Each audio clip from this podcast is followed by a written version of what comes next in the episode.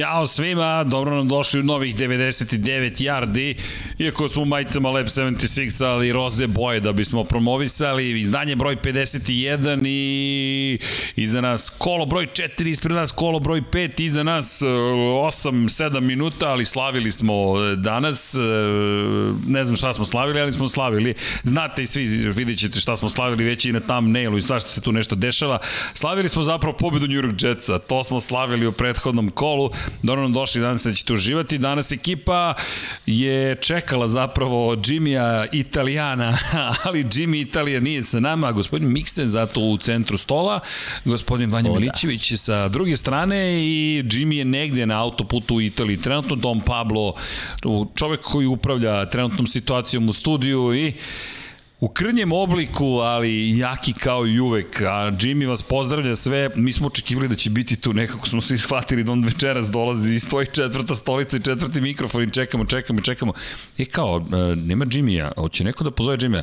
Ej, čao ljudi, evo me na autoputu u Italiji. Tako da, pozdrav za Jimmy-a, nadam se da se lepo provodi, da nam stiže sutra, tako je najavio, da znate, ne u nedelju, već, u, već sutra, a mi umeđu vremenu krećemo, to je ekipa, tako da ćemo da uradimo sve ono što, mada će nam nedostajati coach, moram da priznam, ja mu dugujem dvostruku zahvalnost, što ćete vidjeti kasnije, spasao me, inače bi ovo počelo da liči na prethodnu sezonu, ali zato je on coach. Čekaj bre, ja moram da te pitam, jesi dobio nekad bolje poklon? Bolji poklon? Da. Kom smo mi od pobede Jetsa? Da, nemo pobede se Jetsa. foliraš, pre, nemo se foliraš. Da li sam dobio bolji poklon? E, ne. Pa dobro, čekaj, možda si dobio bolje, ali neočekivani. neočekivani nisam, apsolutno.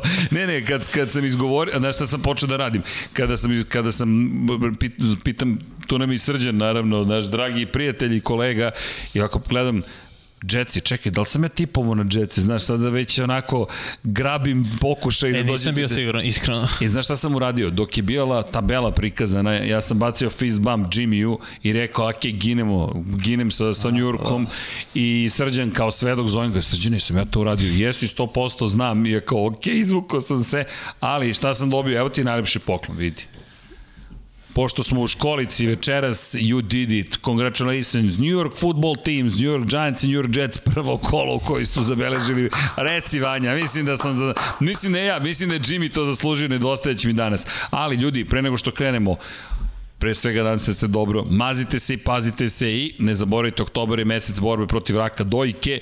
Dobili smo neke vrlo nežne poruke za Lab 76 i ne samo kada je reč o raku dojke, bilo kojoj drugoj vrsti raka je, to je veoma ozbiljna bolest, bolest ne samo modernog doba, ali pre svega modernog doba. Devojke, pojete računa, rana detekcija može mnogo toga da učini da pomogne, momci takođe, ali u ovoj mesec kada podižemo svest o raku dojke, idite da se proverite, Osnovna provera je relativno jednostavna, ali ukoliko se uradi na vreme, zaista može mnogo toga da se učini, životi se spašavaju. Pored toga, momci, podržite svoje dame, roze boje, zato tu. Inače, neću da komercijalizujem, ali ono što jeste sa ovim majicama, konkretno Lab 76, stižu nam najzad u nekom trenutku, to više ne sam ni izgovorim kada, 99 yardi, ali počeo je novi shop da funkcioniše tako sto. E da, do, I da shop, pa. Počeo je, može i karticom da se plaći, može da se prodaje van zemlje, tako da to super stvar. Kažem, neću da komercijalizujemo, ali svaka roze majica koju prodamo, prihod od toga ide za dobrotvorne svrhe a pogotovo u oktobru, tu ćemo se truditi zaista da podržimo celu ekipu koja se bori protiv raka, s obzirom na činjenicu, to zaista teška bolest i ko nije imao u svojoj blizini nekoga kod toga pati ponekad poceni situaciju kao neće to meni i slične stvari, nikad se ne zna koga može da zakače, samo povedite računanje drugima i naravno mazite se i pazite se. Evo, danas su mene mazili, vidi što sam dobio. Baby Yoda šolja. Dobio pije, Baby Kylera. Baby, oh, oh, oh, baby Kyler, vidi. Hm? Nice. Iz Baby Jodine možda ću postati mudriji. Možda ću postati kao Yoda, Master, Jedi. Ma pogodio si Jetsi da ješ mudriji od toga. ne, nisam ja, ja sam se prišljamče, ja sam Nije. tu neki Luke Skywalker. Pratio si silu, bro. Pratio, ajde se vidiš, pratio, ose, ali ne, znaš šta sam pratio silu. Za Jetsi to je više bilo sramota ako Jimmy izabere, ja da ih ne izaberem.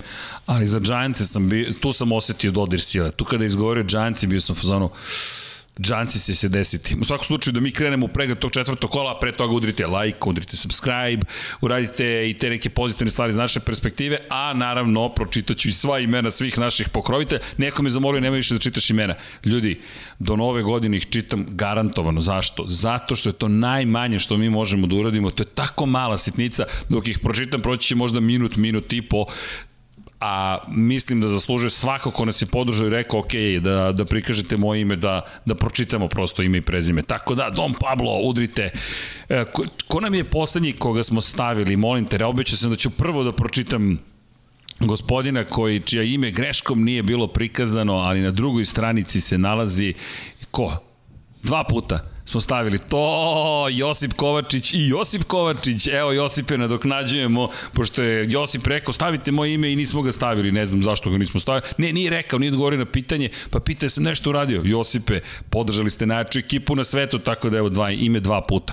Ajmo da se vratimo na prvi ekran, dakle, hvala svima, Sava, Toni Ruščić, Marija Vidović, Ivan Toškov, Stefan Dulić, Marko Bogavac, Ozren Prpić, Marko Mostarac, Nikola Grujičić, Aleksa Vučaj, Zoltan Mezej, Zoran Šal, Šalamun, Miloš Banduka, Laslo Boroš, Đorđe Radojević, Ivan Simeunović, Mihajlo Krgović, Nera Divić, Nikola Božinović, Monika Erceg, Omer Kovačević, Filip Banovački, Miroslav Vučinić, Predrag Simić, Žorž, Stefan Vidić, Mlađan Antić, Jelena Mak, Mladen Krstić, Marko Ćurčić, Milan Nešković, Ivan Maksimović, Bojan Mijatović, Petar Relić, Stefan Prijević, Nenad Simić, Luka Savović, Andrej Božo, Boris Gvozden, Boris Golubar, Zorana Vidić, Luka Manitašević, Ljubo Đurović, Borko Božunović, Đorđe Andrić, Aleksandar Gošić, Dušan Ristić, Nemanja Miloradović, Miloš Vuletić, Daniel Kolobarić, Vukašin Vučenović, Ognjan Marinković, Miroslav Cvetić, Marina Mihajlović, Jelena Jeremić, Antonio Novak, Stefan Milošić, Nikola Stojanović, Jasenko Samarđić, Mihovil Stamičar, Stefan Nedeljković, Zoran Majdov, Nikola Stojanović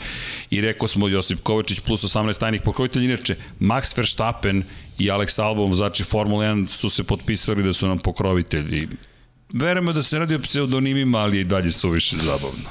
I dalje suviše zabavno. No, da mi krenemo u novo izdanje 99 yardi. E, ima Dom breaking Pablo. news. Breaking news? Da, da. Trey Lance zvanično startuje. Sad ove nedelje.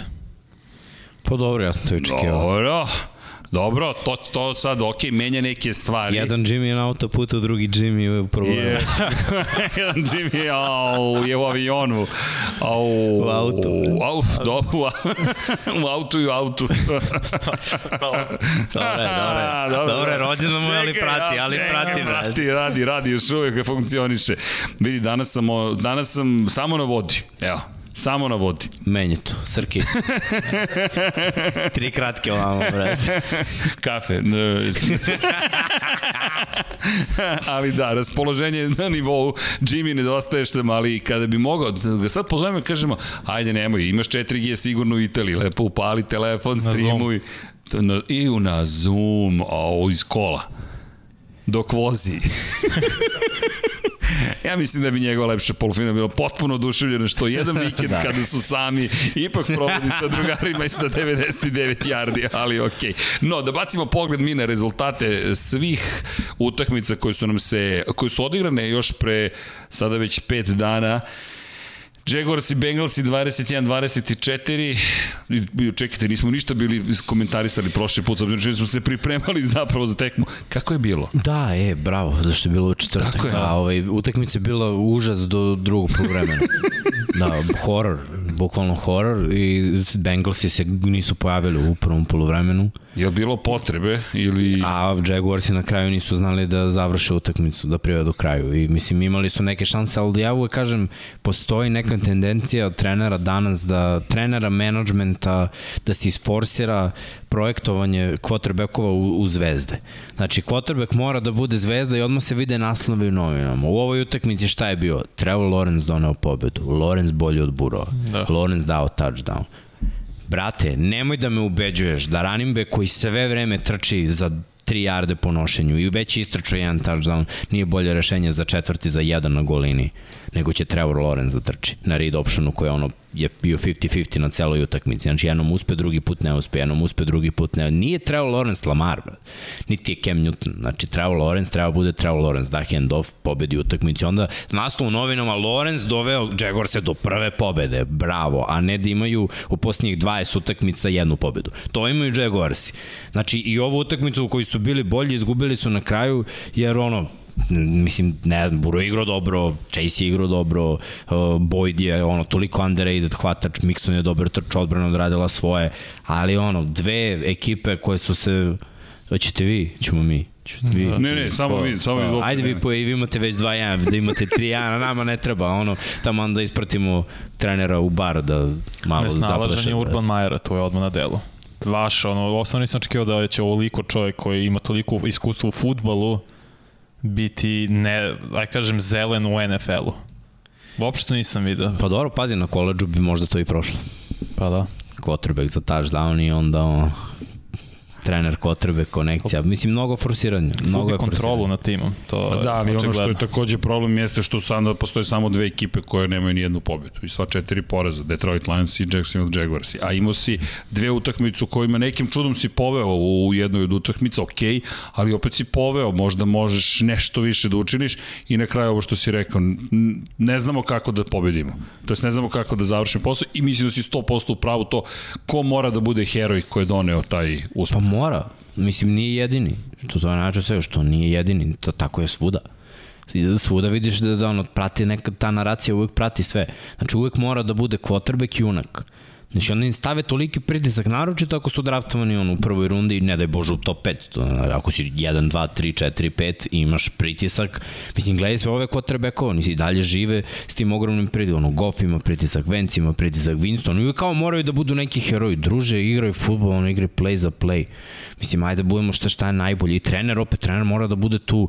Znaš, može trener da da quarterbacku šansu, ali treba da stavi svoj tim, on ne vodi kvotrbeka, mislim, on vodi tim, on treba svoj tim da stavi u najbolju šansu da tim pobedi, to je u stvari cilj, ja mislim da je cilj pobeda na kraju. I, i zato imamo te franšize koje su ono, tralala franšize i franšize koje su uvek takmiče, koje su ono gotovo uvek u play-offu, koje osvajaju ozbiljne franšize ko, koje su tu da se bave ono ozbiljnim ozbiljnim sportom. Znači, znači sve shvataju ozbiljno. Meni je Jacksonville tralala franšiza, oni šta 20 za 20 godina ušli 3-4 puta u play-off. A Bengals, iako je obila takva pobeda kakva jeste, tri pobede i jedan poraz i vode trenutno. Bengalsi su meni ono, najveći šok ove sezone, ali Bengalsi kao najgori tim u svojoj diviziji ove godine će imati na, ono, lakše znači, raspored od svih. Naravno. Nebitno, ne, ne uzimam ništa od njih, oni reše svoje utakmice. Mislim, ovi su bili grozni.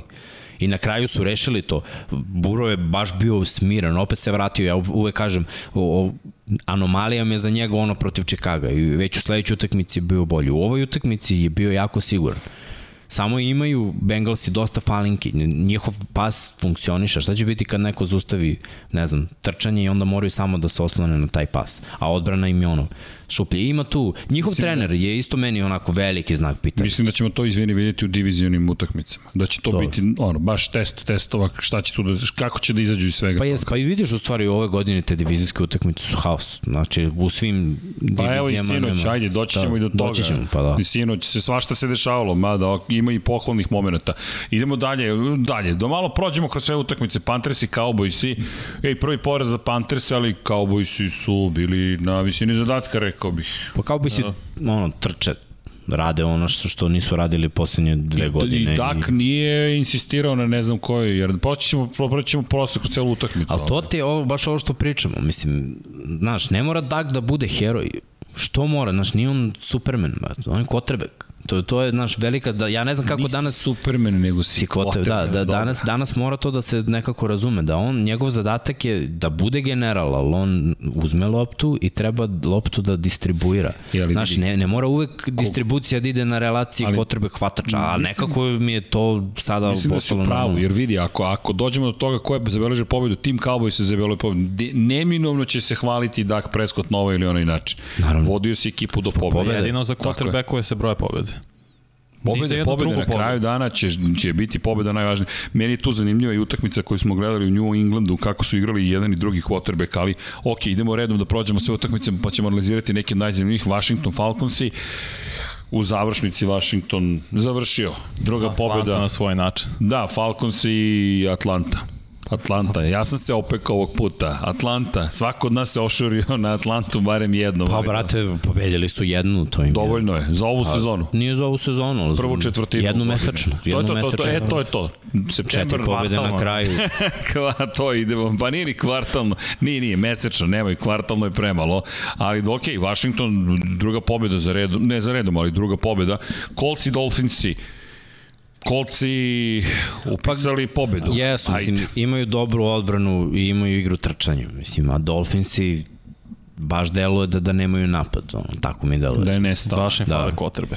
Evo ga Watson, Eto. ono, to je ako negde treba, mislim, nije ni tu rešenje, Brissett sigurno nije da. rešenje, ne, a nemaju elitnog beka da može da, da povedi malo, to pokušavaju na razno razne načine i, znaš, de, dešavaju im se isto i greške, imaju ono, izgubljene lopte, gluposti neke koje, koje su, mislim, ja gledam ovako, sad kako njihovi navijači to posmatruju, uvek volim da, da prelistam malo i, i komentare da vidim ono, fan base, brat, kako su oni odreagovali na ono, mislim, njima je sad i trener problem, ma daj da kažem, ono, Flores ima onu prošlu godinu zbog koje oni mogu da se ponaduju da će s dobrim quarterbackom, ali ako s dobrim quarterbackom ne uradi ništa, kupi si stvari i vrati se kod Bila, mislim.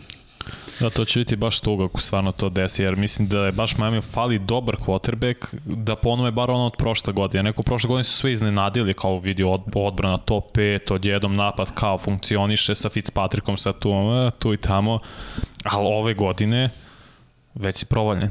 Čak i u odbrani koja je manje više zadržala sve iste igrače, nije to to.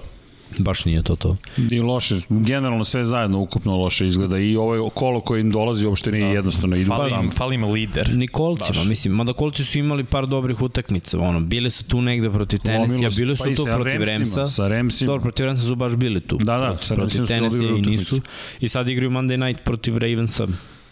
Dobro, To pobeda. možda- da. Ajmo da posmatramo iz te perspektive. Prva pobeda za Venca, eto. Da, prva pobeda Da. za Venca u Jer ono, bilo je priča da si njemu, ono, piše Da, ovo je moralo klupe. da se dogodi. Ovo je bukvalno moralo da se dogodi. Ali sledeća, Texans i Billsi 0-40. ne, ne trošiti reči. Bills i gaze.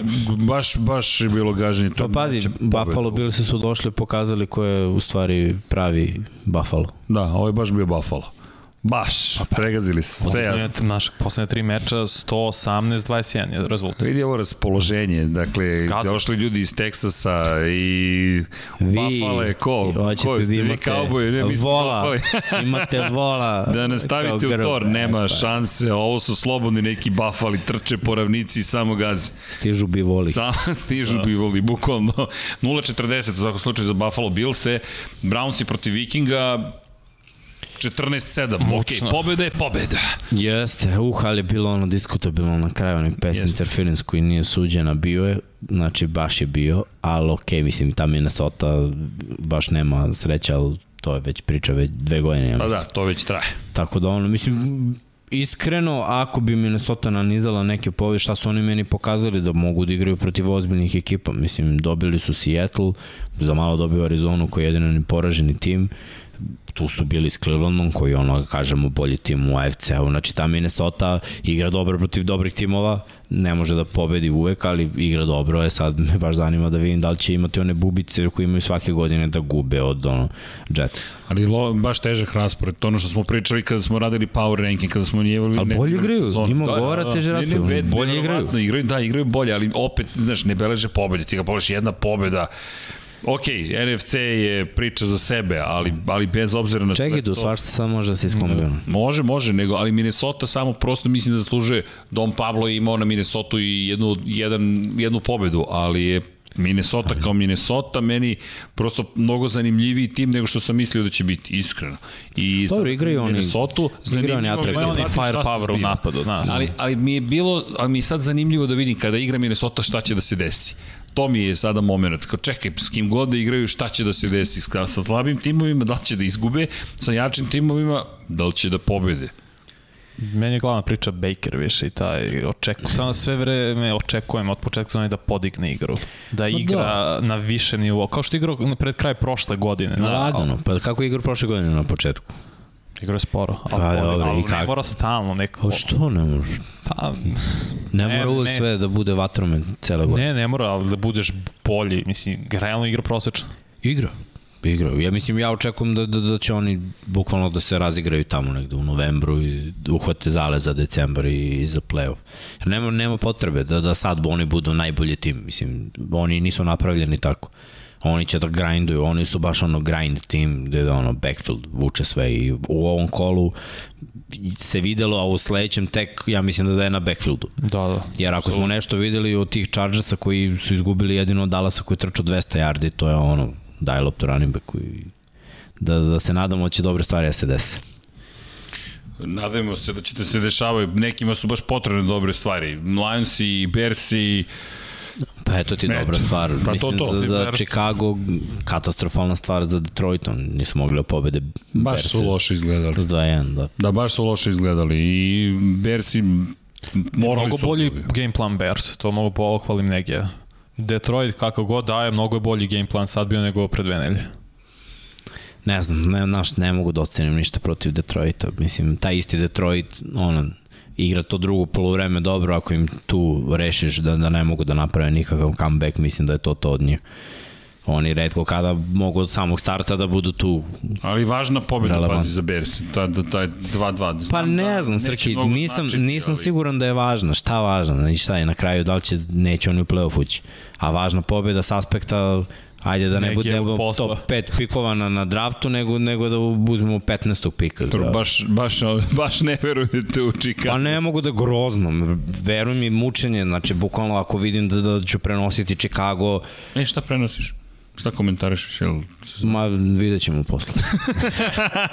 Nema Chicago. Nema Chicago, idemo Hvala. dalje. Hvala. Idemo dalje. NFL-u, Giantsi, nemojte da ih stavljate. Giantsi, prva pobjeda i to protiv New Orleansa u sred New Orleansa. Aj, Saintsi, znači, Saintsi, samo kod kuće gube. znak pitanja. Ma da, ma. samo kod kuće gube. Imali su opet po- dobijenu utakmicu. Dobio, da, bukvalno, ali, ali dobri Giantsi su imali ove sezone dobijene utakmice pa Imali su, gubili, tako, tako da balans sile je u pitanju, ali ne bih previše komentarisao još, broći ćemo i do detaljnih analiza utakmica, Titans i Jetsi, Jimmy, ljubavi moja, Ma prijatelju, šta, Jimmy, brate?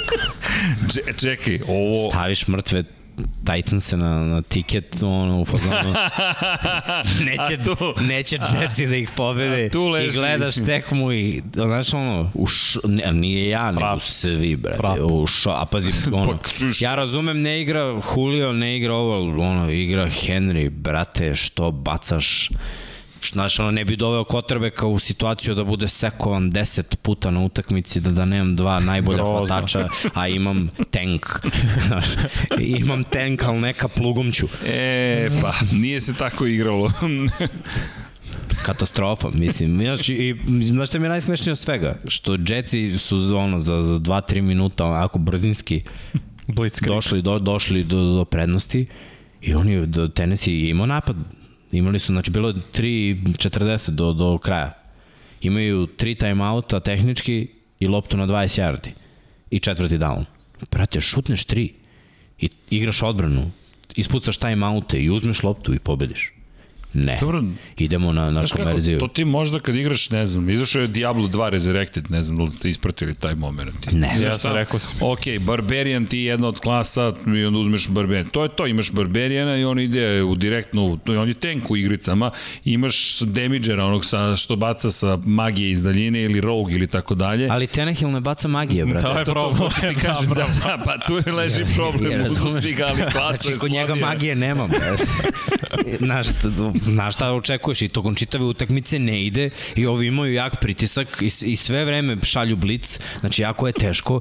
Brate, što ideš na četvrti, šutni tri i realizuj. Ne, tu je fail i onda igra i odbranu, uzmi loptu i produžetak i šta, kao uvijek ćeš da prob pobediš u produžetku. Nećeš, brate. Mislim, znaš koliko mi je drago što Ne su Jetsi. Jetsima. Znaš koliko mi je drago što su Jetsi pobedili. Iako, nema veze, ono, Ne mogu da tiket, zamislim. tiket je zgužio ni to, ali ono, s aspekta nekog ko bodri ekipu koja je u AFC-u, razumeš, Mogu. samo neka gube sve druge ekipe iz AFC-a. Mogu da te razumem, mogu da te... Ja nisam verovao, zaista gledam ono i mislim se, jao Jimmy, da li sam ti se pridružio? jao Jimmy, daj mi ovaj poen. Ma daj, šok. Šok. Mislim, potpuno super je, znaš, sad za Salaha je super jer ima ono, jednu pobedu, Ej. za Wilsona je super jer ima jednu pobedu. Nešto da se desi pozitivno, potrebno ti je. Mislim, ono- Bukvalno ti je potrebno. Corey Davis baš igra, baš igra, dečko, za, za ono, sve pare. Svaka čast. Vidi, ja se iskreno nadam da nešto pozitivno može da se desi, ali Jetsi su baš loše izgledali dalje. Bez Ma neće se ništa pozitivno desiti, to je ono, znaš kako Hvala. kažu u narodu, i ćorao koliko voda neku Da. zrnu. Ja, Zato ti dao D+, znaš. Zato si dao DD+. plus. Zbog Dede, a koje si pobede. ocene dao? Jesi napravio thumbnail da možemo pričamo preko thumbnaila? Ima, ima. Ima, ima. Thumbnail je pun detalja. Eno ih tamo Buffalo koji su pregazili. Tu su Cardi, rekao si, ne, jedina neporažena ekipa. Chargersi. Kako je, kako je tvoja ekipa dobila najbolju Pa ocenu? da, najbolja A+. A, na, ne, najbolju od svih nas. Jetsi su D+, Ravensi B+, Eaglesi C-, Raidersi B+, Bengalsi. Bengalsi zbog Dekija. Pa 3-1 ima. Respekt, okej. Okay. Ne, ne, u redu je. Torta, hvala ti za tortu za rođendanca, 45. rođendan. Potkovica, nemam pojma ko je uleteo sa Potkovicom, ali u redu je. Kolci. Pa znam, ali ko nam je Colt u celoj Pa priči? niko ništa nisam mogu drugo da stavim na sto. ok, to je ono, moram popunim rupu na stolu, ali tu nam je pek, tu nam je sir za Sirđiju Srđana i Chargers. A ti si huligan koji si jedini potpisao na stolicu. da. A, okej, okay,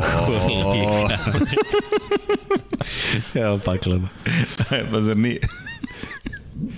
Ali dobro, školica je tu, da. Jedino što je profesor je otišao svojim, jedan od profesora, jedan od profesora, ali nema problema. Idemo dalje, Jetsi, pobeda, Ravens i Broncos i Ok, nije neočekivana pobeda, jedino što je šteta što, što je došlo i do povrede. Teddy Ma nije povreda, mislim. Dobio je malo. concussion. Malo je dobio. Pa dobro, Dobio udarac, pa pitanje je da li će igrati ove nedelje. igraće. Misliš? Ma, da, ako kažem protokola? protokol. Pa da. A dobro, bio je, bio je žestok udarac, dobio je. Pa dobro, mislim da je više dobio ono, kad je udario glavom u zemlju nego što je udarac. Udarac nije bio toliko jak. Dobio u bradu, ali nije bio toliko jak. Ali uvek je najgore kad se olupaš u zemlje, mislim, tvrđa od svakog mogućeg udarca. Kad udariš glavom, potilkom po Teže je pomeriti zemlju.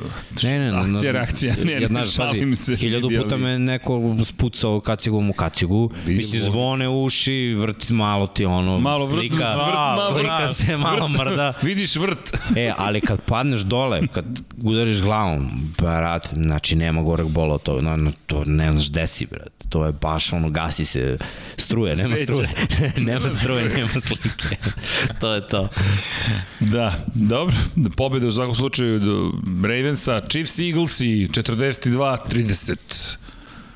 Pa dobro, mislim, ja nisam očekivao da će Eagles pobede Chiefs. Niko da, nije očekivao. ali nisam očekivao stvarno da će opet odbrana se dopusti 30. A što nisi očekivao? Pa Pa je kad su oni pa nešto u- Možda tamo u decembru, ali... ovako. Možda, i to ćemo sad vidjeti. ovoga. Ne, opet Mahomes mora glumi superheroja i da postiže 35 plus minimalno. Za da razliku od drugih quarterbackova, Mahomes jeste superheroj. I to je tačno. Ima, ima Ima magiju. bazuku. Ima magiju.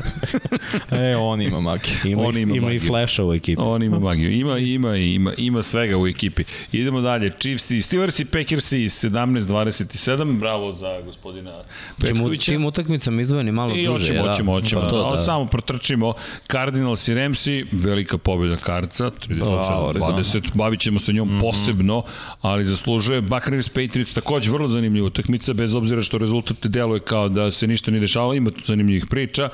Seahawks i 49ersi, 49ersi 2-2, 2-2 Seahawksi, kao što smo čuli 49ersi malo menjaju startnu postavu, Seahawksi već su pretrpeli novi poraz, sinoć protiv LA Ramsa, čak se i povredio Russell Wilson, Gino Smith je ušao, Što je dobro. igro je dobro Gino A Smith. šta je igro dobro? A A ne, dobro, a čekaj, samo, za, samo da kaže, a znaš zašto, znaš, za, ne, a znaš zašto je igrao dobro? Zašto se nisu spremali za njega? Ma zašto su vodili toliko da ih je bilo okej, okay, nek uradi nešto Geno Smith, brate.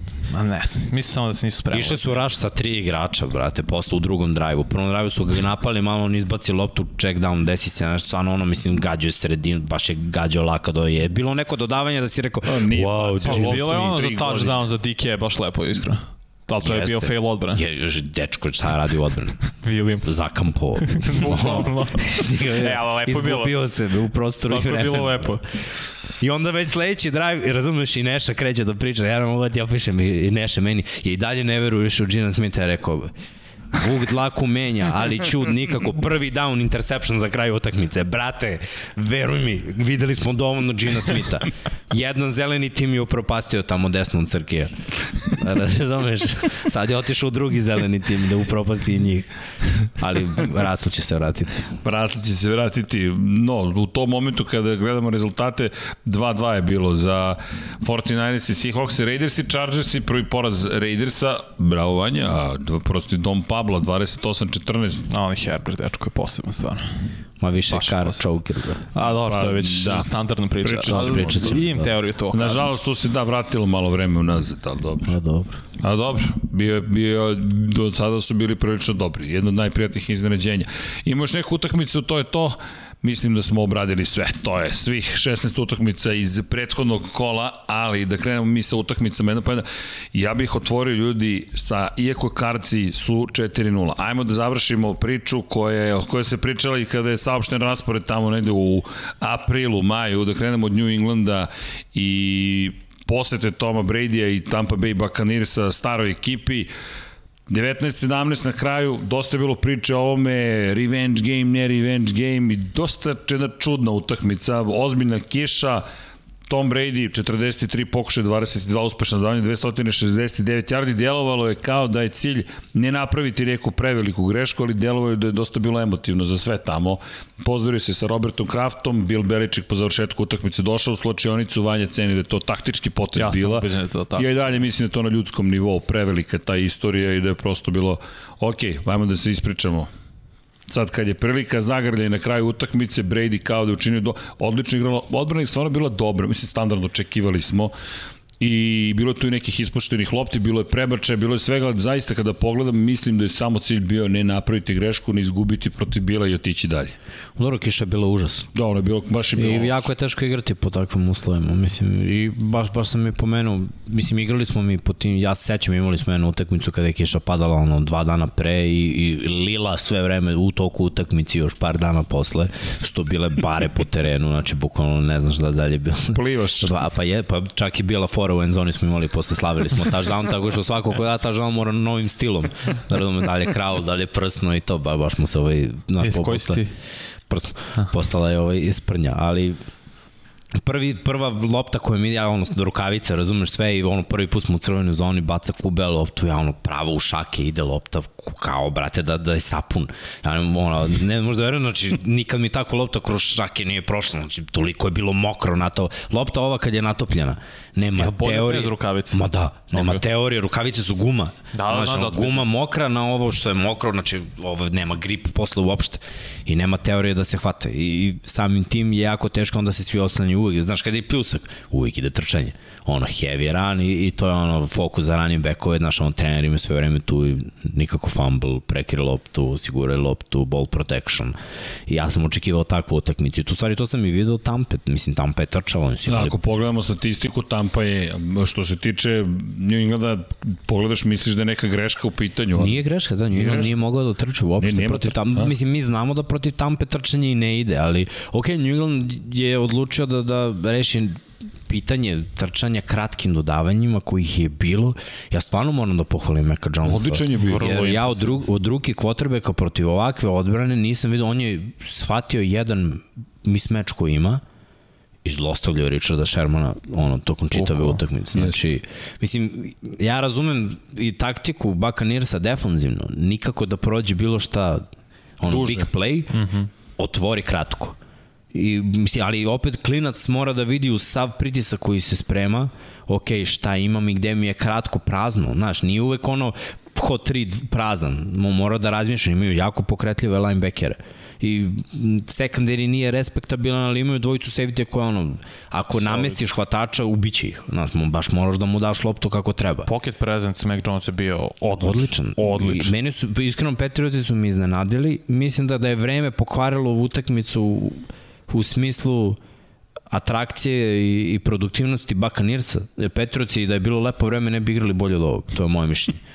Ali ne bi, oni ovako, oni ovako igraju. Mac Jones ima 19 pasova kompletnih za redom.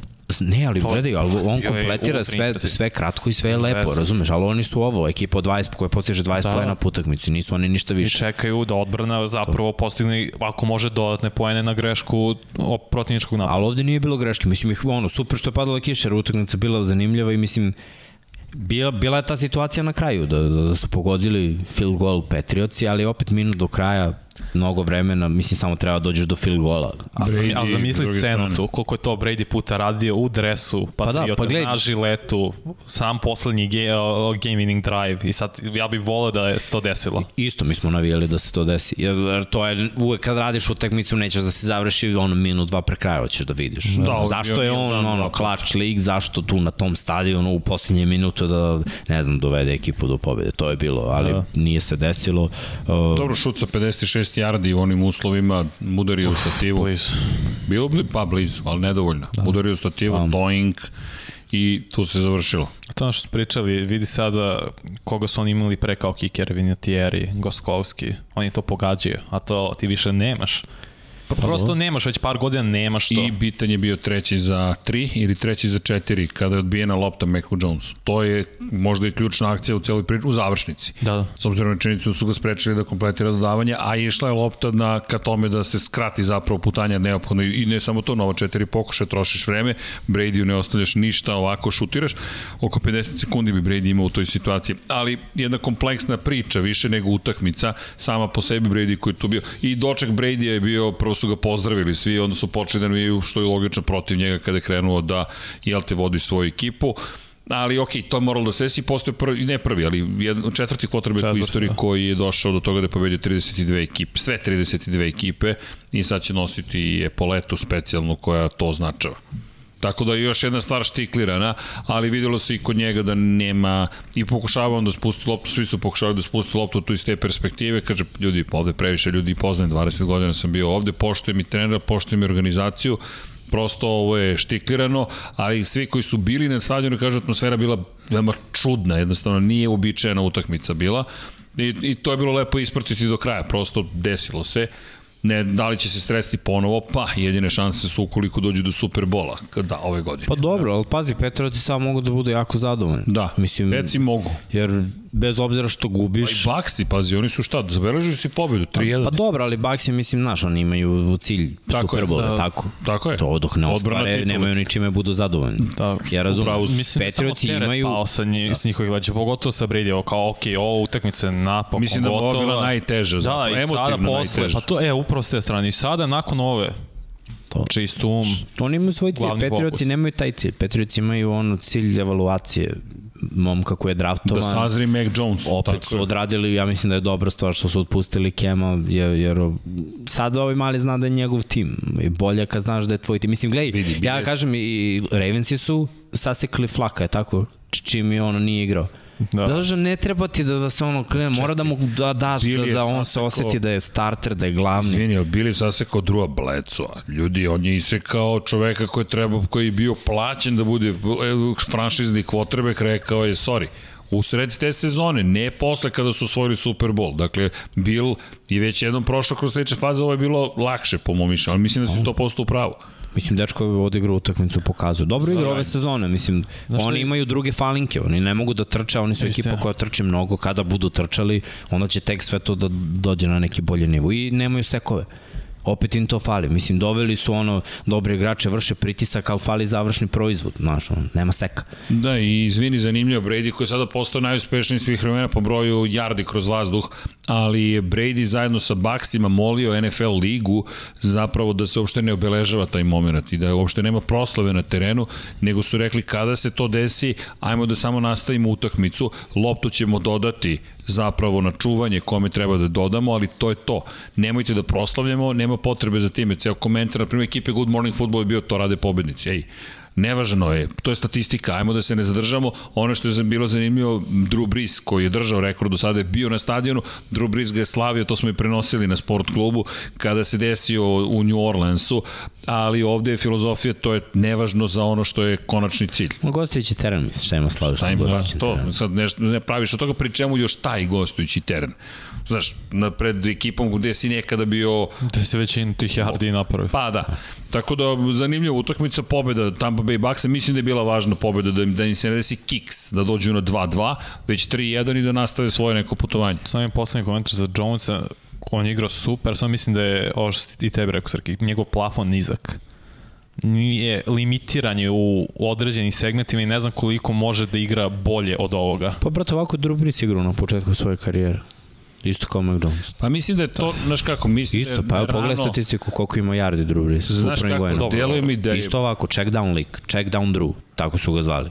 Check down. Check down Drew, brate. Dok treće sezone Drew nije mogao da, znači imao je interceptione ispod 3, ono, 3000 yardi max nije bilo bombi, Znaš mislim, šta? tokom čitave njegove karijere, tek mislim, posle krenuo pušta ruku malo. To zavisi sad od, i od njega, svakako od okolnosti, mislim da ima pravog trenera za dalji razvoj, to je, zanimljiva mi je bila izjava kada su, kada su Beličika pitali kako vam je bilo sada da igrate protiv Brady-a.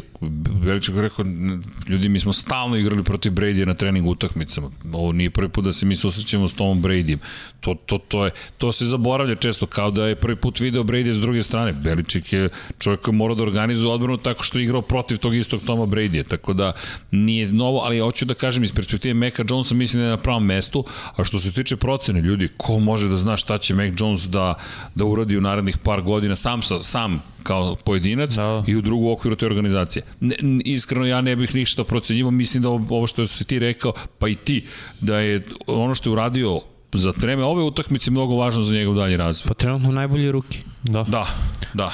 Da, i to je i najbolji situacije uvek moram da stavim to u realnoj, u najboljoj situaciji, mnogo bolji situaciji nego poređenje s bilo kojim drugim. Da, pa ajde da napravimo poređenje, evo to nam je sledeća utakmica, Arizona mm -hmm. protiv LA Ramsa i način na koji priča, na koji smo pričali, ja sam pričao Kyleru Mariju, verovao sam duboko u Kylera Mariju, onda sam odustao od Kylera Marija, ne znam da li treba da odustajem ili ne, ali ako pogledamo kako izgledala ta utakmica, kada pogledamo Ramse protiv, to je Cardinals protiv Ramsa, Kyler 32 pokušaja, 24 uspešno davanje, 268 yardi i dva dodavanje za touchdown. Pri čemu Chase Edmonds 120 yardi trčanjem, AJ Green, AJ Green je bio vrlo, vrlo dobar blago rečeno čak bih rekao, DeAndre Hopkins po 67 yardi jedan i drugi, ali AJ Green nekako meni još veći utisak ostavio i Matthew Stafford s druge strane, dva dodavanja za touchdown, prvo presečeno dodavanje, 41 pokušaj, 26 uspešnih i videli smo i sinoć kada je reč o Staffordu, plusevi, minusi, sve to mislim da je uigravanje, ali Arizona ljudi 37-20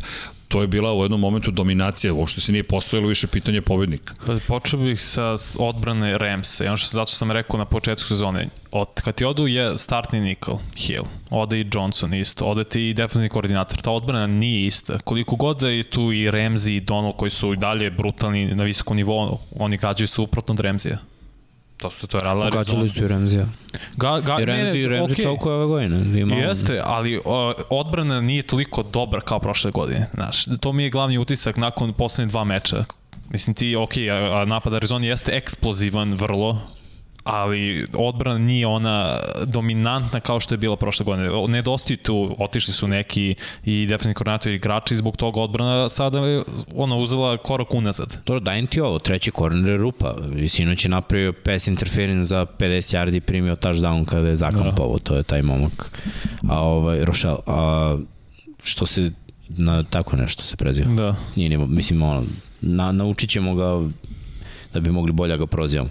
A ovaj, što se tiče odbrane, generalno i dalje igraju jako dobro, samo su na ovoj utakmici imali ono predstavu, ok, Arizona isto Arizona od prošle godine, pa nije, jer sad ako svu pažnju posvetiš, ne znam, Kirku i posvetiš Mareju i Andrew Hopkinsu, taj AJ Green isti je imao svake sezone 1000 yardi u Cincinnati, a bio je broj 1 u double coverage u sve vreme, igru u najboljoj diviziji tada u, u NFL-u, AFC Sever, tri ekipe u play-offu svake godine skoro su imali tada. I to su stvarno bile tri ozbiljne ekipe I AJ Green je uvijek bio u double coverage-u i ubio i Pittsburgh i Baltimore da. dva puta godišnje. Znači, bukvalno je bio toliko dobar, jeste, povredio se, pao je s formom i on više nije lik koji će imati 200 yardi hvatanja.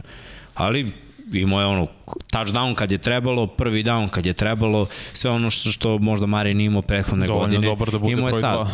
Opet Mare je zdrav, pa može malo trčka okolo, levo, desno, ali odbrana Cardinals je bolja 10 puta nego prošle godine, jer imaju Chandlera Jonesa koji je zdravi, imaju JJ Watta, mislim sad imaju nešto u odbrani, Isaiah igra, Simons kao zver igra, kao da je ono treća, četvrta godina, a druga je, a prve godine je izgledao kao pogubljeni dečko s koleđa.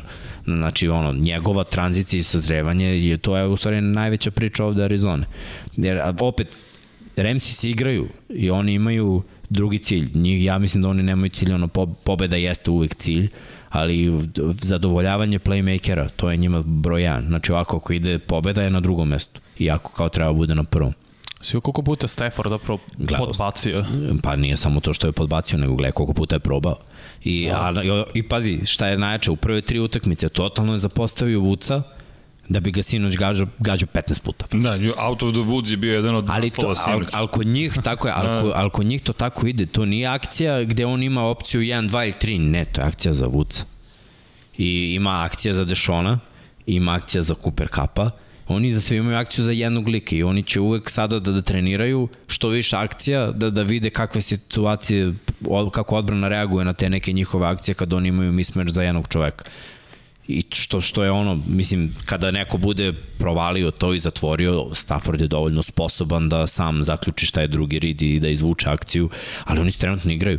Ovo je bila utakmica protiv Arizone gde je svi kako je uh, Murphy Bounting pročitao istu rutu gde je Deshaun Jackson dva, tri puta trčao već. Na- Znači oni svi pokušavaju da igraju taj fazon Chiefsa da ono, dve vertikale ili dva posta sa jednom kontra dubokim krosom. I okej, okay, to Tyreek Hill istrči tako da Mahomes baci loptu i niko ne može da čuva. Ovo je bio prvo podbačaj, drugo Dešon nije više brz kao što je bio i to smo videli i sinoć, imao je ono nešto što je nekad davao touchdown. Mislim, svaka njemu čast, on i dalje tu uhvati za 60 yardi, što Da, je ono šmekerski. ponestalo onoga. Jesi video? Da, To je to, to je 34 godine, brate. Ne mogu. Znaš, nije, ali to nije je bio ga- podbačaj Stafforda. Realno, Dešon ima ta, nevjerojatan skill da može pronaći loptu, zašto je bio panter. Opet je Stafford podbacio. A da je šiknu dalje ne bi uhvatio. Zašto što je bio dobar coverage. Mislim da mu samo to nije bila ideja da podbaci. Da, pa- Neko prosto nije mogo. Neko Ne znam, nema mislim- tu mislim da hemiju sa. Jacksona. To si pogodio. I mislim da traže hemiju, znaš, da. i traže neko igravanje na ovoj utakmici protiv Arizone baš nije išlo.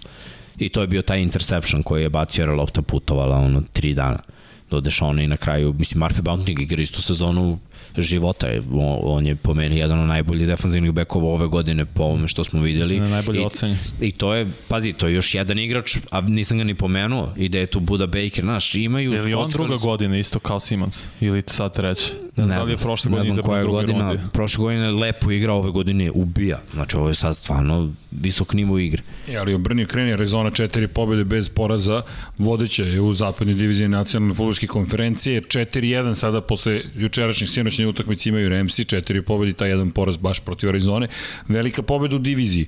To ono što smo pričali i očekujemo 1-1 da podele diviziju. Ali gledaj, opet, dve, tri stvari, dve, tri stvari tu, tu postoje. Ok, jeste SoFi, mislim, ok, ali ono, novi stadion, novi grad, sve novo, mislim, šta njima kao Ne, više iz perspektive kad dođeš u Arizonu ti dalje imaš blagu prednost na konto toga što si pobedio na gostujućem terenu. Pa Arizona, da, mišljenje. a- Arizona mora da bude prva jer njima najviše odgovara da igraju kod kuće. Mislim, ali opet, koliko puta smo gledali, evo ti, ko je poslednji šampion? Nisu odigrali ni jednu play-off utakmicu kod kuće. Jesu. Dobro, u, u Super Bowlu. Super mislim. Bowl. Pa da, ali, znaš, ne, ne, okej, okay, ali to je... provukli su se lagano. Mislim, Jesu. zato što, znaš, imaš ti, to su veteranski timovi, njima nije... Arizona nije Nije, veteranski, njima to jest nije. nema veteranskog Pa, quarterbacka. nije, ali ono, Remsi manje više jesu plaćenici koji imaju ono prozor dve godine. Ovaj i sledeće, posle toga je već frka, pikove nemaju, a ovi plaćenici će tražiti još više para ili će da odu negde drugde, mislim. To, to, to je normalno. Ali gledaj, oni sa, Remsi sa 4-1 su i dalje u samom vrhu. Ovo su dve dobro, ekipe koje su u vrhu NFC-a. Ko bolje izgleda od njih u NFC-u trenutno? Od Remsa? Od Remsi i Arizona. To su dve time iz, dva tima Pa ne, iz iste to su- divizije, a oni su najbolji u svojoj konferenciji. Niko nije bolji od njih. Ne, nije. Nije. Ne možeš da me ubediš da je Green Bay, ne znam, bolji ili šta nam ostaje, Dallas. Tampa. Dallas i Tampa. Da, pa to- nije, brate, Tampa isto ima svoje probleme. Ne, nisam rekao da je, nego šta ostaje. Ne, Da. ne, ne, samo Mislim i dobili su Tampu, ono, ako ćemo tako, ono, Pa dobro, sad zaokružili smo Dobro, ja top mislim 5 u Tampa, NFC-u zapravo. Pa, ta, pa to ti je to. To, to, to ti je pitanje još dve ekipe koje će se provući u play-off i to je to. Ali ovo je pet glavnih timova. Pa, mislim, ono, vidjet ćemo drugi meč, to, u toj diviziji je haos, to nikad dva ista meča se ne dese. Nikad, ali ba, baš je čudna divizija po tome. Nikad neko ne očepi nekog dva puta. Da. No, ne verujem da će i igra trčanja Cardinalsa biti na ovom nivou kao što je bila protiv Ramsa. I to je anomalija. Ubili su da, stvarno, Da. baš. Dobro, Arizona u svakom slučaju, moje mišljenje dalje, velika pobjeda. Rams je treba pobediti da su nepobeđeni Ramsi sada, da je 5-0, mislim da to takođe menja stvari. Bez obzira što je to kao rano, ali Ramsi ovako videlo se da mogu da budu poraženi. I mislim da to nije, nije mala stvar u kontekstu onoga što će Pa se svi događati. mogu Srke da budu poraženi. Ta ista Arizona je pobedila na promotion field goal protivnika. Istina. Pola metra, pola metra u levo i imali bi oni jedan poraz, mislim. Tako da ono... Ali nije se desilo. Pa nije, znam, ali nisu ni oni savršeni, Ramsi nisu isto igraju, svako, Tampa svi igraju, svako ima svoje mane, Green Bay prva utakmica horror, Bukvalno. Dallas, mislim, isto ima ono horror momente, sad su počeli da trče pa delo je bolje, ali bit će ovo mnogo igravanja, mi u oktobru ne možemo da kažemo ko je najbolji tim, znači nije, nije ta priča, ja mislim da do kraja novembra Pa- ne, ćemo tek tada imati ono sliku tek, ko je gde. Tek dobijamo, tek se stvara slika timova koji se već polako ocepe ovih pet Pa. što smo na, Ja, s- na, nabrojali. Da, svako je imao svoj trenutak i pozitivni i negativni. Ako gledaš Buffalo, Buffalo kog je Pittsburgh dobio na početku, a Buffalo koji sad ide kao automat i samo kao mašina gazi sve što je pred njim i to je to. A s druge strane, na primjer, Green Bay, kao što se rekao, loše počeli, nastavili da se poboljšavaju iz utakmice u utakmicu praktično. Detroit koji je čak imao šansu da zabeleži pobedu. Baltimore koji je pobedio Kansas City. Kansas City koji odjednom izgleda kao da je ranjiviji nego što je ikada bio, a opet sad je počeo ponovno da pobeđe. Denver koji je pretrpeo poraz, a Las Vegas Raiders je pretrpeli poraz, Chargers je odjednom poziv, ako su i pretrpeli poraz, počeli da odskaču zabavno u svakom slučaju. Jeste, pa gledaj, meni je ovo jedna od najboljih sezona, naj, najizvesnijih, samo zbog toga. Potpuno otvoreno. Jer ono, svi greše, svi, Otvoreno. svi su postali ekipa koja može da izgubi. Pa, evo ti sledeća utakmica koju ćemo izanalizirati, utakmica između Panthersa i Cowboysa. Ako pogledamo, jednostavno Karolina je tako je imala 3-0, 28-36, otišla u Dallas i iako je Sam Darnold, ej, Darnold, 39 pokušaja, baš dobro. bre. ljudi, dobro izgledao. Da, dva presečena dodavanja, ali bez obzira, izgledao je mnogo bolje nego što izgledao Jeste, ali ima i dalje ono ti grešaka, ok, ja samo ovo ću da kažem. Bez Kristijana McCaffrey-a, Karolina je drugačija ekipa. Yes. loš tim. Da. Znači, ne Prosečan, može... ajde, ne bi možda išao ne na loš. loš, ne bi loš. brat. Loš u svojoj diviziji ne mogu da budu prosečni. Oni u svojoj diviziji moraju da budu odlični ili su Dobro, loši. a- Ali, ok, dakle, kod tebe je to nula jedinica, nema Pa između. nema Srki, Nema, kako ima? vidi. Oni ako ne budu bili Pa ne, ali kad im Prvi daješ ili procenu eventualno power drugi. rankingsu, A, biće- ali to, biće to, drugi. negde sredi... Kako? Ali bit će drugi. Nisam siguran da će biti. Ja ne verujem, ovaj Saints, Nisam ono, siguran. još gori roller Glej, coaster. hoću da vidim, jo, ako McCaffrey ne igra, neće dobiju Saints. Ne, to je drugo, ne, ne, što ti kažeš, gledamo ako su zdravi. Mislim, McCaffrey će se vrati, moram kažem, tradeovali su za Gilmora. Jesu. će igrati Igraće. za tri nedelje. Ok, Igraće i čekaj, čekaj, čekaj, čekaj, čekaj, Vanja, koliko Gilmore nije igrao? Istina. Ne može da igra za tri nedelje. On za tri nedelje može počne da trenira. Ne, ne, od sedme nedelje će igrati. Eligible, znači available, tako. Da, može, available. može da igra. Može da igra, ali ne, ne možeš da očekuješ da će on da bude starter, dečko nije potrčao Al, al to je šest meseci. ali ne treba bude starter. Imaju i Hendersona koji Imaju. je starter i imaju još jednog. I Imaju koji mora da se nauči. Znaš, to je sve ono uklapanje. Proces. Ja verujem da će to biti okej, ali opet bolje mi je odbrana Saints. Znaš, šta mi je bolje u Karolini? Napad, mnogo. S McCaffrey. Da. Bez McCaffrey-a. A odbrane su mi tu stvarno, ka, Jesu. baš je sad postalo a, mnogo da je, ne volim te izraz, ali stekovana odbrana Karoline. Na Jeste. svakom nivou imaš jednog ili dvojicu koji su, e, koji su iznad proseka igrače. Samo tu jedan problem postoji. Ako si 3 and out i šutneš loptu, ta odbrana je i dalje na terenu posle 5 minuta i dalje na terenu posle 5 minuta Da, i da. dalje na terenu posle 5 minuta i to će biti Ubaci problem. McCaffrey, to je to. Da, ali ne možeš da ubaciš McCaffrey kad McCaffrey, znaš, baš ga loaduju, to im je problem. Mislim, velika je greška bila što su ga toliko opteretili u prve dve nedelje. U prve dve nedelje, bre, dečko, ono, skoro borio rekord NFL-a po broju. Hubbard pop kazao da može. Ne može. Ne, da ne da ga uh, Ne da ga zameni, može da bude drugi bek, ali, Ali to, pa ne to može da bude start. Ne, ne da bude start, nego to da menja McCaffrey, da ne mora sve McCaffrey, može i Chuba Hubbard. Znaš ko je najbolji trkač trenutno u Karolini? Sam Darnold, Sam brate, Darnold. najviše touchdownova je od dva. Jeste, razumeš, i, i samo će nekoga sačeka, znači jer Sam Darnold nije atleta u, tom, u toj meri, on ima pet istračanih tažanova, i dva istračao sad na ovoj Da. utakmici. Razumeš? Sad. Znači neko će, Sve ga, jasno. neko će ga sastaviti sa zemljom, sa samo je pitanje da, daš, ne, neko će otvoriti tu sredinu kada on radi taj delay draw, a ono, i su igrali protiv Tampe. Evo ga Demi White, brate, s ubistvom.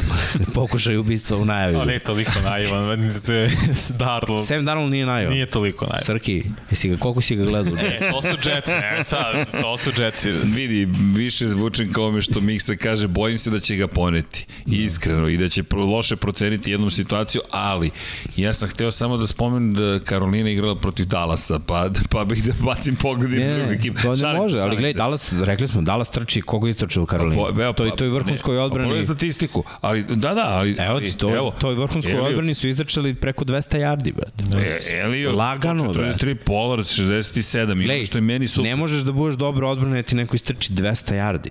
Nema te priče, brate. Ne, ne, ne, to ne može nikome ubedi. Oni imaju dobre igrače, dobre ta, dobra talenat, ali 200 yardi, a E, quarterback ne trči. ne, Znači, ali samo vidi, running backovi trče ali 200 ljudi, yardi. ali pogledajte ovo, Dak Prescott, 22 pokušaja, 14 uspešnih dodanja, 188 yardi, 4 dodanja za touchdown. Ja sam oduševljen game planom iz te perspektive.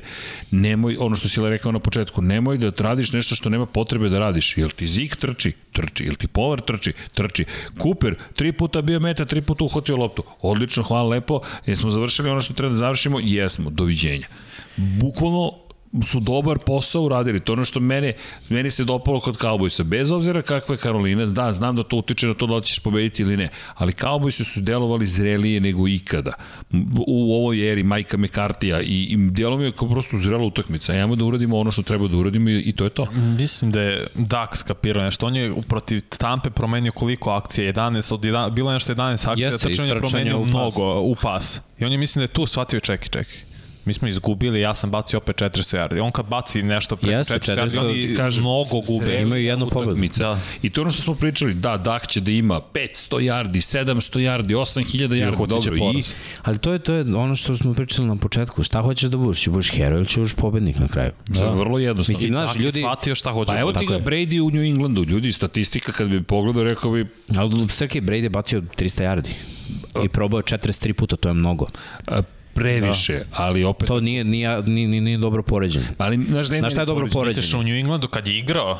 Ne, Ne, ne, misliš sad, sad, sad, sad, sad, ova Ne, utakmica. ali znaš, znaš koja Ovo mi ti je ekvivalent ono, Baker Mayfield, pobedili su, Baker imao 200 yardi. Ali ono što je bilo meni zanimljivo kod njega, onog što je bacao, kako je bacao, ne, ideš da baciš da ne bude presečeno dodavanje. To ti je jedino što ti je bitno u celoj priči. To Rodgers radi najbolje. Znaš, to ti je da ne bude presečeno Ali dodavanje. Prescott to ne radi, brate. Prescott, Prescott ima ovog puta visok, ne. vi, visok procenat kompletiranih dodavanja. I njihove akcije sada idu više na play action, imaju dosta skrinova, to je isto dobra stvar koju imaju, ali trče, koliko Ofanzivna linija igra ima. opet na onom nivou kao pre 3-4 godine. Zato što ta ofanzivna nije napravljena za pass protection. Mislim, da. imaš ofanzivne linije koje jednostavno igrači nisu, ono, bolji su kad idu napred, kad gaze nekoga, nego kad se povlače Evo unazad i gurkaju. Mislim, Znaš, to, ofanzivna linija živi od toga, bre, verujte mi, ljudi, ofanzivna linija, prva stvar kad izađeš na utakmicu, prvi hadl, ako im trener ne da da, da os, zgaze nekog na prvom, nek bude trčanje za nula yardi, ali daj bre da, da ono, pogazimo nekog, ali tako oni rade tako i onda kad im daš malo da trče, evo, evo ti ga, Evo, evo ga ofanzivni linijer. Evo ti ga čovjek tu. Sedi.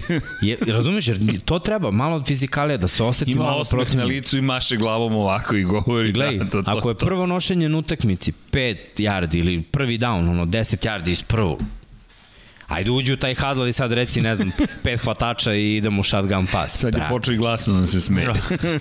Mislim da je vocira uspomene na taj Dallas je moment. počeo da igra fizički futbal i taj fizički futbal Karolina ne igra. Jednostavno ne igra. Oni imaju ono, finesa su futbol, tako igraju. I u odbrani igraju finesu i u napadu igraju finesu, što je dobro jer oni imaju dosta skill igrača jer su mladi, samo što za ozbiljan uspeh, da bi bio dobar tim, treba ti da budeš sileđija, da, bude, da imaš fizikaliju. Oni još uvek nemaju, izgubili su sileđije u svom rosteru, mislim, to oni su se penzionisali. Oni, viš, znaš, sad imaju tu dobre, brze, agilne, sve to super. Gde je sileđija, bro?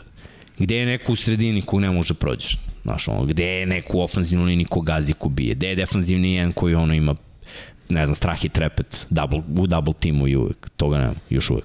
Još uvek pa Još uvek je, razumeš, zato ja kažem, oni su meni sad trenutno treći tim u diviziji. Zato što u Saintsima imam Silađiju i u napadu i u odbrani, znaš, i nije ide Mario Davis je Silađija. Jeste. I Marshall Latimore je Silađija cornerback, a ovi tek treba da se dokazuju.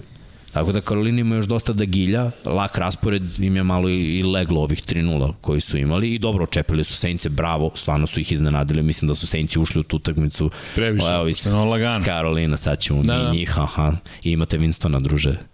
Chill. Ali ok, Cowboys zaslužuju sve pohvale, je baš bilo dobra utakmica za njih i zaslužena pobjeda i u- na istoku mislim da se u stvari dosta postale jasnije. Bez obzira što istok nacionalne filmske konferencije, bez obzira što tamo uvek pitanje od Dallas sad stvarno se izdva- izdvaja. Pa, Ba, pa gle, bilo je- iznad stvarno. Koliko, je, koliko godina je, ovo mi pričamo, pa ono, bilo je vreme. A samo jedna stvar, samo jedan razlog je zašto je to tako. Odbrana i dalje katastrofa, oni raš nemaju. Njima linebacker, ruki igra defanzivnog enda, mislim. To ti samo govori tu ko, kom su oni problemu tek. Tremon Diggs igra najbolje, on je meni najbolji korner ove godine, ima pet interceptiona u četiri utakmice, dečko je nerealan, ali brate, trče 200 yardi po utakmici, to je recept, znači nije, ja uvek kažem, zato što je Cleveland postao uspešan, Baker nije ništa posebno, nemaju oni neki tim, ali trče 200 yardi po utakmici, Baltimore nije ništa posebno, trče 200, zaustavi trčanje, ajde, evo ti, probaj trošimo vreme, osvajamo novi prvi down i dođeš do crvene zone, sad baci touchdown. To je Prescott uradio. Zato ima manje od 200 yardi i 4 touchdowna. Zato što je došao u crvenu zonu, ok, evo sad ću bacim touchdown.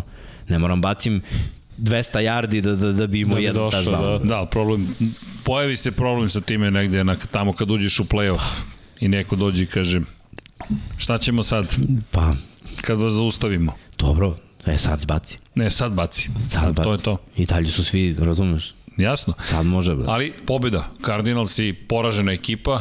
Bili su Panthers. Panthers, Panthers izvinjam se, bili su por, neporažena ekipa, pa zašto mi Više Cardinals u glavi? Vidiš, da, zato što su i dalje neporaženi, ali Cardinals se kidaju. Cardinals kidaju, da, još uvek. Ali Panthers u svakom slučaju mogu biti zadovoljni početkom sezone. Ej, prva nedelja, 3:1, pa prvi dobro je. mesec, 3-1. Odlično, to je mislim. super rezultat za, za, za jednu novu ekipu s novim quarterbackom. Svakako su u svojoj diviziji ono drugi. Ali tek ti njih čeka vatreno krštenje. Ali ajmo da ih štikliramo, zelena. Jeste, okej, jeste. Pozitiva u septembru u svakom slučaju, a što se tiče kauboja, pa ono što ti kažeš, ovo je, moralo da, o, ovo je ovako moralo da izgleda. Ok, idemo sada na nešto što će biti zabavno. Vanji ja cenim. Vanja, hoćeš ti da nam objasniš šta se, su šta se ovde desilo? LA Chargersi protiv Las Vegas Raidersa. Blitzkrieg se desio u prvom polovremenu. Blitzkrieg ali ne, ali, ali stvarno jeste, nisu očekivali da prvo odbrana je limitirala stvarno Derek Carr. I igru trčanja bilo, evo vidimo, Jacobs imao 40 yardi ukupno iz 13 nošenja. I onda kad ne ide, ovo što ti kažeš, trčanje, ok, Carr, ajde sada, igrao si kao MVP, igra i ponovo tako, op, ne može... I, mislim, to je zapravo bio problem Herbert što je igrao, igrao je na nekom postavlja svoj nivo igre. Iz meča u meč on kad vidi, dokazuje se, ok, on, to, on je prava stvar. Može svaki, svako dodavanje da izvede, lopta ide neverovatno svaki put, znači stvarno dečko i na mesto je. Ne, ništa se ne podiže, nema nekog ni pada, uvijek je onako even kill i idemo dalje guram. Jest. I opet Raidersi su ekipa koja ove godine, mislim, dobili su dva produžetka. Mislim, ja ne volim nikada prepisujem u sportu faktoru sreće, već faktoru ono, snalaženja, znanja, umeća, skila, to, to je, mislim, ne, ne može sreća večno da te prati, ali na ovoj utakmici prvo ofanzivna linija, ona je pakao, znači on je dečko Leatherwood, on visoko draftovan, zaobilazili su ga kako su hteli. Sad sam čuo da će ga prebace na garda pa da pretumbaju malo ofanzivnu liniju. Šta je poenta? Derek Carr je dečko koji kad dobije dva udarca, mislim i to je Bosa rekao, možda je malo glupo što je to izjavio, ali upravo je, mislim i treba da kaže ono što misli. Meni je mnogo glupo ovo što, što postoji u današnjem svetu, brate, ne, neka ono cenzura, sad ja neću da Da, kažem da. nešto što mislim da se neko ne bi uvredio, moram da budem, brate, mislim da, da se ono dečko uplašio i to je to. I ja Pa ne znam, ja ne znam, čekaj, ja ne znam, gde smo mi gledali svi istu utakmicu, kome je on delovao hrabro s onim očima njegovim, ono, preplašen, brate, ide, čoukuje, baca Ti si lopte. baš u ekstremnom raspoloženju, vidi. Ne, ali, znaš, hoću samo ovo da kažem. Da, Mnogo smo skloni svi svet da kritikujemo nekoga ko, ko je ono na meti kritika stalno, S druge strane, kad neko zaslužuje kritiku, onda i uvek imamo, znaš, kao ja, pa nije, pa ovo, pa ono. Treba da bude kritikovan. Ofanzivna linija treba bude, ono, iskritikovano ozbiljno. Derek Carr, kao MVP kandidat, 1200 yardi, Raidersi daju 30 poena. Gde su? Gde su ti Raidersi? Slažem se s tobom, znaš kako, iz koje perspektive. Ako si spreman da budeš heroj, moraš da prihvatiš i kritiku koja će ti biti upućena. Tako Možeš je. da prihvatiš kritiku koja će ti biti upućena. Ne samo ako si heroj, ako si bilo ko. Ok, samo je pitanje da li je argumentovano ili nije. Konačno još jedna stvar. Mi pričamo često o trash talkerima, o tome kako komuniciraju i pogotovo o tome kakav je odnos na terenu. Ej, ljudi na terenu, šta se događa na terenu, to je bojno polje. E, na primjer, ja ne, ne podnosim Siliđis i stav Siliđi generalno. Meni je ta kultura Siliđisa katastrofa. To je rodovsko-plemenski odnos. Ko je jači, taj pobeđuje. Ali, ovde pričamo o terenu, ne pričamo o ulici, ne pričamo o uređenju ustrojstva društva. Jači sam imam sva prava. Ne, ne smeš da imaš zato što je neka civilizacija. Ali u ovoj igri i igra je takva da se ti namećeš. Vraćamo se malo ka tom primarnom, prim, primordijalnom momentu i ti onda tu gledaš, ok, ja ću ti reći zato što hoću da se plašiš sledeći put. Pazi, mi to gledamo svim svim praktično sportovima. U tenisu to ne smeš da kažeš jer to nije deo kulture. Oh, ne, to ne smeš da izgovoriš jer ti nisi u belom sportu. U motociklizmu ili automobilizmu ti to ne možeš jer to je kaciga, eventualno neka gestikulacija, ali potezom koji ti radiš, ti stavljaš do znanja ugrozit ću te ili ću ti staviti do znanja to ako pokušaš, ja ću zatvoriti vrat. Isto i ovde. Ja mislim da, da nemam problem sa time što je rekao. Zašto? Pazi, ti ćeš se stresti ponovo možda s tim igračem nekada, ne možda. Pa sigurno se ove godine. Tako je, to je. Divizija divizija. Zašto ga ti ne bi zastrašio? Ej, vidi, to su pravila igre i Derek Carr ih igra moraš da ih igraš, tako da nemam problem s time što je rekao, neću čak ni ka političkoj korektnosti, nego ka tome, čo, e vidi, mi kad igramo besmislene utak, mislim, besmislene, ništa nije besmisleno, makar meni, me zvao na basket, igramo basket, šta se dešava na terenu? Dešava se na terenu, kad napustimo teren, druga priča Pa to je sad drugo, ali pravila terena su nešto sasvim drugo. Šta, zakačio sam ti slučajno, nije namerno, ok, ali pa šta sad Vanja ako mi lupi bananu i povredi me, pa šta ću da kažem namerno si, pa ako baš vidiš da je išao namerno, da imamo neki problem. Ali čoče, desio se udarac, gotovo, podigne se i, vozi dalje. Ne igramo profesionalno i čak i da dođe Srki, pobediću te, razbiću te, trash talking kakav god daje, Ok, to su pravila igre, tako da ja nemam problem s time. No, ali mnogi imaju. Pa, ne treba da imaju, mislim, problem. jer realno Kare stvarno igra užasno. Pa i loše užasno. igrao, vidi, vidjet ćete i kasnije procena mislim, nula, članova tima da, je da je nula, nula poena bre u prvom polu vremenu. I ne, trčanje, naš, ofanzivna linija bila, prvo Chargersi uopšte nemaju jaku defanzivnu liniju ili linebackersku, ono front seven im nije toliko jak, jesu dobri na rašu, a kako neutrališeš raš, trčanje, mislim Dallas im istračao 190 yardi, ja ne vidim zašto onda ekipa Raidersa ne bi moglo da im istrči 100, ali oni nisu bili ni blizu 100. Nije, vidi, ali, ali mi, ajmo ovako, od prvog momenta, ovo što je Vanja rekao, Blitzkrieg, bilo je jasno.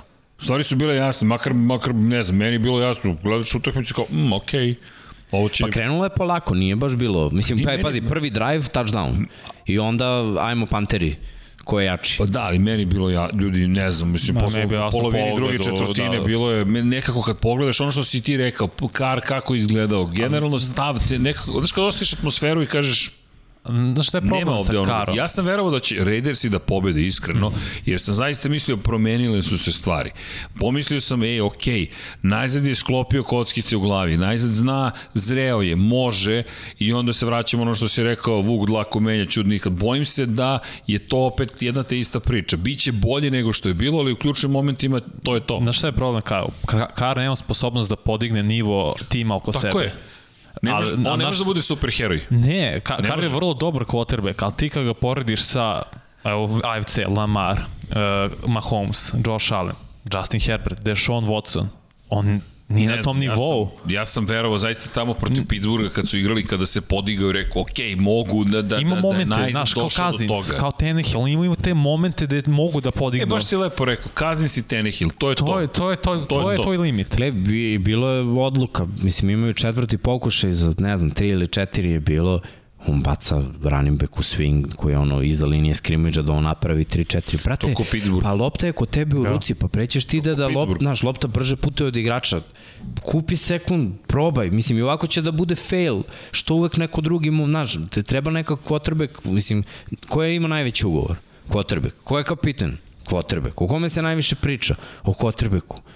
Brate, preuzmi odgovornost, uzmi loptu, baci Pazi, za novi prvi dan. Vajlija, mi ne pričamo nekome ko je bačeno si, vatru, ne, ovo je godina? građeno, te, te, taj tim i dalje veruje u tebe, ti treba da ga vodiš. Pa, mislim, gledaj, šta znači, nije loše, imaju 3-1 i dalje, ali ovo je bio poraz koji će ono, pokazati mnogima kako da igraju protiv njih i ono, Bosa je u pravu, mislim, bukvalno kad god on ima problema s Rašom, kad god mu je ono, defanzivna linija u backfieldu, problem. Da. Onda, onda Raidersi ne pobeđuju i Vanja to stalno priča, oni uvek krenu sezonu dobro i budu 50-50 ekipa na kraju. Ali da. zato Chargersi Pa ej, Chargersi su za sad, ovo za sad Bolje. bolji, brad. Pa bolje, Bolje, vidi pa ga. to je- Prvo, to, pazi, toliko je ozbiljna situacija da ne samo rekao bolji. Pa ne, a, a, zrelost. Pokazuje si neku vrstu zrelosti u poređenju sa prošlom godinom. To je taj napredak koji hoćeš više od mladog quarterbacka. Jeste, u napadu su zreli, u odbrani nisu. I Staley, za razliku od Lina, donosi mnogo bolje odluke. U napadu pogotovo. Vi, rekao je, bukvalno dao Herbertu odrešne ruke. Mi verujemo tebi. Ti ćeš sigurno doneti bolju odluku nego što može čak ofenzivni koordinator. Verujemo ono što ti vidiš na terenu i tako će biti tebi. Dajmo loptu. Dobro, ali znaš ko je bio igrač u utakmici? Nije bio Ekeler. Herbert. Tako je, Ekeler. tako je, dobro, onda smo gledali istu utakmicu. Pošto je Ekeler, ne, ne, ne, bio. Ekeler je bio svuda. Jeste. Ekeler je hvatao, Ekeler je trčao, pretrčao više od 100 yardi, bukvalno igrač utakmice. 117 ja. 117 yardi trčanjem imao još i hvata. Imao je, da. Bukvalno je skinuo pritisak i dozvolio Herbertu, mislim, koji je imao opet svoje promašaje, jer, jer ono, forsaž je ozbiljan s njegove strane. Da. I to je moment koji, mislim, Pa i. Staley malo donosi sa sobom. Ajde da, ono, da, da forsiramo do, do maksimuma. Dobro, Što mnogo gleda- lopti na Allena ide u suštini. Ne, ne, sve stoji. U ovoj utakmici to je okej. Okay. U utakmici protiv Dallasa je isto imao priču, istu, na istom stadionu i nije bilo okej. Okay. Zašto nije im lego Dallas? Dallas je više imao loptu u svom posjedu što su trčali, umarali su igru i za diviziju u kojoj igraju Chargers i Chiefs to je divizija koja ono dodaje loptu, koja ne Traniš trči. pobjediti, moraš trčati. Znaš zašto? Za- Mora, moraš Srđan, da... Srđan Erceg. Ma ne, vidi, to je... No, no, Mo, mo, moraš da uspostaviš da trošiš malo vreme, znaš, jer je oni, miksa, miksa. oni ako budu gubili i ako moraju da se oslone ovako na, na to prangijanje, bit će 50-50 ekipa. A imaju potencijal da budu mnogo više. Ove godine baš ono što je ovaj napisao tamo na času. Znaš, stvarno je 3-1 nije bilo očekivano od njih, je tako? Ne, Nije ni od Raiders. ne. A jedni drugi imaju 3-1. Dobro, ima jedna ekipa od koje nismo očekivali baš da će početi... Dobro, to je divi, to je, pazi, to je sad trenutno jedina divizija koja nema ekipu s negativnim skorom. Da. Pa dobro, Pošto je nema... Seattle izgubio. A da, od inače, da. Da, sinoć je izgubio. Pa da igra se što si rekao za da quarterback da je kapiten stalno. Znaš ko jedini quarterback nije kapiten? Ne računajući ruke, čak i Wilson izabran za kapitena. Tua. To ti, ali to ti mnogo govori zapravo. Zašto Vanja? Zaš, zaš, zašto? Ne, pa ovo mi se Zašto Vanja? Zašto, zašto i Miami i tu i u ovom A dobro, momentu? šta da se radi? Ništa, idemo dalje. ne znam, pa zanimljivo Ne, mi je pa- samo gde si tu sad iskopao u celoj Dobro. priči. Vanja i Stats. Va, ne, ne, ne, ali mi je Ovo super nije veza. statistika, ali je, ovo je zanimljivost iz ligi. Ne, ne, ovo je bilo dobro, ovo je bilo dobro. Bilo je dobro i gledati prosto tvoje Chargers i rekao to je intimni moment. Rekao, ok, Vanja, respekt. Chargers ih delujem i kao da imaju potencijal da budu kao Green Bay u smislu quarterback prelaza. Da se to ne dešava skoro ikad. Dobro, ti lep tako si nam pa- napravio za sledeću utakmicu. Green Bay protiv Pittsburgh Steelersa. Dobro, Chargers igraju protiv uh, Brownsa. Ne, ne. Vrh tekma. Bić, bi, vidi, biće super, te dočekam da vidim ko će tu da izađe kao pobednik, ali prošle nedelje gledali smo dva iskusna veterana, Steelersi su došli u Green Bay 17-27, Ben Roethlisberger protiv Aarona Rodgersa, Green Bay delovalo je savršeno, ali Žuli imao lep komentar, a to je Green Bay, pokušat će oni sebe da unište u jednom momentu, malo je nedostalo da odigraju protiv sebe, ali mislim da nijednog trenutka nije bio problem u kontekstu toga ko će tu pobediti. Meni se Pa dopao game plan, Ne. baš su sve uradili. Ja nisam to tako vidio. Mislim, ali čuo sam da je Žule bio jako srećan. čuo se, čuo se tri igrača dalje. tamo od Green Bay. Eno je, da, tu, tu su pozdrav za Žuleta, ali da, ako pogledamo ponovu statistiku, prosto pogledaj drugu četvrtinu, jednostavno Da, znaš šta, Steelers imaju, imaju problem sad jer više ne koriste neke prilike. Ja se sećam dva, dve akcije koje su dva touchdowna za Pittsburgh koje je Ben promašio. Ben promašio, da, da, prebacio. Juju prebacio, Juju on je čist touchdown. On, Čisti, ono, je, ono, gledaj, Juju na, se otvorio. na nivou srpske lige, ono je touchdown. Touchdown. Znači hvatač I ne nekog jednom, bude onako sam, tako je. Da, da, da, dva da. puta, to je 14 poena, to je već dru, drugačija Druga utakmica. priča. To smo i rekli. I, I onda, znaš, imaš stvari koje ti fale, uigravaš ofanzivnu liniju, tek sad je uigravaš i do nekle je bila okej. Okay. Mislim, Ben je nepokretniji nego ikad. Da, bom, Trčanje bukvalno ne nemaš, ali dok ne uigraš ofanzivnu nećeš ga ni imati, ali okej, ide ka bolje, mislim, to je sad od 40 do 60 yardi, sve su to ono koraci mrava, znaš, ono malo po malo, ko u stvari nije ni ovo mrav, mrav je brzo, ovo je puž, fazom. Ali ide se malo po malo iz nedelju Step u nedelju. step. Ali ako ne budeš pogađao te ono, male prilike, mali broj prilika koje imaš i ne postižeš touchdownove, nikad nećeš pobediti, a raspored ti je užasno. Znaš šta je, znaš koliko Steelers imaju pobeda u poslednjih 10? Tri. Dve. A dve je bilo 1-6 tamo i sad 1 Pa računaš tri. playoff. I tu... dobro, ne računam, ali Ne, pa kada zato sam mu kaže poziv. Dve pobede, a Ben 63% do kompletiranih dodavanja u tih 10, 6 yardi po, ba, po dodavanju. To, to je realnost, to nije više Dobro. o, igra, ne, to je trenutno nivo igre. to, to je zato što se računa samo ono što kompletira. Ja jer imam mnogo promaša. Ima, ali Ima mnogo opet, forsaža, mnogo Mislim da čeka forsiranja. Pittsburgh ozbiljno pitanje što tiče quarterbacka u ovoj sezoni dokle više sa Benom. Pa dobro, gledaj, u životu jednog on kriv, takmičara, da. u životu jednog takmičara, on sam sebi da kaže ne mogu, to se neće desiti, on je takav lik. A problem Mislim- je što je on više puta rekao ja ću razmišljati Nije, Vanja, nije, on to, to, on je takav lik, on to malo sarkazam provuče, ironiju, ali, ali nije to tako, ne misli on, on to ti ono kao da jeste, evo ja ne, ne znam, treba se povučem. Ali ne misli on to tako, znaš, on misli ja to i dalje imam, to je problem. Ne bi bio problem da on misli da nema. Ja mislim, znaš, da on kaže nemam i da kaže Tomlinu ja to nemam, oni bi ono rekli ok, onda idemo u rebuild i probat ćemo neki trade i to je to, ali ja mislim da on misli da i dalje ima. To- A dobro, ali očigledno je da nema. Ali koja je uloga onda cele Tomlina. strukture, Most. generalnog menadžera, trenera, vlasnika i tako dalje. A šta ćeš drugo? Pa znam, ali u jednom momentu moraš ovako. Pa šta, ćeš, moraš? šta ćeš postići s ovim? S ovim? Da. A šta ćeš postići bez njega? Novi Pa da, početak. Moraš da kreneš. Ka, koji po, s kim početak? Ali moraš kad, da, kad, Bilo- mikro- bilo ćeš sledeće godine. On je Okej. zato potpisao ugovor, uzeo manje para da održi tim, jer gledaj, znaš šta je najgore za tim Ne, koji je pun mladih playmakera ali, da, i ti okej. hoćeš da staviš Razumem. i da imaš Ne sezonu s dve da- pobede, ne, ne, ubićeš ne, ih ne, u ne, pojam čekaj, čekaj. i svi koji treba, neću čekam, Ne, svi koji treba da dobiju, Čekaj, pa ne, budi realan, Ne, ne, čekaj, ne, ne, budi realan. razumeli, pa pri, pri, nisam, nisam rekao da ga sad promene, nego u kom momentu će se desiti da kažu, ej, bilo je dosta, ne sada, ne, ne, ne govorimo sa ovoj sezoni. Kad draftuju, Nismo se razumeli, ne, ne, ne. Uopšte ne mislim da, da imaš bolje rešenje sad u svojoj ekipi. Sad, ne da nemaš, gledaj, čak ni na draftu ovom ne, nisi imao. komitovan si, to je to. Uzeo si running backa, šta je sledeće? E pa da, ali vidi, ovo traje već neko vreme. Kada ćeš reći Ben, moramo da se razilazimo. Sad. To je to. Ok, da to je moje pitanje, ne To sad to. u ovoj sezoni. Kako da mu kažeš Ne. posle 11-0 prošle godine, to je to, Dakle, brate. gdje da bih pomislio da, da ga sad menjaš, šta s kim ćeš da, ga menjaš, nemaš Kažeš nikoga, na nema, ovo- gotovo je, ti si Kako si komitovan. odigrao na kraju sezone? Ne, Odigrao bitno, si Vanja, super ne, samo je- gledaj, ali opet, ti ne uzimaš Free obzir mnoge stvari, brate. To je ono, legenda franšize, Ta- dva Superbola, je. Future Hall of Famer. Jeste. Ne možda mu kažeš sad, Haskins igra mesto tebe. Ne, ne, ne. To, Imamo budućnost, znaš, nemate, bolje Ne, da si igra on i da imate neku 50-50 sezonu, možda uđete u playoff, imate dobru odbranu i oslanite se na to. I sad viš kako ide sezona. Ben igra jako loše, u lošoj je formi, ti shvataš da je sve nizbrdo, sad će ovi svi klinci u ekipi da budu ok, treba nam neka promena i mislim koliko kvotrebe koja će biti slobodni agenti Srki nakon ove sezone. Koliko će ih biti? Biće ih trojica, četvorica, Biće, jako imaćeš dobrih, nekoliko, koji- baš dobri. Da, tako, da, da, da. jako dobrih opcija, bre. Tako je. Juri onda veterane.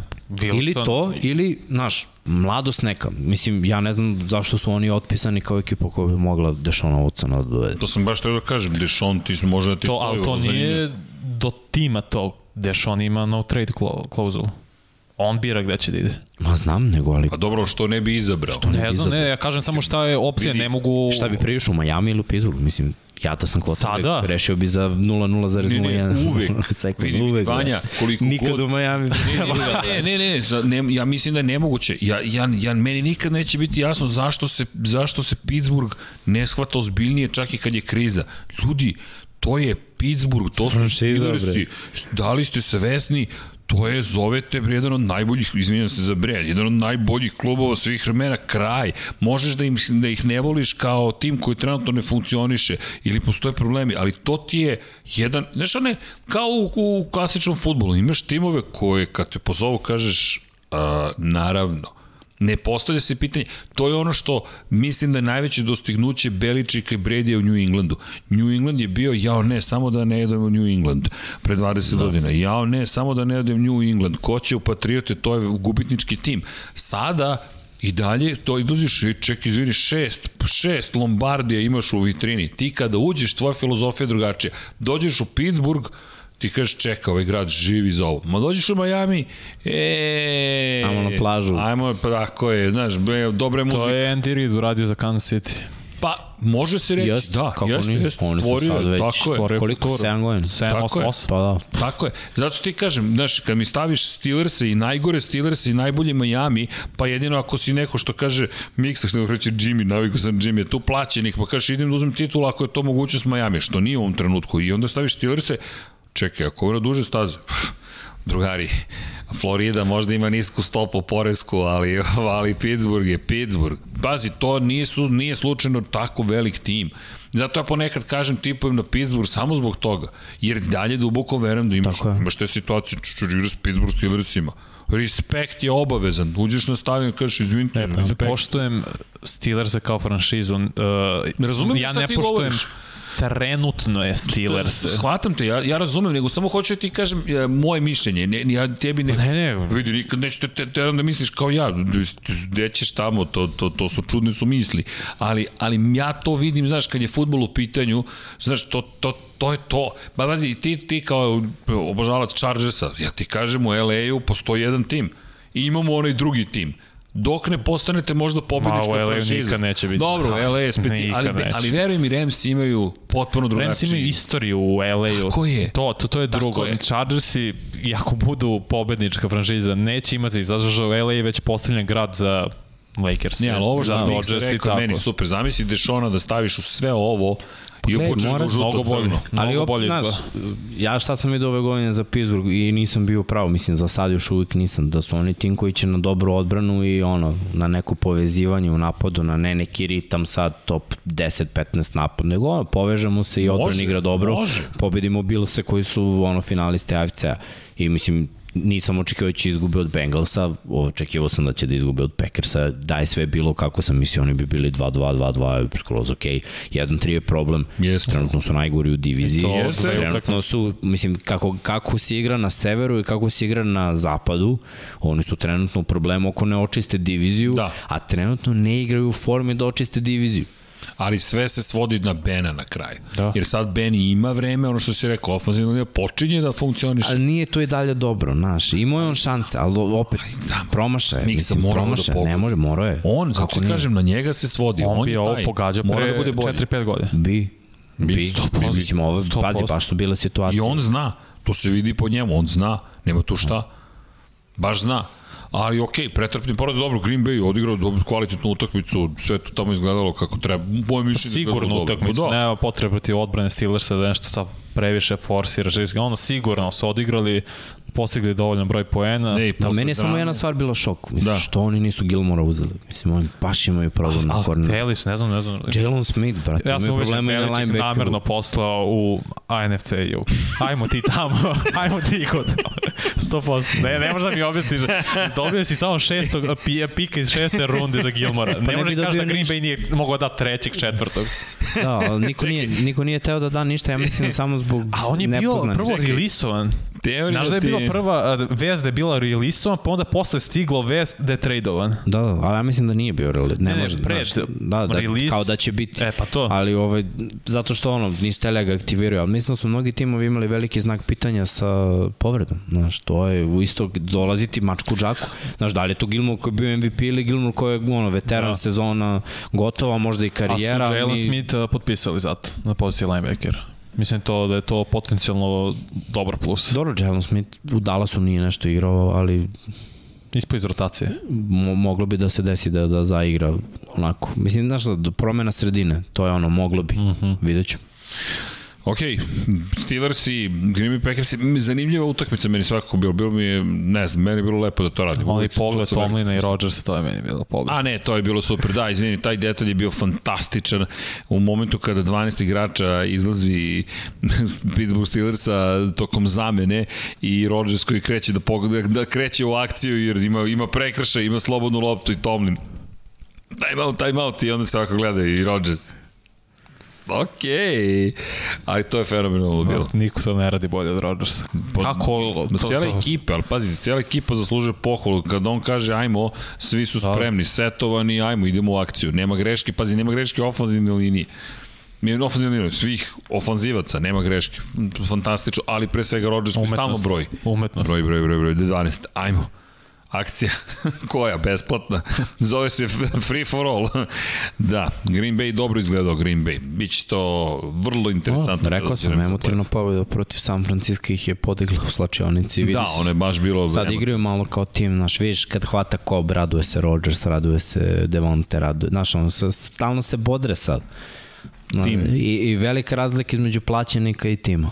Jeste. Znaš, kad imaš plaćeničku ekipu, ono, svi se raduju kad dobiju pare, kad ispunjavaju bonuse, Kad se padne, A, nema ovaj- nikog da podigne. tako je. Nema. Mislim, ono, šta, na kraju krajeva izgubili smo utakmicu, ja i dalje imam isto para kao i da smo je. pobedili utakmicu. It's okay. To, kad je to motiv, to je problem. Znaš. Kad A ovde je motiv nešto drugo. Ja mislim da je ovde motiv da Green Bay konačno ode u Super Bowl.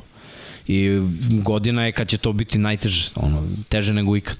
Zato što sad stvarno nisu, po meni, nisu ono top 4 tim Ali u NFC-u, ali, ali naš timski, timski duh i timska igra uvek može da nadomesti taj nedostatak da. kvaliteta na papiru. Da, i dobra pobjeda, važna pobjeda, bez obzira Pittsburgh nikad ne sme Ovo je, biti pocenjen. ovo je najvažnija pobeda.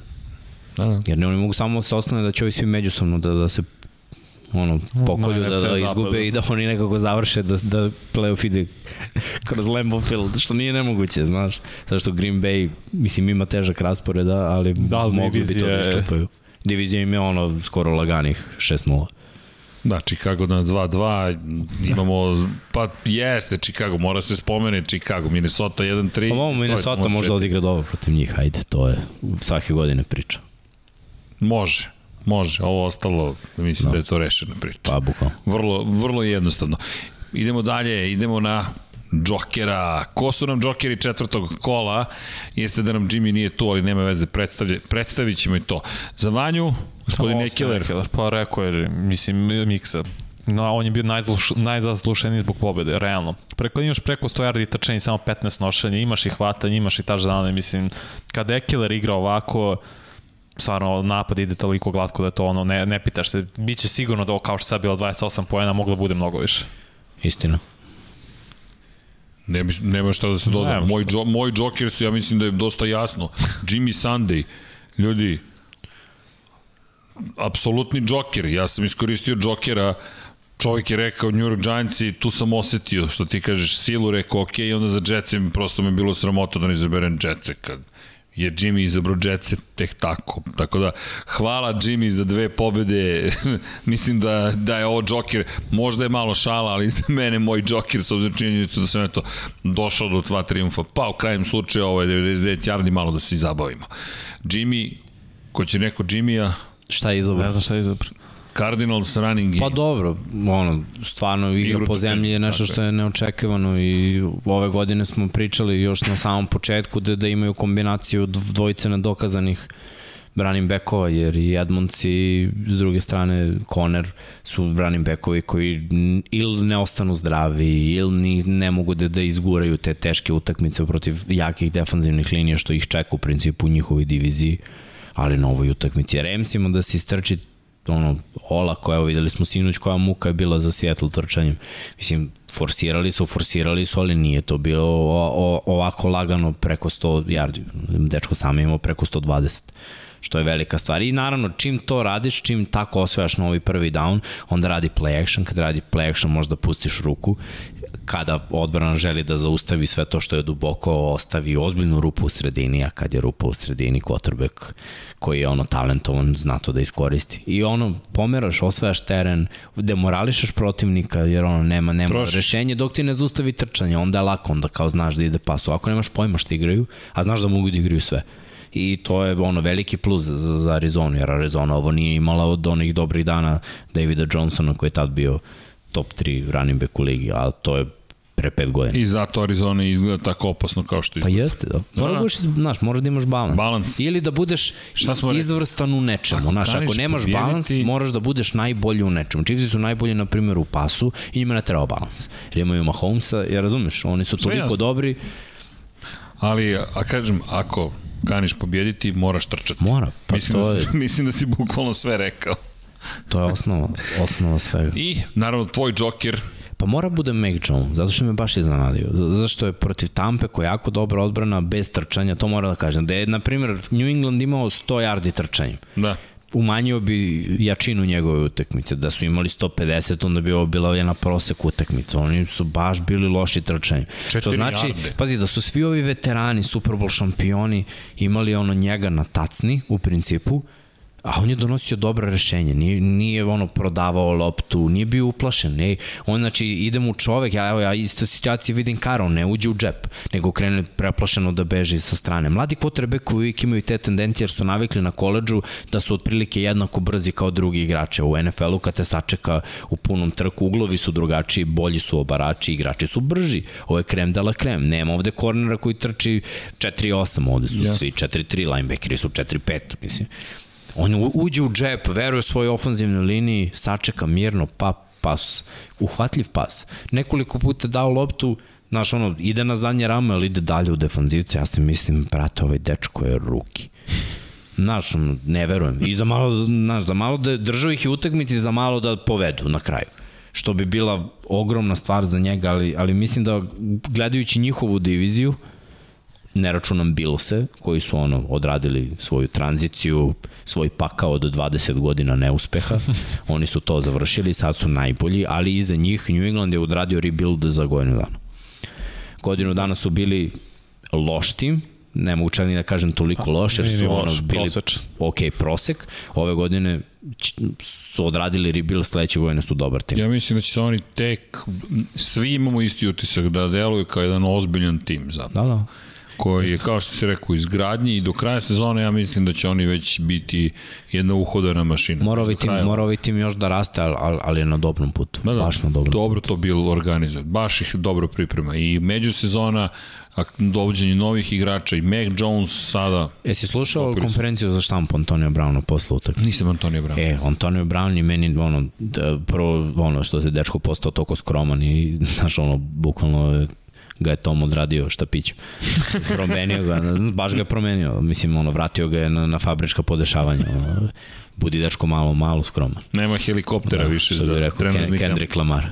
Ovaj, pazi, odjednom, on sad kreće da priča o franšizi Patriotsa i znaš, kao bio sam tu i ova je jedna, pazi, on je bio u Pittsburghu, Pittsburgh je ozbiljna franšiza. Jeste. New England je ozbiljnija franšiza. Zašto? Zato što po ceo dan radiš, prvo radiš trening pozicioni radiš 7 na 7, radiš 11 na 11, imaš ono, dva, tri segmenta gde radiš samo 1 na 1 situacije gde kot, naš kotrvik se navikao na tvoj način trčanja neke rute iz nekog koncepta i onda ideš tri puta da gledaš film u toku dana. To ne rade svi, ne spremaju se svi toliko bolesno, nisu svi toliko obsesivni da ovo mora se pobedi. Znači, nije zabavno i navikneš ti u nekim timovima da ono, imaš ono, život sem američkog futbola, ali u, u Petriocima mislim da, da je priča ono, Američki futbol, to ti je život. Kao se budeš penzionis, uživaj u životu.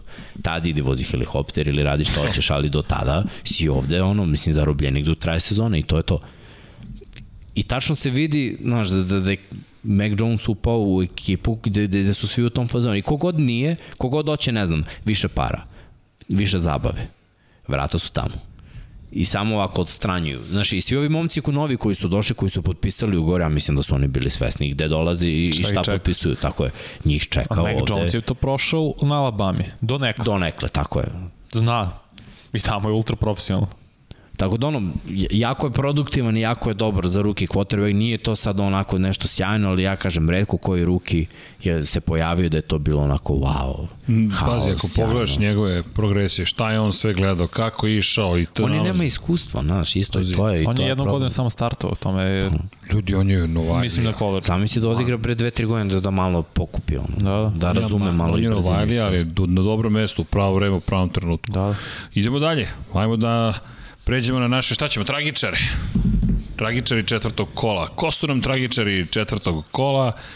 Pa tragičari su za Vanju odbrana Vašingtona. Da. Ne. Ne. Zašto? Da. Ne, ovo je stara grafika. Opa! Ovo je nije stara grafika. Da, da, ček. Pa sam se pitao kad sam izabrao Detroit Lions, rekao, ali dobro, Da, moguće. Što bi Giantsi bili tragičari, pobedili su, bre. Ne, ali okej, dešava se, upalo je iz tragičari, treće kola su nam uskočili u grafiku. Znaš, rekao, kad sam izabrao Detroit Lions, znam da zapravo sam ostavio Vanji najguru moguću situaciju, ali dobro rekao, ako je to, to njih uvek možeš da staviš nekako za tragičare, s obzirom na činjenicu da samo gube ljudi, mada jeste cijelo. Ali dobro, A dobro, ne možeš da kažeš da su bili tragičari. Nije, pro- Detroit, ja ti rekao, meni, ja sam ih video protiv Baltimore, ništa, to nije lično, nije to je više, nije mi čak bila šala, iz nekog razloga mi se činilo da će tu pružiti otpor, ali vidi, njih će potrošiti to, jednostavno će doći do stadijuma da će reći, ok, jasno nam je da ovde, ako odnesemo jednu pobedu ove godine, bit će to najveća radost koja nam se desila. I tako sad od miksa ja trošimo malo vreme dok je Vanja... Jesi gledao futbol live? Jesi- Rekao sam smišljam, tako da... Jesi gledao futbol live sa Calvinom Johnsonom? E, Sad, pa evo, sad ćemo da, sad, sad, sad ćemo da se ispričamo. Je, hoćeš da praviš grafiku ovako uživo? Pa pusti samo grafiku, kakve veze ima. Pa ti znaš da ću ja da wingit, ono što kažu, improvizat ćemo nešto ako ne postoji ništa upisano. Vanja, kad je to bio problem? Pa čekaj, pa ovo, ovo je mediji, brz mediji. Da. Rešit ćemo. Nisi mi odgovorio, si gledao futbol live sa Calvinom? E, nisam. Nisam stigao. Znaš šta, da, moraš. da, da, hoću.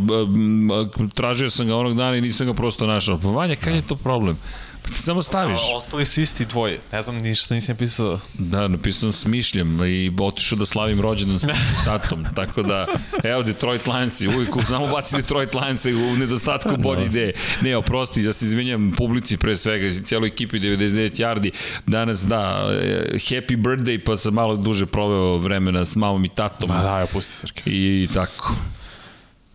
Ne znam, meni su Te- Tannehill, Tannehill i ofenzivna linija, mislim. Jetsima ste dopustili sedam sekova.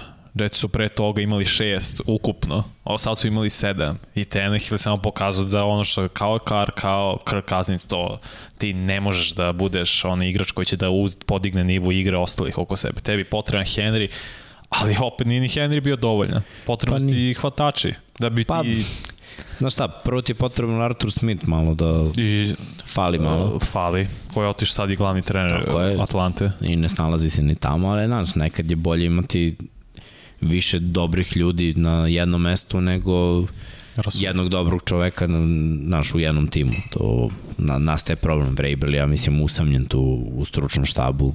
Problemi su na sve strane. A tenis, ja mogu kažem i za Jimmy Tennis je meni jedno gorko razočarenje u ovom kolu, jer ti kao playoff ekipa i kao neki prvak svoje divizije, što trenutno kao dalje, moraš da budeš. Da.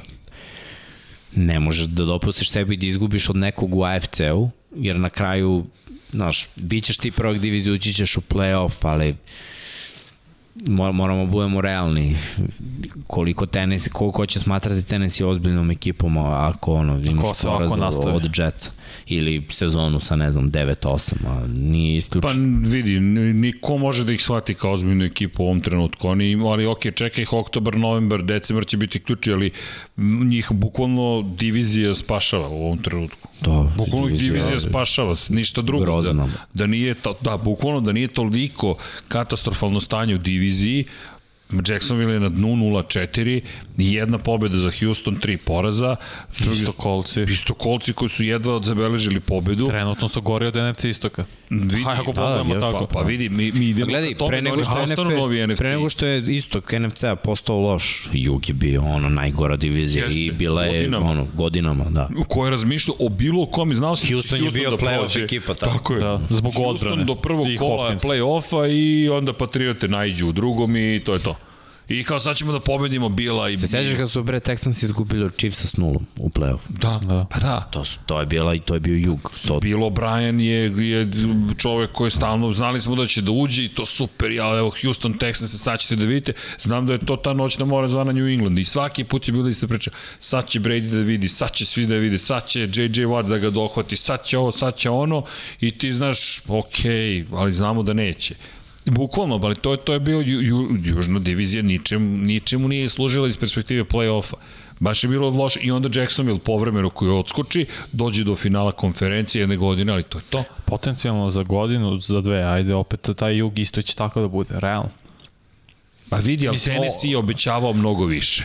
Znaš, to je ono što je ali- moj problem sa njima. Izvini, znaš, oni, Jacksonville, šta smo očekivali? Možda nešto da se desi. Houston, Deshaun Watson saga počela je ta, ta drama cela početkom godine.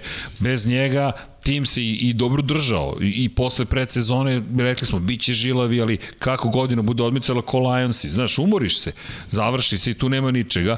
Indianapolis visi sve o. Vencu, ja mislim da ta ekipa da je u slobodnom padu, iskreno ono što si ti lepo rekao, prošle godine to je bio poslednji pokušaj, ti si doveo jednog iskusnog quarterbacka, veterana, imali su šansu, i u play-offu je postojala šansa. Bolji I- play calling, ko zna Tako je, probamo bolji quarterback, da neću ni da poredim Venca, pričamo o, o žao mi je Venc, da, mogao je, ali nije, prosto nije, ti, ja ne mogu ni da poredim sa prethodnim kolcima, ali vraćamo se do Andrewa Laka, od kad je Lak rekao ljudi, Ali, znaš, imali su sad oni nemaju Znaš. talent u napadu. A opet, s druge strane, tenis ima talent u napadu, nema talent u odbrani.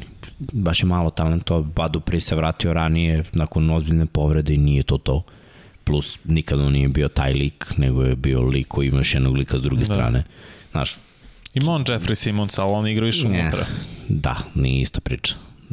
Pittsburgh ima dvojicu unutra, Da.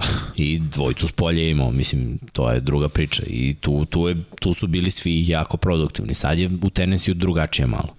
Opet linebackerska linija Tanana slabija od Pittsburgha, secondary mnogo slabiji, jer došlo je do onako, imali su talente koji su završili ruki ugovor.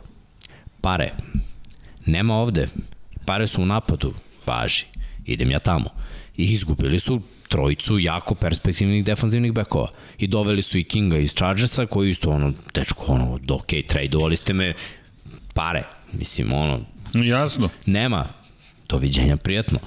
I onda su ostali sa, sa ono katastrofalnim sekundarijom, sa slabom odbranom i ako ne budu igrali onako kako oni igraju, a to je da imaju loptu 40 minuta u svom posjedu, oni tako moraju da igraju da bi pobedili. Pa dobro, ali izvini da se vratimo na trčanje. Znaš, ti si rekao, šta, na početku smo još rekli, znaš, idemo na to, ajmo da bacamo i dalje. Imaš čoveka koji bi morao da... Za... Ti, pazi, Jetsi, ne, koliko god je da, da, bi, da mi se meni dopalo što su Jetsi pobedili, ti ono ne možeš sebi da dozvoliš. Ti šta god je neophodno moraš da završiš posao. Pogotovo ako zaista, izvini, meni je možda najveće razočaranje Mike Vrabel u toj situaciji.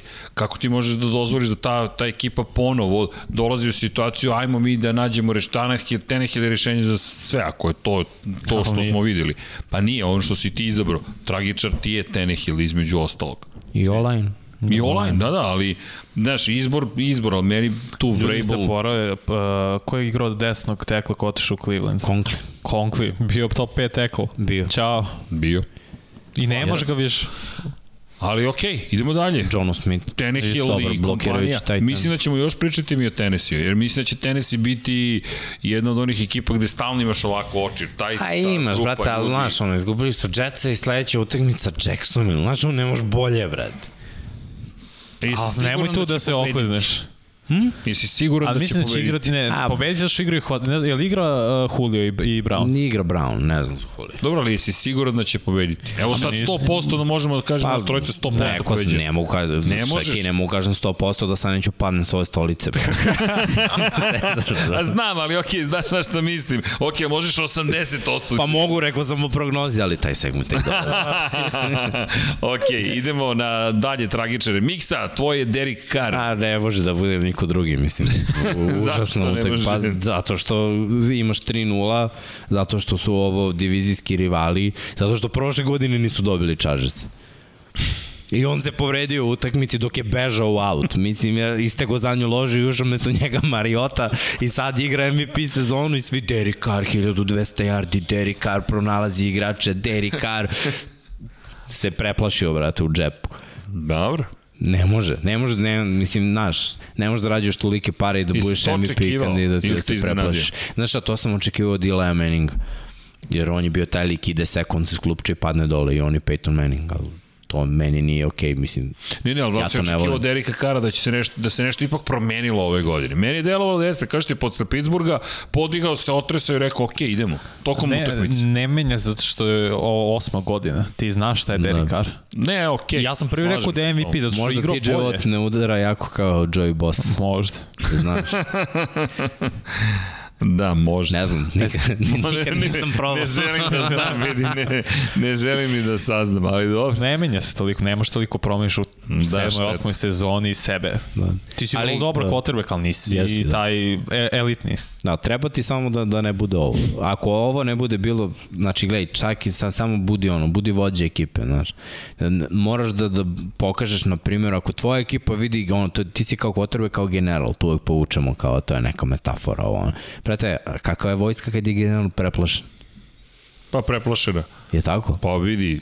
Ideš po pri... Ko je vođa? Je tako? Čekaj, Pratiš. Mi bre. si služio vojsu. Nisam, ne dajem Ne, primer. ne, ne, ne, mislim, ne, ne, zato što bio sam, ovaj, imali smo potporučnika koji je mega disciplinovan, sve je super, sve je strava, ali ti imaš utisak, ovaj čovjek da me odvede u šumu, ja mislim da se ne bismo živi vratili. Ozbiljno, zato što on toliko, toliko opterećen pravilima službe, ok, razumem te kasa na sve ok, ok, idi čisti lišće važi, idi nosi fosne važi, idi ovo, idi ono važi, ali znaš, dođeš 4 plus 40 i ti nosiš bluzu, sad da mi objašnjam šta, idemo po, trnju, ok, idemo, ajde, važi. Jedino što je stvarno bio i sa nama u tom, ja kažem, pa dobro, znate, ne, nema mnogo logike, nema veze pravila službe. Mislim, čoveče, moraš da vidiš kakvo je okruženje, šta se zbiva oko tebe, a ne tek tako samo idemo, to, to, to će nam sigurno, znaš na što me podsjeća to?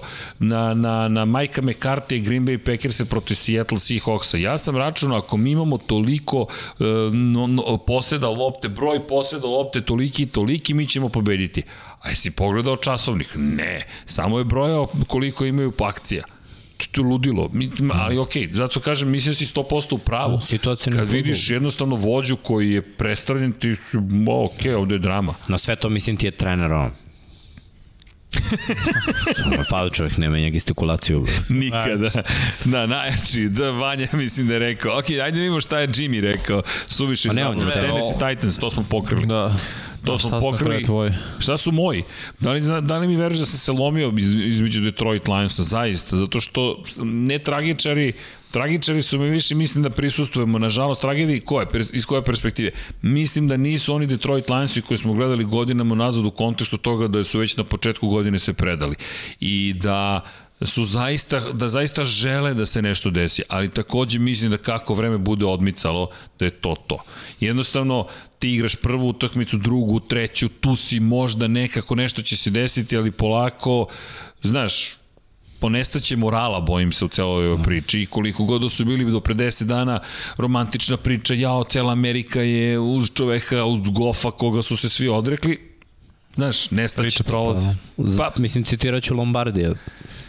Pobede su navika. Tako je. Ali- ali ali i poraz. porazi. Tako je. I znaš, doći ćemo do toga da će Detroit nažalost opet biti. Meni je žao zato što mislim da je to tim koji na, na nekom emotivnom nivou kad bi mogli da održe sebe i da kažu čekaj, ajmo, ajmo, ali znaš, ti, to, to je ozbiljno sport, povrede su vrlo moguće, u jednom momentu će neko reći moram sačuvam svoje telo. za neki potencijalno drugi ugovor. I tu će samo da bude još veći pad. Pohval, pohvalio bi samo svetla tačka Penny Sol, koji je dečko od sad draftovan ofenzivni tackle i izgleda Jest. kao da je već 3-4 Ali godine pravi, u NFL. ali pravi greške, brat, pravi mnogo Pravi, grešaka. ali igra Baš. isto baš dobro. I igra, tako je, ima ja, ali na šta je veći problem? Više bi volio da je konstantan sve, to je ono, ti, ti tražeš, ti voliš ono, vatromet, Da. Znaš, pa makar na jednom playu vatromet, pa tri playa, znaš, Zove mi loš. Jerry Jones. Dobro, bukvalno si Jerry Jones. Ali, znaš, ne, ne mora, ja od Rukija bi više hteo da bude konstantno dobar. Kao Slater. Ja razumijem, samo budi, budi tu, brate, budi tu i budi konstantno dobar. Nemoj ono da mi pancake-uješ dobrog igrača i onda sledeća tri playa da, da propustiš blok i da ubiju gofa. Mislim, ajde malo, konstantnosti. Ali okej, okay, mislim, od Rukija si inače na, na redko od kog Rukija Ne, se zato kažem. Slater igra ozbiljno dobro. Ajmo na, ajmo na Evo Don Pablo heroje. potvrđuje samo još neke stvari, šalje ovde iza kulisa. Da, idemo na heroje. Što se tiče heroja, četvrtog kola i septembra. Možda možemo smo da uvedemo i heroji meseca. Mesec. Da, Vanji, Patrick Mahomes. Patrick Mahomes je na svom nivou odigrao stvarno. I što ne igra sve, svih ovih pet touchdowna su bili neophodni, ti pobediš Philadelphia Eagles, zato što tvoja odbrana pusti 30 poena, ne mogu da verujem, znači, ali, ajde je ono bilo... Pazi, ta ista odbrana mogla da pusti još više poena, ali su se još branili gore. dva puta. To je još gore, jer ti, ti, ti tu 42 pojena što ti poziv koji je za vas prilom neophodnih da bi ti pobedio Eaglese, kod kuće. U stvari ne, Ne, ne, ne, u Fili, nema veze. Ali stvarno, Inače, Andy Reid prvi trener koji je 100 pobjeda imao u dve franšize dve i to se baš igra u Fili gde je on Da, imao 100 Fili da pobjeda. da, to, to, smo, to smo Nice. pričali tok, to, to, tokom utakmice, iako nismo komentarisali tu utakmicu, ali Andy Reid je legenda na sva, u svakom smislu te reči. Mislim da je jedna od najlepših stvari koja se desila kad su Chiefs osvojili Super Bowl, to što je Andy Reid postao osvajač titule kao glavni trener. Tako to je. toliko zasluženo, toliko lepo, pa imaš dva puta po 100 pobjeda, ej, da imaš 30 pa si uspešan, ne 100 sa jednom ekipom i sad imaš sa dve. Da, znači, radiš nešto kako treba. Tako je. I koliko tvojih trenera je otišlo na razna mesta i prilično su dobri.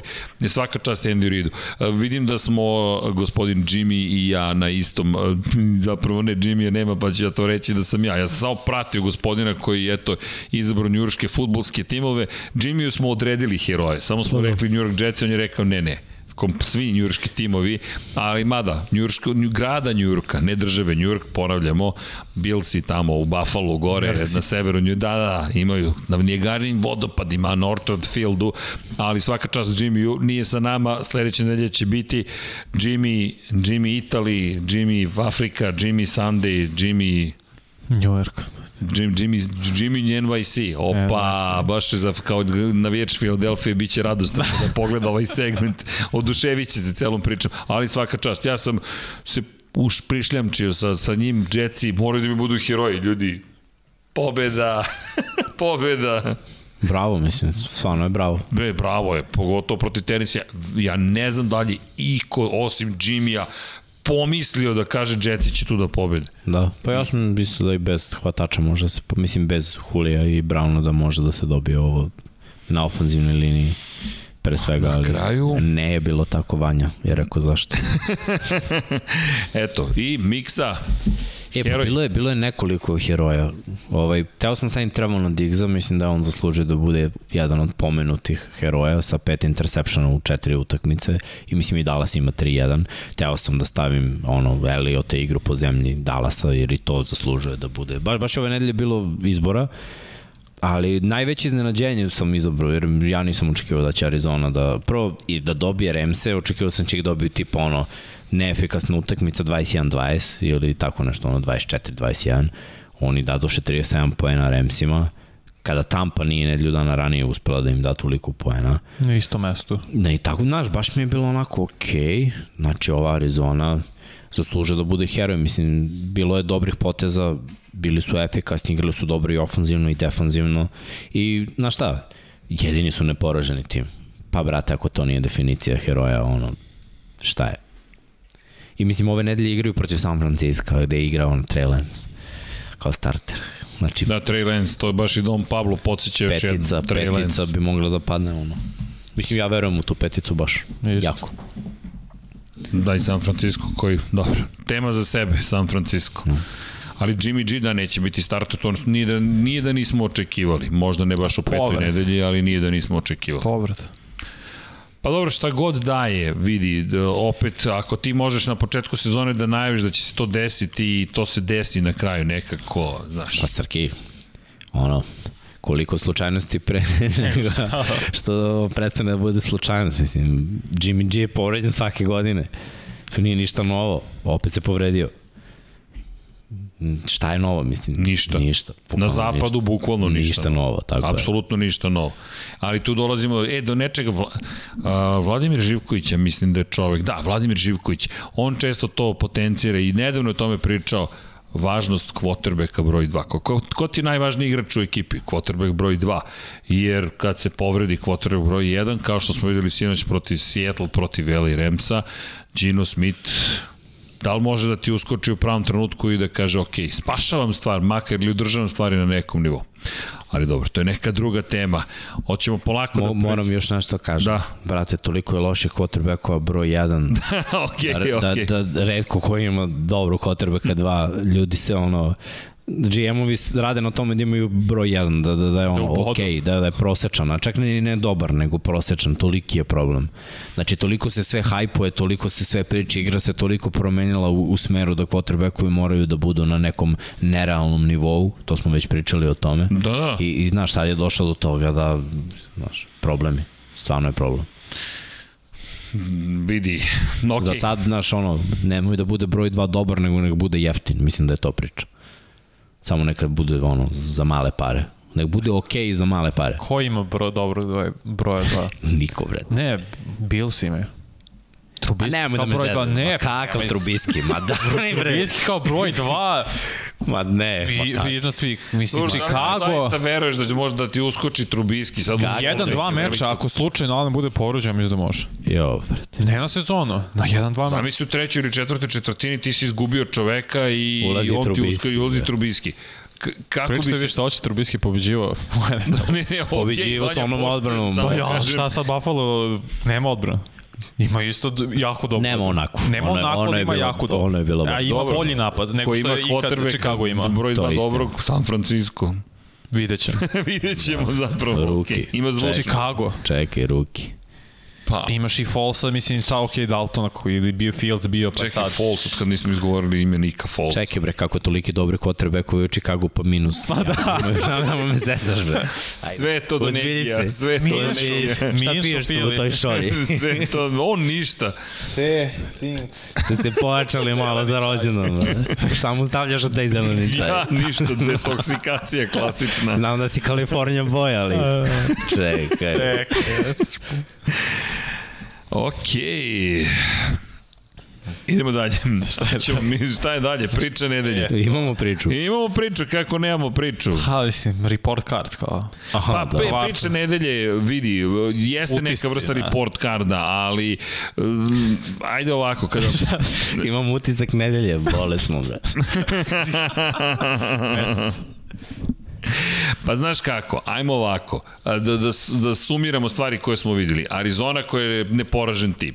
Kansas City koji je iznenađenje da bude u takvom haosu. Bez obzira na sve, nismo baš očekivali Kansas City u jednom momentu će biti na dnu zapada. Nismo. Ne, ne kažem da će to imati neki, da se razumemo, dramatičan moment na kraj sezone, ali ti gledaš Kansas City i kako, ok, ko vodi na, na, na zapadu AFC, američke futbolske konferencije, Denver, Chargers. Chargersi, Chargers su prvi. D, d, sada, 2:0 bio, bio divizije, Denver jednom 2:0 momentu, ne, ne, divizije. ko, pričamo celom mesecu, Zato, razumeš? da. znači ti gledaš i kao Denver, Chargersi, ok, pa mora da je Kansas City treći, ne, četvrti, zato što su tu Las Vegas Raidersi, ok, u jednom momentu 3-0, 3-0, 3-0 za te prve tri ekipe, 1-2 kod Kansas City-a, Lamar koji je odneo pobedu prvu u pro, prvu protiv Kansas City-a predvođenih Patrickom Mahomesom. To su stvari koje smo videli u septembru. I to je ta, da kažeš, ajde, priče koje su se desile. Nekako Dallas koji je iskočio na istoku, mislim da je ovo super zaključak. Nisam ga imao do, do, do, do večeras. Jug AFC je postao istok NFC-a prošlogodišnji. Bukvalno. Da, ti, ti uskoro će Tennessee možda ima negativni, negativni skor, Pa a biti Tennessee vodeći ima, tim. bi zašto osvojio e, diviziju prošle godine, imaće mnogo težak raspored. Pa b- vidi, šta god da je objašnjenje i dalje može da se desi da bude 2-3 i da bude prvi tim divizije. šta, koje god opravdanje, to je tragično bez obzira na sve. Dakle, to je tragično. Onda sever na kojem su Cincinnati Bengalsi na poziciji broj 1, e to stvarno isto mislim da niko nije očekivao. Zaista. Polako rešit ću. Polako. Give us time. pa da. I onda na istoku AFC-a usamljeni to Bilsi, zapravo. ali svi ostali ekipe 1-3, 1-3, 1-3. Znaš, nismo baš očekivali sve da će biti jedan. Vidi, Jets imaju isti broj pobjede kao i Patriota i Miami. Oh, oh, oh, oh, ti ga utisak, priča nedelje, priča nedelje. I kao Pittsburgh, brate. kao. Jetsi, moć NFL-a, ali dobro. Eto, to su neki utisci, naravno samo eto malo pogled na, na september, više zaključak šta smo sve gledali. Pa, telo mi kao i na zapad NFC da postoji šansa da će i Rams i Cardinals da se ocepe. Neko, ako je ozbiljna povreda Russell Wilsona, Seattle, i sa njim je to 50-50. Vidi, ja bez njega to je da, pad. Da, da će nešto da učini za pa to bez njega nemaš ti nemaš ekipu. San Francisco ne, isto. Vidio sam da je bio kod danas kod lekara, nisam pročitao ovaj izveštaj šta je bilo kod specijaliste da je, da je bio danas. Dobro, San da- Francisco da mislim da je sada izgubljen, pazi, ovo je sada I to je to, nekad oni su bili realno, možda i dalje jesu najjača divizija, ali ako ove dve ekipe pokažu slabost, ne, novi nisu, ako Wilson propusti jedan meč, nije važno, već su izgubili 2-3 imaju. San Francisco realno će izgubiti od, od Arizone, 2-3, novi quarterback. I opet i šuplji secondary, pad se sad dešava u NFC zapadu.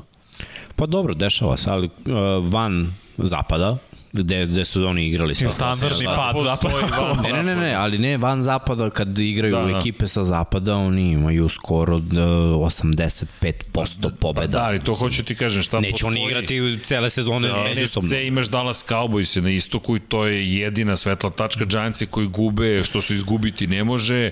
Washington koji nema odbranu koju smo mislili da će imati, Philadelphia i dalje, rekao bih, istom nivou. Izgubljeno. Jug, Tampa, svoja priča, Card, um, s drugim opet Cardinals, ja, nešto, nešto smo izaglavili se Cardinalsi. Karolina, htedo reći, Karolina, ok, dobro počelo, ali i to je možda najprijatnije izneređenje. New Orleans, pa, dobili smo, rekao bih, u velikoj meri odgovor na pitanje. A i nismo dobili, to, u tome je problem. 50-50. Pa 50-50, u tome je problem, što ne, pa ne, mislim da je Miksa to, to, to, da je to, ali mislim da je to odgovor, da će to biti 50-50 ekipa jer ne vidim da ćemo doći do toga da James odjednom bude igrač koji će celu, ceo mesec da iznese kako treba. Već sada ga ne koriste. Već Naravno, sada gledaju pa kako da uh, anuliraju njegove negativne strane. Što je više moguće. Pa to je pametno. Pa jeste pametno, samo to ne vidim da je dugoročni uspeh, ali opet u RFC-u je toliko sve otvoreno da ima šansu da uđeš u play-off. Imaš Green Bay, imaš... Minnesota. Da, Mislim, Chicago je uspešniji, ali realno... Mm, realno Minnesota. Da. Minnesota imaš, Detroit već smo konstatovali. Eto, to je neki... Uvo smo ga sublimirali i jao, Jimmy bi bio ponosan. Sreće da što NFC je slab.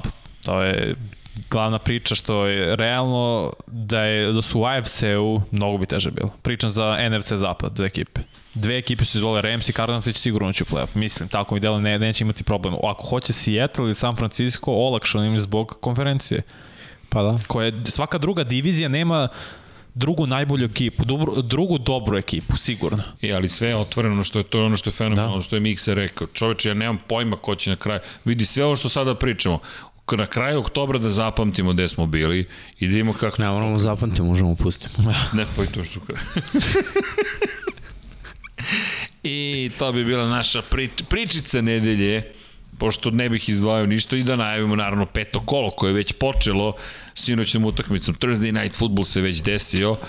Desio se duel između LA Ramsa i Seattle Seahawksa 26-17 u Seattle. Odakle ćemo da počnemo? Pa ajde od, ajde od tužnog prvog polovremena. Uf, to je baš bilo tužno. 0-0 u prvoj četvrtini, brate, to je baš teško je bilo gledati. Ja, izvini, to je ono kad ti poželimo svaki put, ej, želimo ti dobru utakmicu. Nemoj ti još ništa mi želiš. Te Nećemo želiti. Ne, poslednji Thursday night je bio uh, drugo polovreme. Pa do, gledaj, okej, okay, ovde je bilo drugo polovreme dobro. Mislim, Ali ovako, od samog starta se videlo jedni i drugi da, da ovde mnogo kalkulišu jer je onako vrlo važno pobediti u diviziji. Možda nije uopšte važno kako će se pobediti, nego samo bude pobeda u diviziji. I znaju jedni i drugi jedna greška i to je čao zdravo. I mislim, ono, moramo da budemo realni, Ramsi su mnogo bolji tim i ba, baš su me mnogi pitali šta misliš i, rekao sam da mislim da, Ramsi moraju da pobede ovde, jer prvo Seattle ima najgoru odbranu u ligi. Da. Imaju 32. odbranu protiv pasa, imaju 31. odbranu overall i 29. odbranu protiv trčanja. Što je moj mislim, drug rekao istorijsku lošu odbranu. Tako je, znači dovedeš im i ole pristojan napad i oni mogu da im daju veliki broj da. poena. Remsi su i više nego i ole pristojan napad i samo je bilo pitanje kako će da krene, da li je trčanjem. Mislim, iskreno, Henderson se toliko mučio prve četvrtini kad je Sonny Michel ušao. Svako trčanje bilo ono 3, 4, 5 yardi, pomerali lance, sve i dačko nije dobio posle šansu, što mi je bilo jako čudno. Ali okay, to je neka njihova kalkulacija. Stafford je u crvenoj zoni bacio najgluplji interception za, za kvotrbe kako igra toliko dugo. Inače bi bilo još lakše. Ali ostavili su Seattle u životu i ono što Seattle jako dobro radi, to je ono jedna bomba koja je bio pass interference za 50 yardi i nakon toga touchdown koji je bio poništen zbog ofanzivnog da. holdinga. Tu, tu su ih imali, da, da su se tu vratili, da bila bi druga priča. Da. Ovako, umesto toga, šutiraš field goal, to je već onako druga priča. I opet imali su neke šanse sve do te povrede koja ono na kraju se ispostavila. Ispostavilo su stvari da, da Seattle ne sme da kalkuliše, da, da, da ga pusti da igra s tom povredom, ja mislim, jer im treba za dalje i da im je ovaj poraz kako su igrali dok je bio Wilson na terenu prihvatljiv, jer im treba Wilson da bi, ono, ako se oporavi, stigli oni do tog nekog play-offa. I mislim da je to totalno dobro razmišljenje, jer aj budemo realni, mogu je možda Wilson da napravi on neko da čudo. Da pa znam da je hteo. Pete on, Carroll rekao ne. Tako je. Za, bitnije, znaš, ovo je meč, ok, izgubit ćemo utakmicu u diviziji, ovo nam je prva utakmica, ako se ne varam, Seattle yes. nije gubio tako. Prva utakmica, ok, igraće se još jednom, do ta će malo da se iskrestaš u stvari, pre svega defanzivno oni moraju da budu bolji, to, to je ono, definitivno. Remci s druge strane, rekli smo, ono, traže playmakera, na ovoj utakmici to je bio Woods, i dalje Cooper Cup najbolji hvatač u NFL-u, ima 500 yardi posle pet kola, nerealno. Mislim, ono... Da, da je krenuo. Znaš, a pazi, imao je tipa, sad je imao 80 yardi, to, to nije ništa posebno. A da, evo sad. Je, 92. Tako, 90, dao, imao je još jedno hvatanje do kraja. Mislim, pazi, ali tokom čitave utakmice se držao tako na 40-50 i onda na kraju imao 2-3. Ali Woods, mislim, 14 targeta, šta ti to govori?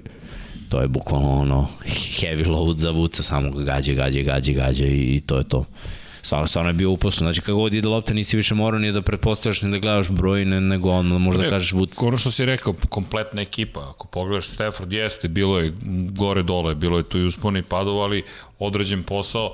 Ako pogledaš trčanje, Henderson 82 yardi, sorry Michel, bilo je tu trčanja, znaš, proseci su dobri, ako pogledaš ok, Woods anomalija 150 i Cup standardno dobar, Med je sve u redu, ne, nema tu nekih ozbiljnijih balans problema. Tu, pa, pa da, da, pa dva touchdowna bre u backfieldu i preko 100 yardi, s druge strane pogledaš backfield Seattle i sve ti je jasno. To je ono, jako slabo i ne može ovako da se igra protiv boljih timova. I stalno se vraćamo manje više na tu istu priču. Tako, pa dobro. Ali to smo svi znali, mislim, pa da. to znaju i oni. Ali dobro, to su divizioni mečevi, iskreno, ja sam verovao da Seahawksi ovde mogu da, da odnesu pobedu. Zašto? Pa prosto kod kuće protiv Remsa Thursday Night Football obično im ide na ruku, ali bez Wilsona to je, to je nemoguća misija. Jednostavno, kada sam vidio Gino Smith dolazi, rekao, ok, da upišem sebi. To je dobro odradio taj prvi drive. Jeste. Ali, Jeste, ali ne možeš, prosto nije to taj quarterback. To, meni je delovalo da, da ono, Remsi u tom trenutku baš nisu bili spremni na to, probali su ono u odbrani. Bilo je diskutabilno malo koliko su ostavljali rupa i o, lepo ih je prozalo već u, sled, ono, već u sledećem drive-u odmah, znači druga postavka. I, i bili su pozicionirani, čak i ja ne, ne mogu se loket se ukliznuo, ali da se nije ukliznuo, svi su bili gde treba, znači nije to, to je dodavanje koje bi prošlo na kvalitet loketa. I možda, Znaš, ono, baš je bilo baciti to Napet. u tom trenutku na prvom downu. To je, znaš, ono, nema, nema takvog kvotrbeka broj 2. Lokis? Jeste, ali... Ili je bilo... Nije ga, ma daj bre, to je futbol, ne, nema kontakt je Da li... Ravan vetru od 1 km na sat, mislim, stvarno ne, ne može padneš tako. Mislim, možeš, ali ne bi trebalo da padneš. Nije bio kon, nije ga gurnuo čovek, nije ga ne, sapleo nije. čovek, nije naš. Meni je on delo kao pass interference. Ma ne, ma kak zato što znaš šta je sve bilo suđeno, kao pes. Da, ma ne, ovo ni blizu, ma ovo ne sme, ovo Ne bi me čuo i, i Seattle kod kuće, sve to da je bilo samo... Sramota, lopta 5 yardi od tog mesta. Znaš, Da. na vrhu, on na top ruti, na, na skretanju padne to. Možda bude samo defanzivni holding, ali mora da bude zadržano. Očigledno. Nikoga nije držao, znaš. On je spao u izlasku iz brejka. To ne može da se desi. A opet igra sa povređenim člankom koji ono, nosi 90% te promene pravca. Da. Ti moraš da ono, baš nagaziš to je speed cut da stigneš do auta. Ali to se ne baca, to kad vidiš da je to da mora da čitaš odbranu, kad vidiš da je corner tamo, to ne bacaš. Znači to to baš mora da budeš precizan da uglaviš to tu. I timing je ono, mora ga baciš mnogo ranije, ali ti čuči tamo u zoni i vreba interception. Na- Znaš, ba, prvi down ideš u taj posljednji drive, mislim, živiš za drugi down, valjda za nešto bolje. Ne mora sve da se baci, ali to je problem sa, sa tim quarterbackovima koji su backupovi, koji su već igrali. Znaš, to je, kaže ti Jamesu Winstonu, ne moraš to da baciš, ako nije tu, nemoj, nego i sledeći down baci. Viš kako misliš da ne bacim? Kao, pa, ono, kao, zašto igram quarterback, kao pa valjda igram da bacim. Pa onda baci, brate. Šta ti kažem? Pa, opet se vraćamo na isto pitanje. Vidiš šta nam je tema? Da li igraš za pobedu ili igraš da baciš? Pa igri oni da bace. Igre, ba, za, za statistiku igre. No, idemo mi dalje. Imamo da najavimo celo kolo. Broj 5. Odakle ćemo Dom Pablo da krenemo? Billsi malo. protiv Chiefsa, kako iznenađenje da smo izabrali Derby call. ovu utakmicu. Sunday night. Derby Sunday call, night da. i to u Kansas City-u. Billsi koji imaju tri pobjede, jedan poraz protiv Chiefsa koji imaju dve pobjede i dva poraza. Jedva čekam. Da. Momentum Ali je ovde ključ. To što je u zagradi, to nije bitno u ovoj utakmici. Da. Znaš, bitno O, je, da bitno je, istaknemo. bitno je koliko Billsi imaju kompleks u Chiefs, pošto imaju. E sad, ove godine smo videli da je Baltimore skinuo kompleks u odnosu na Kansas City posle četiri godine. Ovo, mislim, ovo je četvrta godina. Da. Tri godine su gubili i u četvrtoj godini nestao je taj kompleks odjednom, ona kao možemo da igramo s njima. Billsi nisu igrali toliko često, Ovo je druga godina realno. Da, i u prošle godine, ono, u finalu je bilo baš se videlo da, da nisu dorasli. E sada, ok, možeš ti da hrabriš sebe time što su oni loši, ali ja mislim da to nikad nije dobar put. Nikad ne treba kažeš ono kao dobit ćemo ih jer su oni. Ne, ajde vidimo koliko da smo ne mi dobri. gledaju to oni, da To, su to. Billsi trenutno u takvom naletu Da vidimo je- koliko smo mi dobri. Da. Pa dobro. Ajde, kad smo toliko dobri od ove tri pobede, koliko smo pobedili? Pobedili smo Washington, koji jedna od najgorih odbrana. Istina. U prošlom kolu pobedili smo Houston, koji Snova. nema krštenog quarterbacka, ima jedno od najgorih odbrana. Da. Da. Mills. Da, ovaj, znaš, ok, ali, način, ali pazi, način na koji su pobedili, meni ključ. Ti si pozikao skoro 40 pojena svako meč. mogu ti kažem nešto. I Baltimore je te iste godine dobio Miami 50-0 pa izgubio Chiefs. Da, ali to je bilo prvo kolo pa su igrali Chiefs. Dobro, dobili su i Houston 40-0 te iste Ne godine znam pa su izgubili u Chiefs. Ali mi deluje da je ono kliknuo kao da igra od prošle godine. Allen vrhunski igra. Mene Allen ne brine. Mene brine Allenova želja da bude Mahomes. Je, znaš? Da, da. Svi quarterbackovi imaju neku želju da budu na nivou Patrika Mahomesa, ali ne treba da budu, jer Allen ne sme da radi stvari. Mahomes jedinu lošu stvar koju radi ove godine je da želi i on da bude bolji od Mahomesa koje, kog smo već videli i onda forsira neke stvari i ima veliki broj izgubljenih lopti. To je nešto što nismo navikli od njega, tako jer je uvijek bio konzervativ. Ako je tu, ja ću da probam, ali neću da, da ono, izmišljam po svaku cenu. Ove godine on izmišlja po svaku cenu i mislim ne da znam. je to pritisak koji odbrana njegova stavlja na njega, jer je toliko grozna. Istina, ima pritiska da mora da se da 40 poena, ali na ovoj utakmici ja mislim da će i Alan da pokaže pritisak. Ono što se ja nadam, a stvarno bi voleo da bude tako, je da gledamo nekih 70 poena. Znaš, ono, stvarno da bude, ajde malo da gledamo napade i, i da bude efikasno. Ne znam koliko će odbrana. Buffalo to dozvoli. Bolje. Igra, talenat bolje, koji imaju sad napokon ispunjava taj po, ovaj potencijal. A koliko novih igrača imaju odnosno na prehodnu godinu? Buffalo? Da, Pa malo. tako je. A koliko su dali dozvolili poena Chiefsima u finalu konferencije? A dobro, to je Mnogo. prošle Pa godine. dobro, bilo je prošlo, ali sad je na je. Arrowheadu gde će da bude buka i opet je night i opet je prime time i opet su ti isti Chiefs. Ali ne nisu isti Chiefs, u tome je problem. Da, a ne, ne, ne, isti. nisu, ne igraju oni isto, ali u očima protivnika ti Chiefs su i dalje... Moraš ko je prva KFC-a? Zvanično, Chiefs. trenutno, Chiefs. Koliko već? Dve godine za red. Znaš, i dalje su, oni su ta, ta, želiš da budeš Chiefs, želiš da budeš prva KFC, jer onda ideš u Super Bowl. Mo, ugledaj se na Baltimore, oni su uspeli da skinu skalp. Ali da, ali, Ali, ali, su zato što su, ali ne, ali zato što su ove godine Chiefsi ranjivi. Mogu ja da podnostim. Šta Vanja očekuješ da će da se desi? Očekujem Šta će da bude na kraju? 33-27 Buffalo. Za Buffalo. Da. Šta ti Miksa kažeš? Ja mislim da će Chiefs da pobede, ali i da će biti dosta poena. Ja mislim da će biti dosta pojena i da će biti zapravo mnogo veći poraz za Bilse nego što se čini. Ok. Eto, to je moje mišljenje. Da pojednostavimo, jer vidi, sve je to super, ali ima ovaj jedan, jedan, jedan moment, to što govoriš, magija, ne magija, 100% se slažem, ali da, te, da se vratim na tvoju izjavu, on ima magiju. On bukvalno Wizard kada ga izabereš. Da. U igrici izabereš Wizarda i kažeš to je taj. A njegovo nivo je otišao pri čemu mislim da se pocenjuje, bez obzira na sve probleme. Ljudi, na kraju dana ima i taj moment tim. Ja mislim da ovaj tim želi baš na ovoj utakmici da kaže a ne, ne, ne, mi se nismo da da Malo bi mi je nešto do Don Pablo poslu, ja pogrešno protumačim da je pro napisao playoff utakmica, ali ovo jeste playoff utakmica, ovo je bukvalno playoff utakmica i nije ona utakmica, ajde da pustim protivnika da vidim šta ima jer ću tako da se spremim. Ne, ajde da pokušam da zgazim protivnika, jer možda ću na taj način da mu stavim do znanja ovo i dalje moja konferencija. No, pazi, ne idem na ruku što su bili su stvarno u vrhunskoj formi u posljednje dve utakmice, ali igrali su protiv jako Ali- loših protivnika u E, posljednje Jeste, dve ali utakmice. zamisli ako pobediš te iste Bilse, da li će neko da kaže u Chiefsi su, ipak su Chiefsi nestali. Ne, gledaj, koga god Chiefs da pobedi, niko neće kaže da su Chiefs pobedili bolji Ali tim. šta ako izgube Chiefsi? Problem. Onda, onda gledaj, onda su mnogi timovi skinuli mrak protiv Chiefs ove godine. Chargersi, I onda Ravensi, počinje drama. Billsi, onda je AFC zanimljiv. Da, onda je sve ovde otvoreno. Ili ovo, možda je ovo poslednji, ono, last stand, poslednji, Ja, gledaj, poslednji Poslednji voz bastion. duhote Chiefsi, da. Jer Billsi nemaju neku kao dilemu u svojoj diviziji kao ja sad ako izgube da li ćemo da osvojimo isto. Koju dilemu? Kod njih nema, Ma čekaj, oni su prvi pa su jel vi prvi. razumete da mi kao Jets imamo šansu da budemo drugi u diviziji? Vi jeste drugi.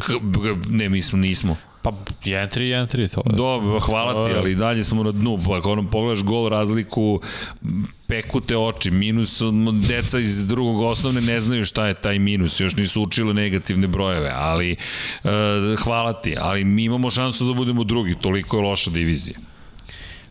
Bilci su mirni po tom pitanju, Jesu, ali ovo je playoff Ali utakmica. Chiefs nisu, znaš. Da. Oni s 2-3 u njihovoj diviziji Zato su u problemu. mislim, Zato ide da. gas na domaćem terenu, Tako je. u prime time-u. Opet je. koliko prime time utakmice igraju Bills oni su tek od prošle godine postali dobar tim.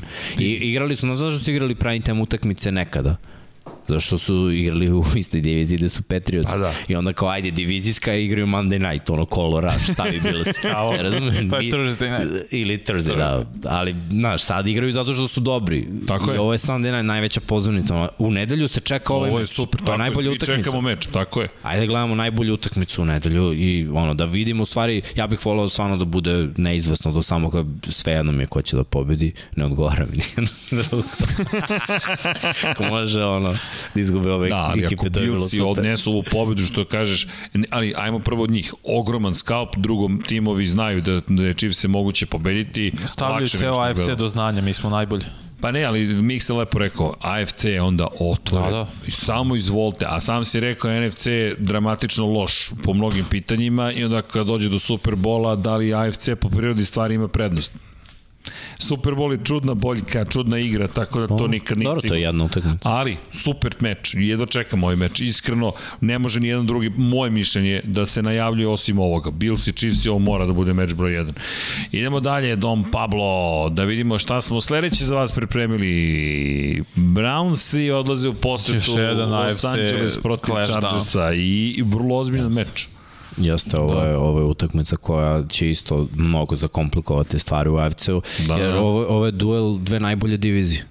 I Da. da. gledaj, te dve divizije, jer ja sumnjam na kraju da će ova dva tima biti prvi u svojim divizijama. Dobro, to su moje neke ludačke projekcije, ali će im biti vrlo važno taj odnos međusobnih duela i odnosa sa divizijama. Da, Da, jer se da. i to gleda kao jedan od taj breakera, s obzirom Pa da se ukrštaju, da. ukrštaju se divizije Da, da. i onda će se gledati, ok, ako su ovi dobili ove, kako je protiv ovih ili protiv onih. E sad, šta smo videli ove godine i od jednih i od drugih?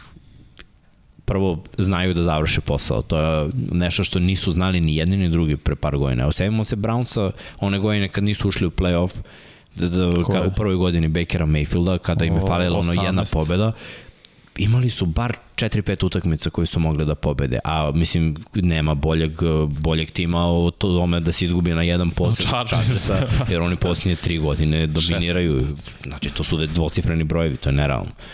Ove godine znaju da privedu, nisu priveli protiv Dallas i to je bilo na jedan posed. Ne znam da li si uračunao to u tih 16. Ne.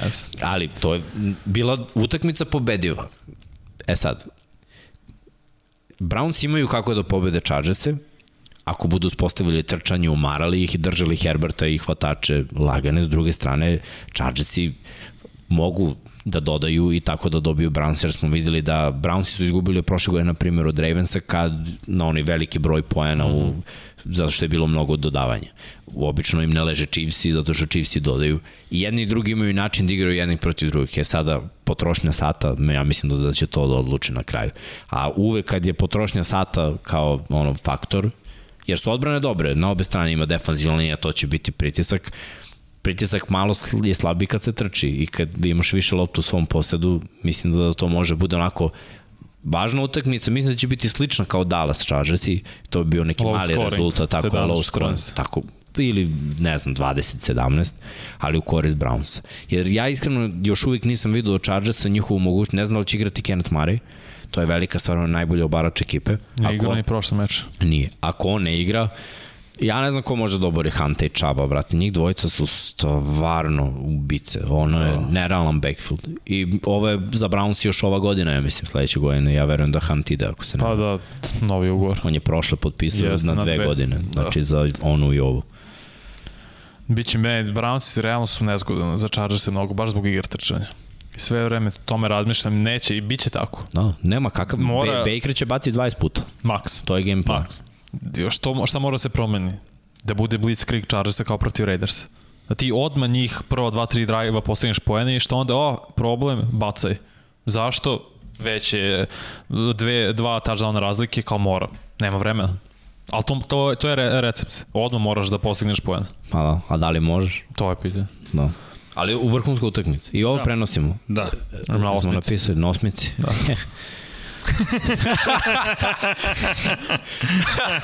ja mislim, vidjet ćemo, pa može ni na šest možda. E, e, sad je napad, sad je, sad je, sad je u redu, e. E, pa onda, pa, pa, stvarno. Šta shvataš za glavu? Stvarno, ono, ono na šestici. Ne, ne.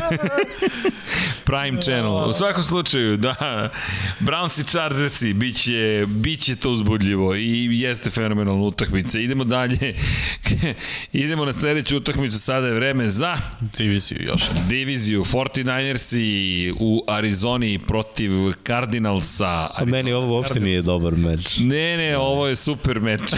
da, ja mislim da ovo ide lagano. Ovo je... Petica. Ne, o prvo, Popularna Petarda. Da, mnogo problema imaju 49 Prvo nemaju trčanje. I to će im biti najveći problem bez trčanja ruki quarterback mora baca. Uh, nije još na nivou da mora da baca. I ja mislim da da šeme Cardinalsa, oni sad imaju neke defanzivne šeme da prikrivaju coverage, a to je za ruki je uvek problem, jer ruki kada vidi jedan coverage, on veruje tom jednom coverage-u, šikne loptu, a onda se coverage promeni za, za sekundu, dve. Znači, stvarno u NFL-u oni prikriju jedno i brzo to preraste u nešto drugo.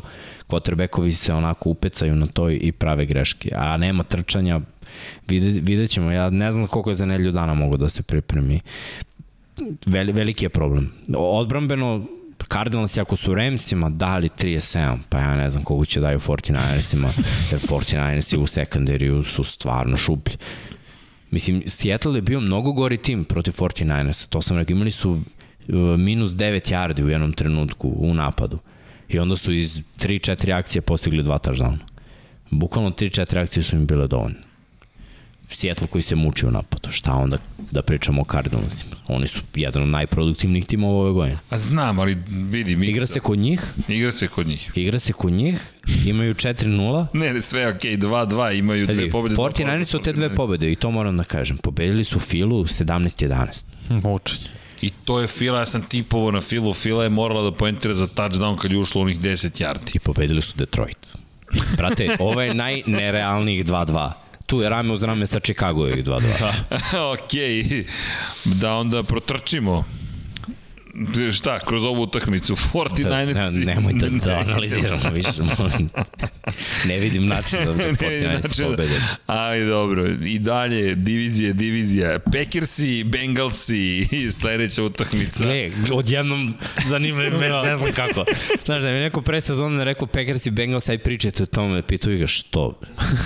Ali sad ima što, mislim, Bengalsi su onako baš iznenađenje, igra se kod njih i, i Packersi ne smeju to da podcene. Packersi imaju tendencije da gube od loših timova. Da spuštaju sa njihov nivo. Da, ne, ne, znam što, ne znam što je to tako. Mislim, Burrow igra lepo, ima tu jednu anomaliju, to je taj jedan poraz kad je bacio tri intersepšena, osim toga igra korektno, trčanje će biti ovde, u stvari, ja mislim, ključ i za jedne i za druge. Bengals imaju jako dobru odbranu u odnosu na ono što smo očekivali. Mislim, ne znam koliko su realni ovi protivnici protiv kojih su igrali i rekao bi da Pittsburgh nema neko trčanje pa ih niko nije onako lepo mm -hmm. testirao. Nisu igrali protiv Clevelanda, nisu igrali protiv test. Baltimora. Ovo je baš ali, da, ovde imaš AJ Dillona i Darren Tako, Packers imaju način, mislim, trči, trči i ono, Rodgers, mislim, to je najtalentovaniji igrač na terenu kada bude bio na terenu.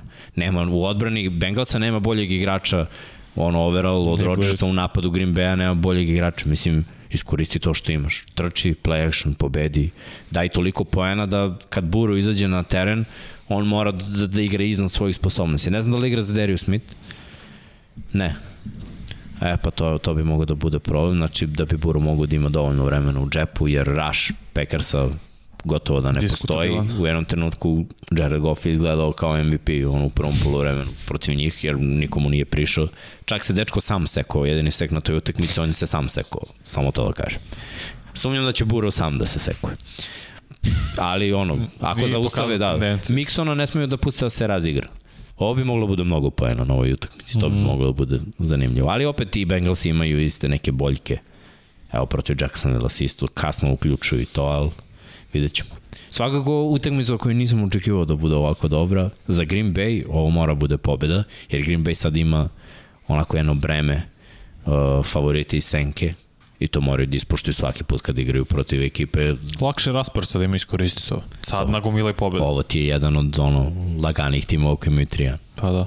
Mislim, kad budeš igrao protiv svih protivnika na severu AFC-a, ovo, ovo je realno ono, uz Pittsburgh. To je to. Najslabiji protivnik. Dobro, ali lep, lepa utakmica koja nas čeka. Jeste. Ja mislim da će ovo baš biti lepa utakmica. Sa sledeću koju smo izdvojili, bit će interesantno. Da, ovo sam izdvojio zato što je... Saintsi i Washington. A moraš, ne možeš. Užas. Izbaš zato što ima potencijal da bude grozna, ali opet može da bude vrh. Ne, ja ne vidim da ovo bude vrh. Ja nisam vidio da će Washington da buci 34 i bakar bila Atlanta, pa eto, eto. Pa Atlanti. Ne znam, stvarno ne znam. Ali za jedne i za druge pora znači ono još jedan korak dalje od play-off. Da. Jer ono, baš direktan zapravo na neki način to za play-off. Pa da. Koliko god to čudno Zato zvuči. jurnja u wildcardu, da. ali na kraju će sebe, ovaj zapad. Ako možeš, da ako odbrana može važno da se razigra, protiv koga će nego protiv Winston. Ja, pa taj isti Winston toj odbrani može da uradi svašta, ali vidjet ću, stvarno ne znam. Ja ovo ne bih gledao, iskreno. ja ne. Pre bih gledao Monday Night. Mislim da će Monday Night da bude bolji. Uh, mislim da ima još tu par utakmica. Colts Tampa Red. Miami sigurno neće biti ne. do, dobra utakmica, za to sam siguran. A znam da ono, ima, ima par meča koji bi mogli da. Detroit, Minnesota, na primjer. da, ta ne. Ali dobro, tu Minnesota isto ima naš, on, dobro, ide na... ima breme da mora, mora pobediti. Da, dobro, možemo da bacimo pogledi na, na, na ostali raspored. Pa da, pa ne, ostali raspored kada već to spomenješ, Broncos i Steelers i... E, glej, vidi, to, je, to može da bude... To je važna utakmica. Zanimljivo. Jer gledaj, Broncosi su bili užasni protiv Baltimora prošle nedelje i čak su pokrenuli ono neka pitanja, brate, ono Vic Fangio sa nekim Go, izjavama. Stvarno, ne bilo ono, Vic Fangio. Zašto ste išli, znaš, kao, ne, ne brinete o bezbednosti igrača, 3 sekunde pre kraja na trčanje da produže rekord na 43 da. utakmice sa 100 yardi. Druže, na 10 sekundi pre kraja gubiš 16 razlike i ideš na touchdown. Mislim, u čemu, o kojoj sigurnosti igrača ti pričaš, ako ti je stalo do igrača kneel down i Ćao. Take an L, brate. A Vic Fangio koji je bio zapravo u Ravensima O, da, na početku, to mi je fascinantno. Užas. Ali opet, ako bude igro Drew Lock, evo ti šansa za. Pittsburgh, jer Drew Lock je katastrofa. znači, ono, govorimo o drugim quarterbackovima, ja ne znam kako Teddy Bridgewater, da li je postao neki scenarij da on izgubi poziciju startnog quarterbacka na trening kampu. Pa, evo, kako, mislim da izgubi, jedino da bude povređen, Ali ali... dobro, to je concussion protokol. Da, da, ali vidi, meni iz perspektive baš toga, znaš kako sam, očigledno da sam izabrao Pittsburgh da pobeđuje, ali sam pogledao ko će, po, i dalje sam, ako log startuje, ok, Pittsburgh pobeđuje, to mi je bilo rezonovanje, to ono što si ti pisao, ljudi, ne možemo ni da prognoziramo kada ne znamo E, zapravo šta neke će da... prognoze niste upisali, tako da... Jedna Ja, jesam. samo nije bilo upisana, Cleveland. Jesam, jesam. Za mene, ja, sam, ja greškom nisam upisao Cleveland. Dobro, dodat ćemo posle, kao prošle. Ne, Nemoj ništa. ne ubačeno je sve, samo da li na kraju to to. Vidi, na, naravno da je to to. Ti, ako je Vanja rekao da je to to, to je Nije, to. pa menja se, menjali smo prošle nedelje. šta? A dobro, to je. Sad. Tabela postoji. Spisak postoji. Um, hoćemo da nastavimo dalje. Jetsi, Falconsi, no. a drugari u Londonu. U Londonu, mora, kako da moraš da dođeš do Londona ako kreneš iz Amerike? Derbi začelja. Ka, do, ok. A, ovi Falconsi ne mogu da prelete okean, ali Jetsi... Slušaj, da mi neko pokloni karte da gledamo ovu utakmicu, pitao bi ga, Stvarno, ne bi otišao u London da gledaš Jetsi Falcons. ne, O, što bi onom popim pivo. I Odem do pekama pre nego da Pogrešio bi, video bi drugu Falcons. pobedu Jetsa kako dolazimo na poziciju broj 2 u diviziji. Teška priča, Matt Ryan ima cheat. Ima cheat kod. Ne znam, znaš, baš mi... A o Calvin Ridley možda ne igra, pa onda... Kao ne, ne igra, ne, Ne igra. igra. Da. Ne igra. Da, pa onda, O. eto šanse, eto šanse. Šta sam rekao? opet Pozicija Atlanta, broj 2 to u diviziji. Dobro, Atlanta ide na prvog pika, ono sad. Wow, pored Detroita, pored Houstona, to je... Ne znam što ste se uznemirili, sve je u redu. Ovo je, ovo je stvarno ono utakmica borbe za prvog pika. Ba, baš je, baš je, ok, loša utakmica, ali idemo dalje, bit će meni zabavna. E, I to prenosimo, pošto obzirom na činjenicu da je u Londonu. Dolphins i Buccaneersi, već smo negde spomenuli da očekujemo Baxi da, da, da ovo reše u, u svoju korist. Packers i Bengalsi najavili, Saints Washington Vanja izabrao da ih najavimo. Ja ne mislim da će to biti... Playoff implikacija bi već sad u petom, verujte. Pa vidi, okej. Dva, dva, ne. Znaš, mene, ja mislim da će, ajde, vidjet ćemo, najave će tek da dođu, ali, ali, ali, ali da, dve pobjede, dva poraza iz jedne i za druge. Lions i Vikingsi, diviz, divizija, ako ovo izgube Vikingsi, Stvarno da se ne bih, zapitaju. onda moramo da komentarišemo tu utakmicu naredne nedelje. Ukoliko izgube Minnesota, onda to moramo da komentarišemo. Pa bit će tragičari, šta? Bi, bi, apsolutno biće tragičari i biće heroji. To ove utakmice heroji tragičari ako se desi A. pobjeda Detroit Lions. Idemo dalje. Eaglesi i Panthersi. Nema Jimmya da nam da adekvatan komentar. Ide se u Charlotte, u Karolinu. Philadelphia stiže. Pričat ćemo u najavama, možemo čak da kažemo šta, smo, šta prognoziramo, ali čisto da prođemo raspored.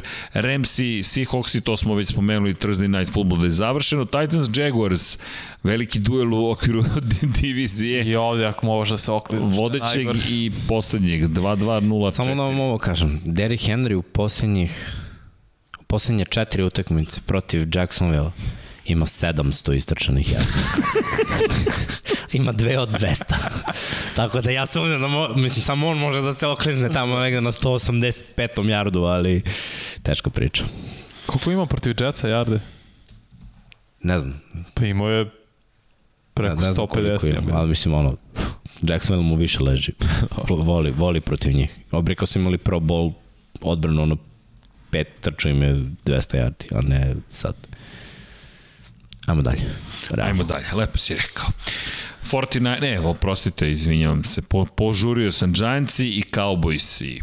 Pođe, ovo, ovo, ovo ono, je ta neka mržnja između Da. da. njih i može to da bude zanimljivo, ali mislim da ovo Dallas ima.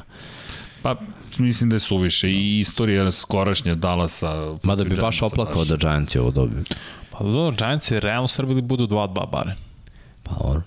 Ako dobiju ovo, imaće drugu pobedu. Da, I to jednu u toliko- diviziji protiv Dallasa. Da. da.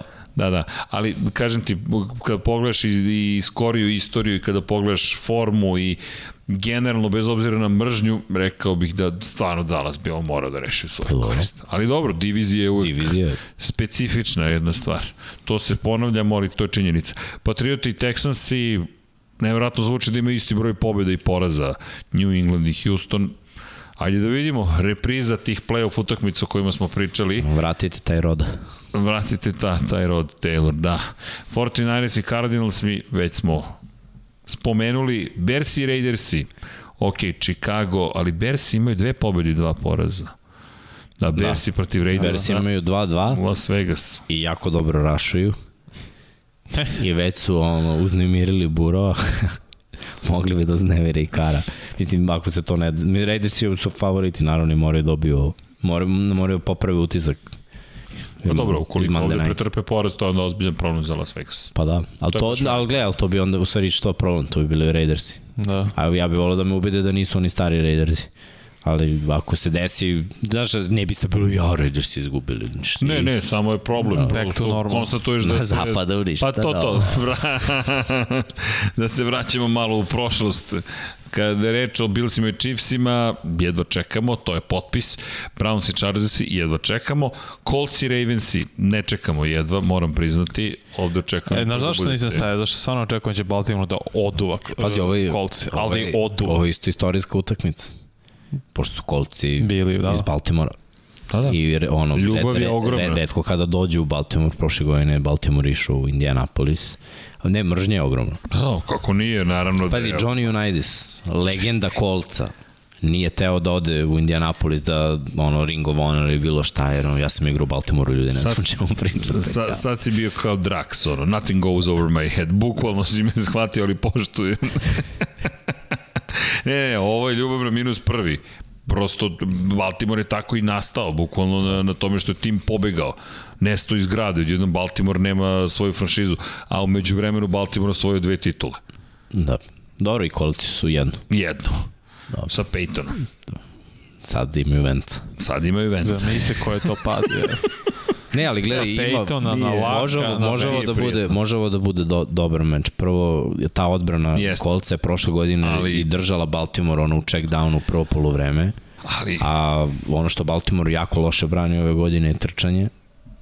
A kolci bukvalno jedino trčanje imaju. ali ovo, ova ekipa baš ne izgleda. Ne, ja verujem da Baltimore dobija, nego samo hoću da kažem koji- da, da kolci koji imaju ono, zabeležili sve tu prvu svoju pobedu, ali su trčali, čak su trčali Remsima.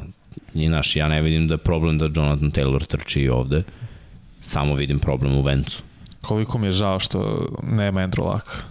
Da, to, to razmišljam, Ako ovo bi bio derbi. to razmišljam ceo podcast. Ono, i kad smo pričali o rookie quarterbacku, Luck je jedin taj poslednji koji je sam ali bukvalno sam izdigo ceo tim. Da, oni nemaju, mislim, pazi, ne mogu kažem da je Jonathan Taylor zvezda, jer dečko nije bio ono, ni, ni top 3 running back na draftu, drugima meni je bio broj 1 i tebi, ti mi smo pričali o tome, ali ovaj, on je sad najveća zvezda u tom napadu. Da. To je naš, Ja bih rekao, da, pored Nelsona.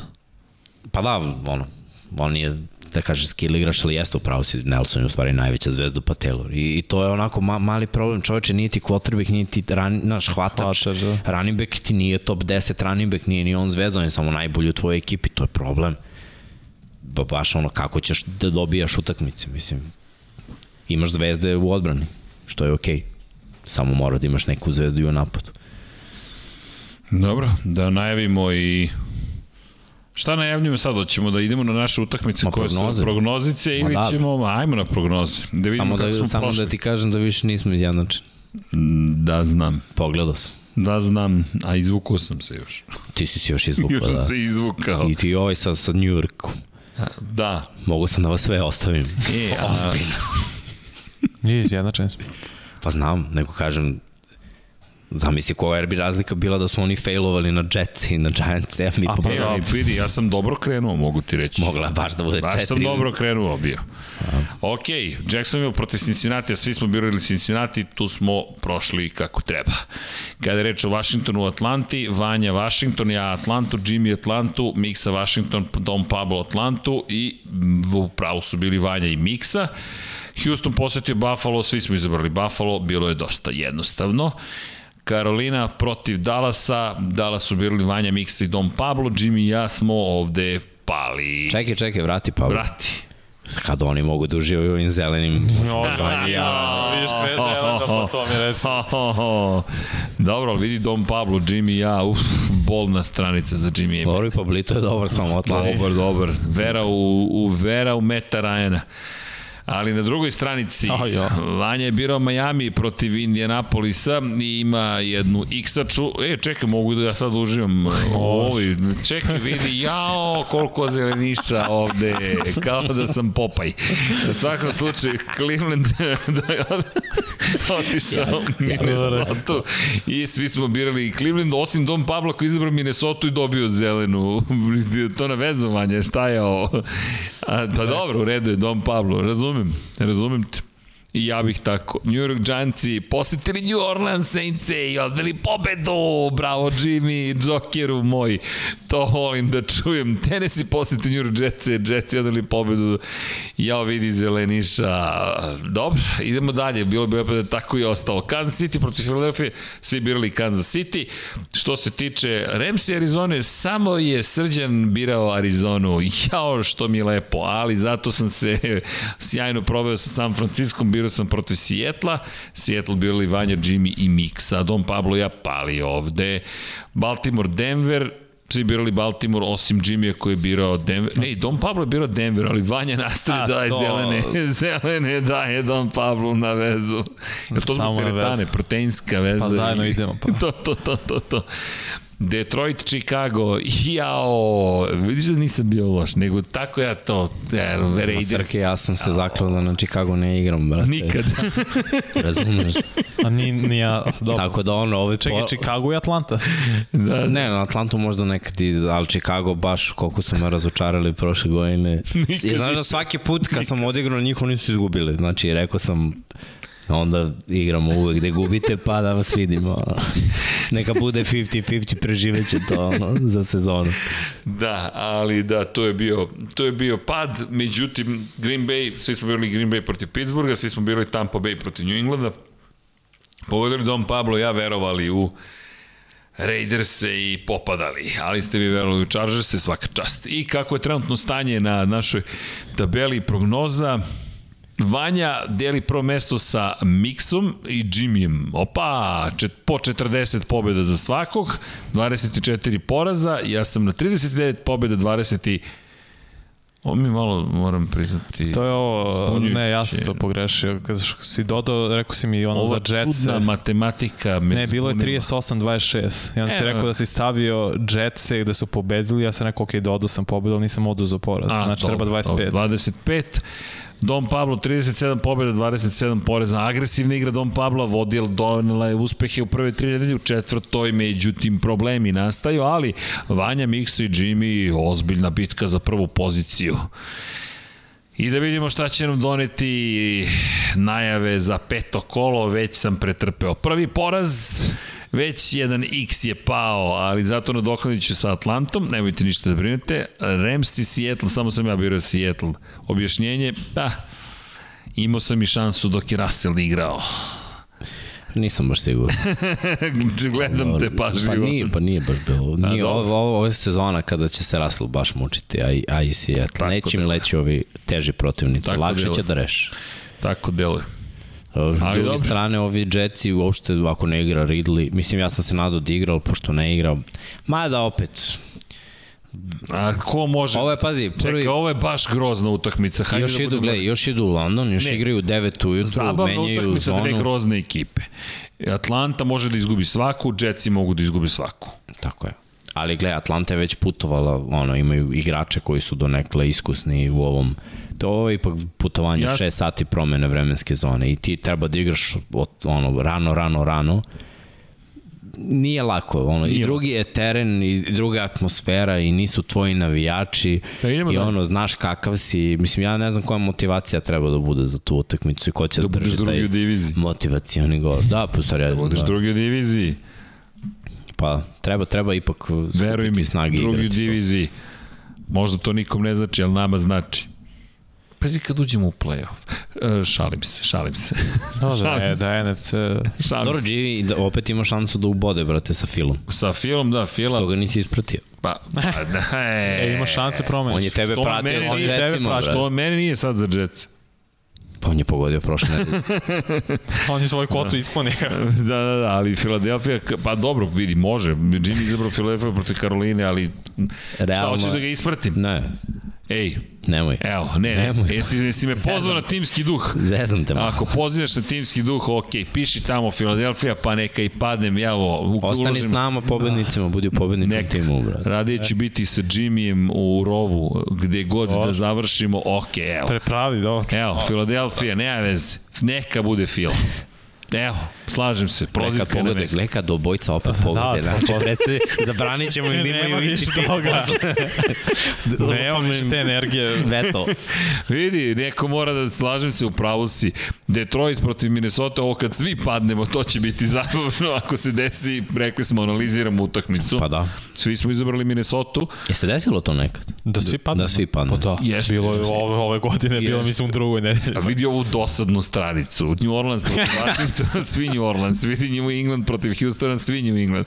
Tampa Bay protiv Miami, svi Tampa Bay. Green Bay protiv Cincinnati, svi Green Bay. Pa imamo i mi malo razuma. Imamo malo razuma. Jimmy ne. Ako pređeš na treću stranicu, Jimmy, a, ovo je treća. Ok, Denver, Pittsburgh, Srđan, Jimmy, Pittsburgh, Dom Pablo, Denver biraju Vanja i Miksa. A Jimmy se opekao ovaj, prošle nedelje kad igrao na Denver i više ne. Povukao Ne veruješ u svog Ne, ja sam miljenika. samo gledao da, da, je, da, da, da, da je Teddy, ja bih igrao na... na Pa ja mislim da je Teddy. Mi- Teddy je trenirao ja danas. Pro, Da. pročitao sam Trenirao je da danas. E, pa onda sam pogrešio. A Hoćeš da biraš? Neću, ne, ne, ne, pa ne mogu baš. Pa nećemo menjam, da, ali menjam. Pa ne, ne, nema smisla. Vidi. Nećeš tamo da budeš u rovu, a? Sve u redu. Ju, Ne, nećeš s nama. Ovo emotivno ucene. Ok, jel hoćeš? Ok, Denver staviti zbog mikse, nema problema. Idemo u rov, a vidi. ok, A igra se na Heinz Fieldu. Da. Kao idem ja s vama, onda. možda ti u- da skočiš sa mnom u rov. Ja, Ja sam u rovu. ostajem, ja ostajem s Denverom kako E, isto, isto, da. Gledaj, odbrana Denvera neće uopšte da legne Pittsburghu. dobije ubi. Jer Lamar je mora da baci ono preko 300 yardi i da bunari dosta, a ja da vidim da Ej, Ben to radi. Vidi, prijatelji pre svega. Nema problema, u rovu smo zajedno. Tennessee, Jacksonville, svi smo birali Tennessee, Cleveland, LA Chargers i samo je Don Pablo birao Cleveland, svi smo birali LA Chargers. Don Pablo je treba i samo u rov. Ja mislim da sam ja izabrao Cleveland. Ti si to ti je poslednji. Ne, ja nije sam izabrao. Cleveland isto, pa Ali nije da. on bilo popunjeno kad sam Da, pravio. da, okej, okej. Ok, oprosti. Pa hoćeš, hoćete Cleveland. Da, ja sam popunio. Da, da, da, Ok, Cleveland, ok, ok, Cleveland, ok, Cleveland. ok. Sorry, kasnili smo. Ne veze, ne da znam. Ro, slavio sam. A, S mamom i tatom. Nisam znao šta da stavim, bilo bukvalno zato... Dobro, dalje. Ja ne, čekam ko će prokomentariše. Chicago, čekam, nema komentara za Chicago, svi smo birali Las Vegas Raiderse. E, Jimmy bira San Francisco protiv Arizone, svi smo birali Arizonu. Ok, volao bih da je ovde da nam objasni. Nije. Pa ne S znamo. razlogom. Dallas, Pa i ta Arizona nekad mora da izgubi. ok, može, može, ima, to, pazi, čak i to ima smisla, vidi, neko objašnjenje. New York Giants protiv Dallasa, svi smo birali Dallas, Vanja je birao Buffalo protiv Kansas City, a svi mi ostali smo birali Vreme. Kansas City. Misliš da je Mislim da vreme? je Kansas City mnogo ranijeviji nego što Ja ljudi sam bio misle. siguran za Baltimore, za Buffalo, mislim da Kansas City ovo čeka, da im je ovo... Čekali su i Chargers, pa bilo šta je bilo. Tako ste vi rekli. Pa ne, Posle da, Baltimore, da, ne, to je sećam. divizija, to je malo Posle, drugačije. ne, bilo je posle Da, Baltimora, ma čekaj ih na Arrowheadu, to je to, Vidi ga što pogrešno pamti. vreme. O, Dobro, pa statistika. Lično je. Kaže nam on statističar. Kada su Chiefs vidi. izgubili back to back. brate. Dešava se, znači sad Vidjet ćemo. sve je manje, znaš, sve je manje tog oslanjanja na statistiku. Ma, statistika ti je samo neki, neka smernica, može ti da informacija, ali Ne, ovaj gut feeling, prosto da mislim da je Baltimore, u Baltimore, da je Buffalo trenutno u takvoj formi da... ja sam to imao za Baltimore, zaista mislio sam da će biti za Buffalo, nemam tako jasnu viziju, mo- da, će da, da, da li će biti ili neće biti, iskreno, ali kada, kada, kada analiziram stvari, deluje mi da Kansas City ovu utakmicu je ovako zaokružio podebljo, sedam puta i rekao ovde moramo. Ovo je bukvalno ono, branimo tvrđevu. Bukvalno, ovde sada Helms Deep za, za njih. Moramo da zaustavimo orke i sve ostale, inače pada sve. To je moje mišljenje, evo srđan se smeje. Pogodio sam njegovu umetničku, umetničku dušu, to ti kažem, gospodari prstenova. Gledao se, gledao se. Da, vidi, ja sam onaj što još i čitao, pusti. To su neke druga, druga vremena, ja, Ja sam, sam mator u čuo. moje vreme u srednjoj školi 59 kada do, do škole sat i po, nazad dva i po. Kada krene, krene, imaš, brate, vremena ako sedneš na okretnici dok dogegaš. Jel tu u vaše vreme bilo pređeš na drugu stranu ulice, uhvatiš autobus i onda se vrtiš ceo krug? Pa, Zbog čega bi to radio? Da bi ušao Da u autobus. Ne da sedneš, da uđeš u autobus. Da, bilo je da ne može da se Ne, uđe. ne, nisi mogu da uđeš u autobus, morao sam da Ne. pređem ulicu, Dobro, ja sam- uđem u autobus i onda idem na suprotnu stranu do poslednje stanice, onda se nadaš da te neće izbaciti majstor, jer Ma šta da nas izbaci. ti... Ne, ne, veruj mi, nije hteo da pokrene autobus, kaže, ne krećem dok svi ne izađete. Bukvalno. I onda moraš, onda svi stanemo u štek, uskočimo unutra, pa kao ako sedneš i onda se voziš do Novog Beograda. Da, uvek sam više volao da se vozim sedeći. Vidi, ja, čak nije toliko problem bio, ali to, tu izvadiš knjigu i to, Da, ve, pa imam, cepaš. put, putovalo se. putovalo se, čitalo se, sad se ne čita, ali zato se Sad se vozi vozi, i psuje. e, komunicira. Na grublji način. Ti komuniciraj. Izvadi knjigu i mašem knjigom. Jesi li čitao nešto? ja sam Joy Bossa, pa Da, to bi bile prognoze. Nemamo više A, da dodamo ništa za prognoze. svi. Samo Baltimore, da, izabrali smo svi Baltimore protiv Indianapolisa. To da konstatujemo. Dobro. To bi bilo to. Ili imamo, a da, ne, ne, ne, ne, ne, ne, ne. vesti nemamo, ali imamo zato da najmo gde će se šta prenositi. Što je najče, Da. dobro, pa dobro, pomenuli smo. Nismo u vestima, ali da, da je Gilmore otišao Da, i da je. Jalen Smith potpisan isto. To su nam vesti. A ovo su prenosi. Da. Pa Dobro. na šestici, vidiš. Da, zadovoljni sam. Dolphins i Buccaneers i Sport klub 2, nedelja od 19.00. U isto vreme Packers i Bengals i na Sport klubu HD. S druge strane imamo od 22.05 na Sport klubu 6. Brownse i Chargerse. Imamo 49ers i Cardinalse od 22.25 i nedelja na ponedeljak od 2.20 Sport klub 2 Bills i Chiefsi utorak 2.15, to je ponedeljak na utorak, Kolci i Ravensi. Nego mene sad ovde nešto zbunjuje, moram da vam priznam.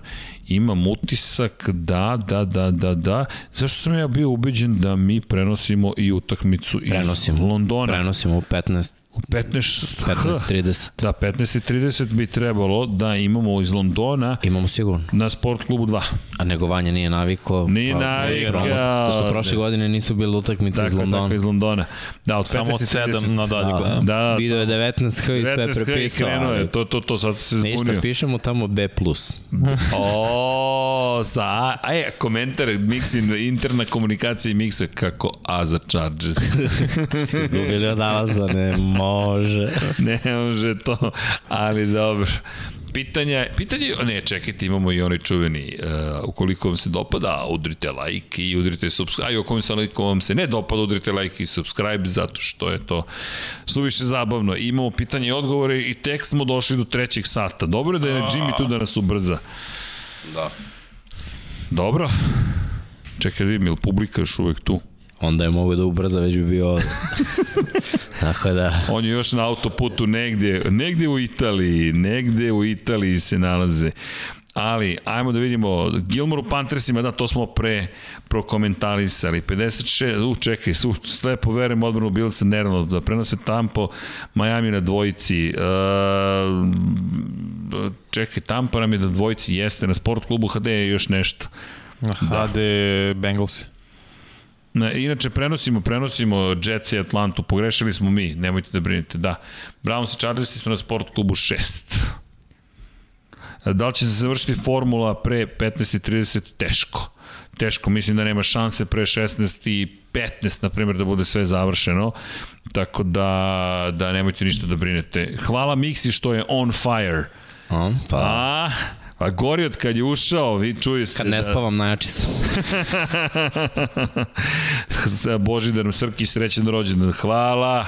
Kaže, E. 22 pive momci The Crow 3. To znači da smo toliko puta pre, pre spominjali Pa. Toma Brady. Ja, rođendan ti je plati. Da. Plat... Važi. E, Balje. ti čestitao rođena u komentarima. Ej, hvala, nisam video, hvala.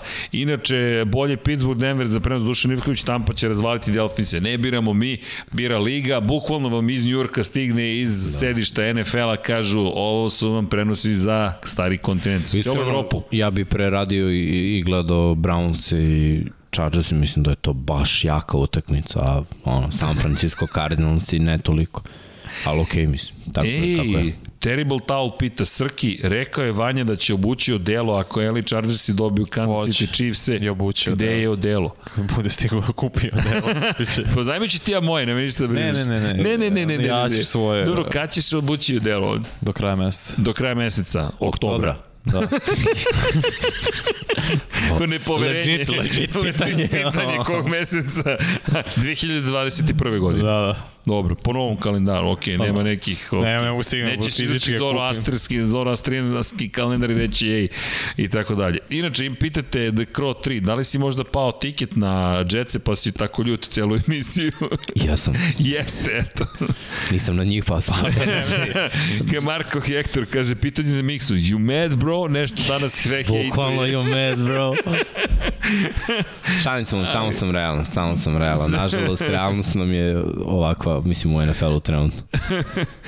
Da, Marko Hector, evo ti like. To, Marko, evo like sa naše strane. 23 pive moramo da nabavimo. Ok, Denver još nije išao na SK ove godine. Verujte, Đole, to sa nama nema nikakve veze. Denver prosto liga zaista bira sve utakmice. Mi se tu, ne, mi se pitamo tako što mi pišemo, molimo vas itd. itd. itd. itd. Ali, najveći najveći Liga problem je uh, kada se odlučuju te prime time utakmice koje se kupe i gleda se rating na odnosu, prethodne, se- odnosu na prethodnu sezonu. I Denver je bio katastrofa prethodne sezone samim tim, nemaju prime time utakmice. I problem je kada se igra u 19 ili ako budu jedan od timova koji igraju 22-25, čak i protiv dobrih timova, oni ne idu na tim jačim kanalima koji su u paketu koji mi imamo. Evo, na primjer, sad protiv Baltimora i u teoriji to bi je bilo kao ovi imaju 3-0, ovi imaju 2 dobra utakmice, tako, ali oni nisu bili ni blizu da, da bude prenos i na kraju možda i opravdano, mislim, Jasno. tekma je bila užas. Da, tako da, da čisto da znate. Inače, komentar opet jeste za Formula 1, ali ima veze sa NFL-om, da će se trka završiti. Amir kaže, bit će do 15. samo da se ne pojavi Michael Masi, direktor trke. Činjenica, ukoliko bude po suvom voženo, obično ta trka u Turskoj je toliko brza, brza je staza da se završi u sat i nekih 26-7 minuta, ali dodela ceremonija, pehar itd. Tako da, mada, teoretski nije nemoguće. Hvala Amire. E, Vladimir Gajčin, srećan 18. rođendan. To, zato me, ne, zato što mi je 18. izvode me drugari u grad. Kako komentarišete igru Sekona Barklija do sada? Piše Solo Fal 1, sad izvinite, ne mogu baš da, da protumačim posle ponoći, malo se usporilo. Ej, više mi nije rođendan.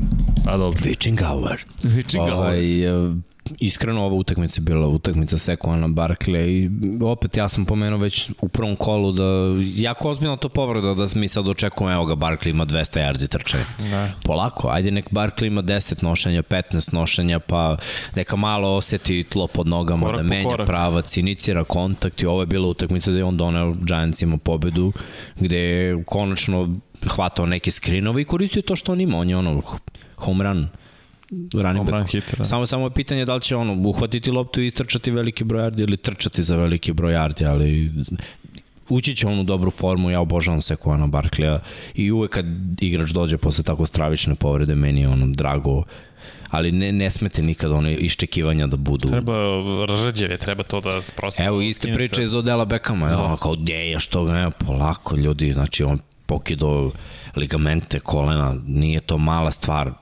Treba, treba da uđe da. u formu, da on prvo mora da njemu bude komfortno i da zaboravi to, da ne misli o tome pa da se fokusira na futbol. Izvini, ali gledalci su nam najgenijalniji na svetu. Hvala ljudi, kaže Strale, Miksa, Eli Manning, to je to raspoloženje. Eli. Znači, Eli, da, ovog ponedeljka nije ih bilo, pošto su potpisali ugovor da će samo 10 utakmica godišnjih komentarisati Peyton i Eli Manning, legende kojih nije pratio dok su i bili aktivni igrači, jedan je svoje dve titule, drugi u svoje dve titule, braća, braća Manning, sinovi Archie Manninga. Zamisli šta bi rekli na ovoj meč. ne smem da znam. Ili, Ali ili, da, ili bi rekao ja bi pao. da, Igor Ninić kaže, objasnite pravilo dva ispucavanja jednoj akciji sinoćne utakmice. To pre nije bilo moguće, komentar planeta mislim da je glupo i još jedno dozemlje big playa za odbranu.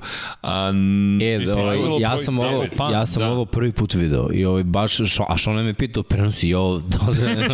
Ja rekao, ja, pazi, gledam dugo baš i uvek je bilo pravilo kad budeš blokiran, možeš da uhvatiš loptu i da trčiš. Ja nikad nisam vidio da neko šutne, bude izblokiran. To ti isto kao da baciš pas, budeš Jeste. izblokiran, uzmeš i baciš još jedan. Ali piše u pravilniku, ukoliko nije, e, pravilnik, Mike Pereira objasnio, pravilnik uh, tačk član broj 9, ukoliko lopta nije prešla liniju skrimidža, može, imaš pravo da je ponovo ispucaš, ali što ti kažeš, ne, ne, ljudi, uh, svi komentatori, NFL Network, Fox, ko je već prenosio, svi su, pogledao sam i njihov komentar da čujem šta imaju da kažu, ista reakcija akcija. Da, i gledaj, bio je potez, bio je potez u utakmici, mislim, ja sam vam napisao JT da stavi to na YouTube, jer je baš bilo baš je bio potez, ali ovaj, on je prešao liniju skrimič, lopta nije, ali on je onda uzao loptu da trči i baš je evidentno da je prešao 21 yard je bila linija da je studija stajao.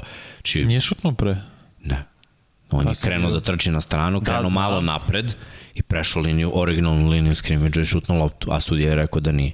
Što je ono bilo malo na štetu, a pazi koliko su onda tek 49ersi i da je bio prekršaj, Znači, oni bi morali da prihvate prekršaj od mesta, uh, Remsi, da, izvini, od mesta gde je lopta bila na kraju, ili da se ponovi četvrti down. Tako da je Dixon svakako izvukao ekipu potezom, znači kakav potez, stvarno, stvarno je ispo legend. Da, inače, da, pa, pa evo i na CBS-u nisu bili sigurni pa su morali da se konsultuju. Niko od nas nije bio siguran. Ja sam bio ubiđen da je prekršaj. Ja kako, zašto, gde, kada, da, šta se promenilo, ali dozvoljeno. Eto, naučili smo još nešto novo. Verujem da će biti još takvih situacija posle ovoga. Pa, moguće, da. Del, tako mi prosto deluje. E, inače, srećan rođendan, srećan rođendan. Hvala, Đorđe, e, Nerad Gašić, srećan rođendan, neke lepe stvari ovde. Hvala. Širimo ljubav, da. I što se tiče NFL stvari u Srbiji, postoji jedno pravilo, Vanja, ugasit će se TV. E, postoji jedno pravilo, a to je da, toliko dugo trajamo, da je stand-by krenuo od Sony koji smo namestili tipa na 5 sati da se ne gasi, ali dobro, to je 94, 99 yardi.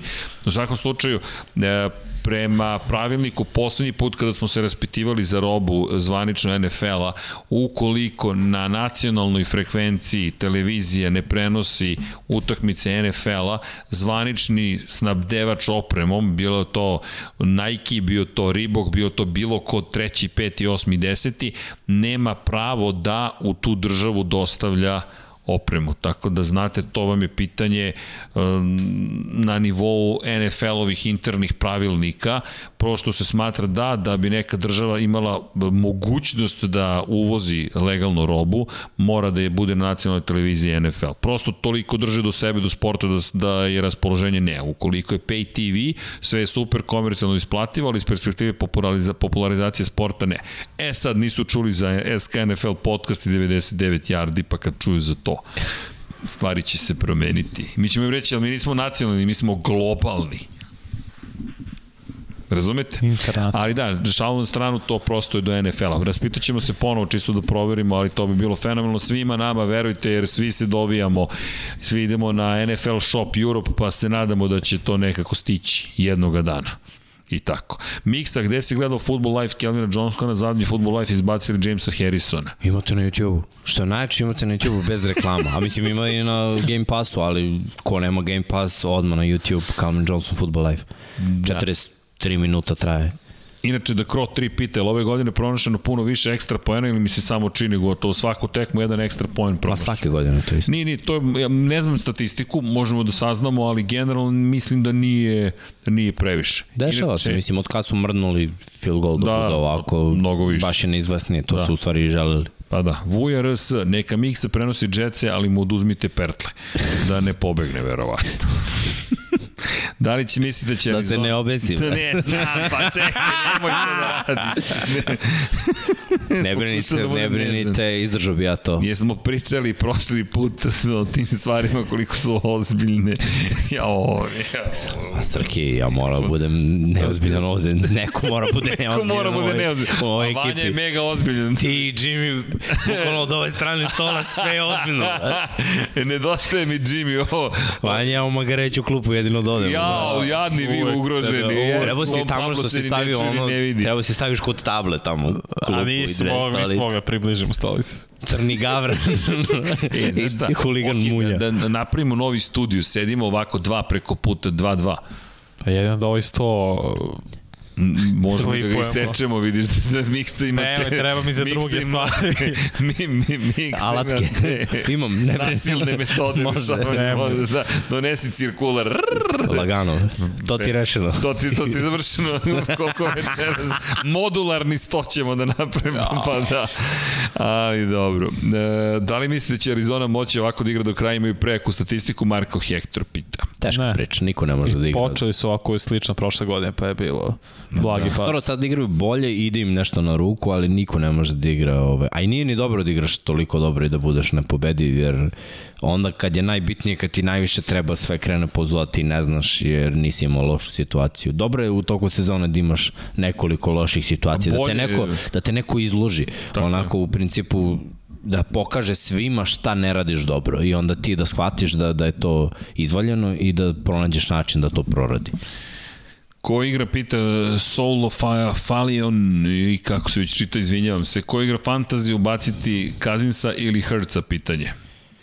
A Hurts kuplja garbage yarde, mislim. I igrao je dobro protiv odbrane Chiefsa, a Madi tu je mogo da bocne još koji taš da. Da. A ubaci Kazins. A Kazins, ono, s kim igra? On je s Detroitom, ma da. Ma da, ma to je. Cousins. Kazins lagani. Dobro, eto, Kazins, to je odgovor.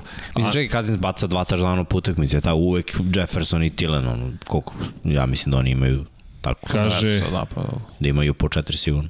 Andrej Glanda, dajte neke tipove. za šta? Pa ne znam. Pa vratite na naše prognoze. Da. Šalim se, nemoj, nemojte slušate nas. ne, Ako ulažete ne, velike pare, novce. ne, ne, ne. Da.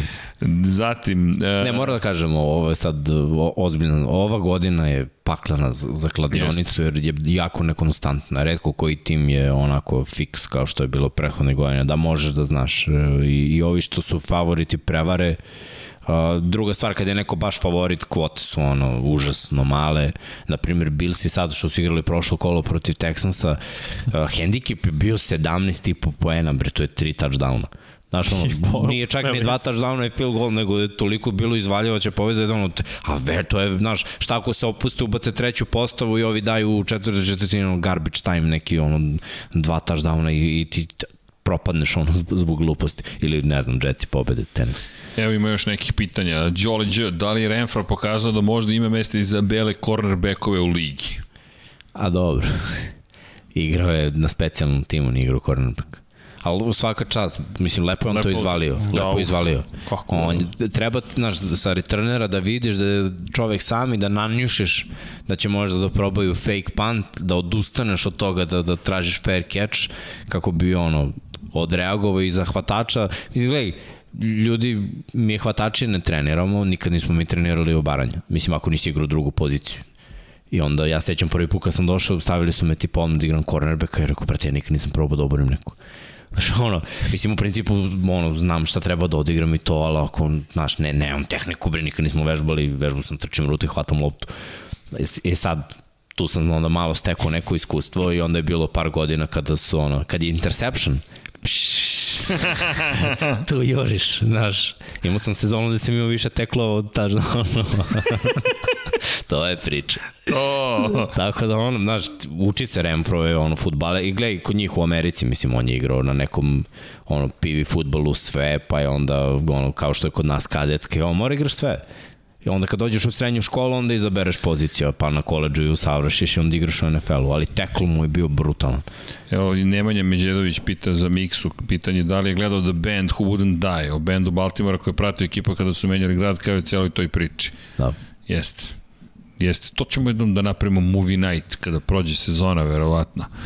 E, Australijanac udario, ok, sad, š, ok, šta da kažemo da Detroit imao fumble, a šta da kažemo da je Detroit imao fumble iz snapa? Branislav Dević. Dešava se. Pa, da. To, to je Detroit. Mislim, gledaj, lošim, Da, lošim, lošim timovima se sve dešava. da, baš, baš sve. Inače, Papa Dubi Torbica kaže Dušanu Ivkoviću, poruče bio na YouTube, ali vidim da je sada unavailable. Izgleda su da je Skinuo. NFL sklonio. A, pa imali ste nedelju dana. Imali ste nedelju Inače, dana, da. NF, NFL ovaj, na Game Passu to stavi u petak več. Da. Znači večeras izlazi novi Football Life. Da. Što znači ako ga neko stavi na YouTube, ono, do ponedeljka. Dok traje. do ponedeljka pogledajte. Dok, dok traje. Pokušajte, mada pokušajte ponovo da potražite, ponovo to neko podigne, pa to ima neki život. Mada sad YouTube kad ga ubaci algoritam, to će biti teže. E, ko će pa vama do kraja imati najviše jardi? I srećan dođendan. Hvala. Hvala. Jardi čega? Kroz vazduh, Ukupan broj trčanjem, hvatanja, Možda ekipa, ako možete samo da nam pomognete da znamo uh, tačno ko na koje jarde mislite. Uh, Jokić Nikola CMC je rekao da je definitely fine. Tako je rekao. Šta god to značilo. Definitely pobeda onda. Pa ne, znaš, znaš šta, postavlja se pitanje, naravno, mislim, kao igrač uvijek ćeš da kažeš da si dobro i da ćeš da igraš. Ali, ok, ona utakmica je bila Thursday night, i to se samo pokazuje kad igraš kao McAfee, imaš veliki broj nošenja, ne može telo da ti se oporavi od nedelje do, do četvrtka, jer ti ne treniraš u principu ponedeljak i pa ajdi taj četvrtak. Znači imaš dva dana u stvari za oporavak, a nosiš 70 puta loptu, nije, nije dovoljno. Očigledno McAfee treba ovaj, da da pauzira čitavu nedelju ono da na treninzima da igra light i onda na utakmici da dobijate batine. Ali vidjet ćemo. Zadnja loža jako, jako ovaj, pakosna povreda. To, to je ono, taman Da, kad baš- misliš da si je prošlo, da, da si se opustio i sve ok, jedan sprint, jedan ono, jak kat i možeš opet da istigneš. Ali to si lepo, lepo, lepo, si je, lepo si je procenio kakva je. Baš, baš je podmukla.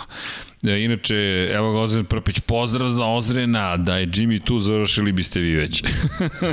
On bi to pre ponoći No, izregulirao.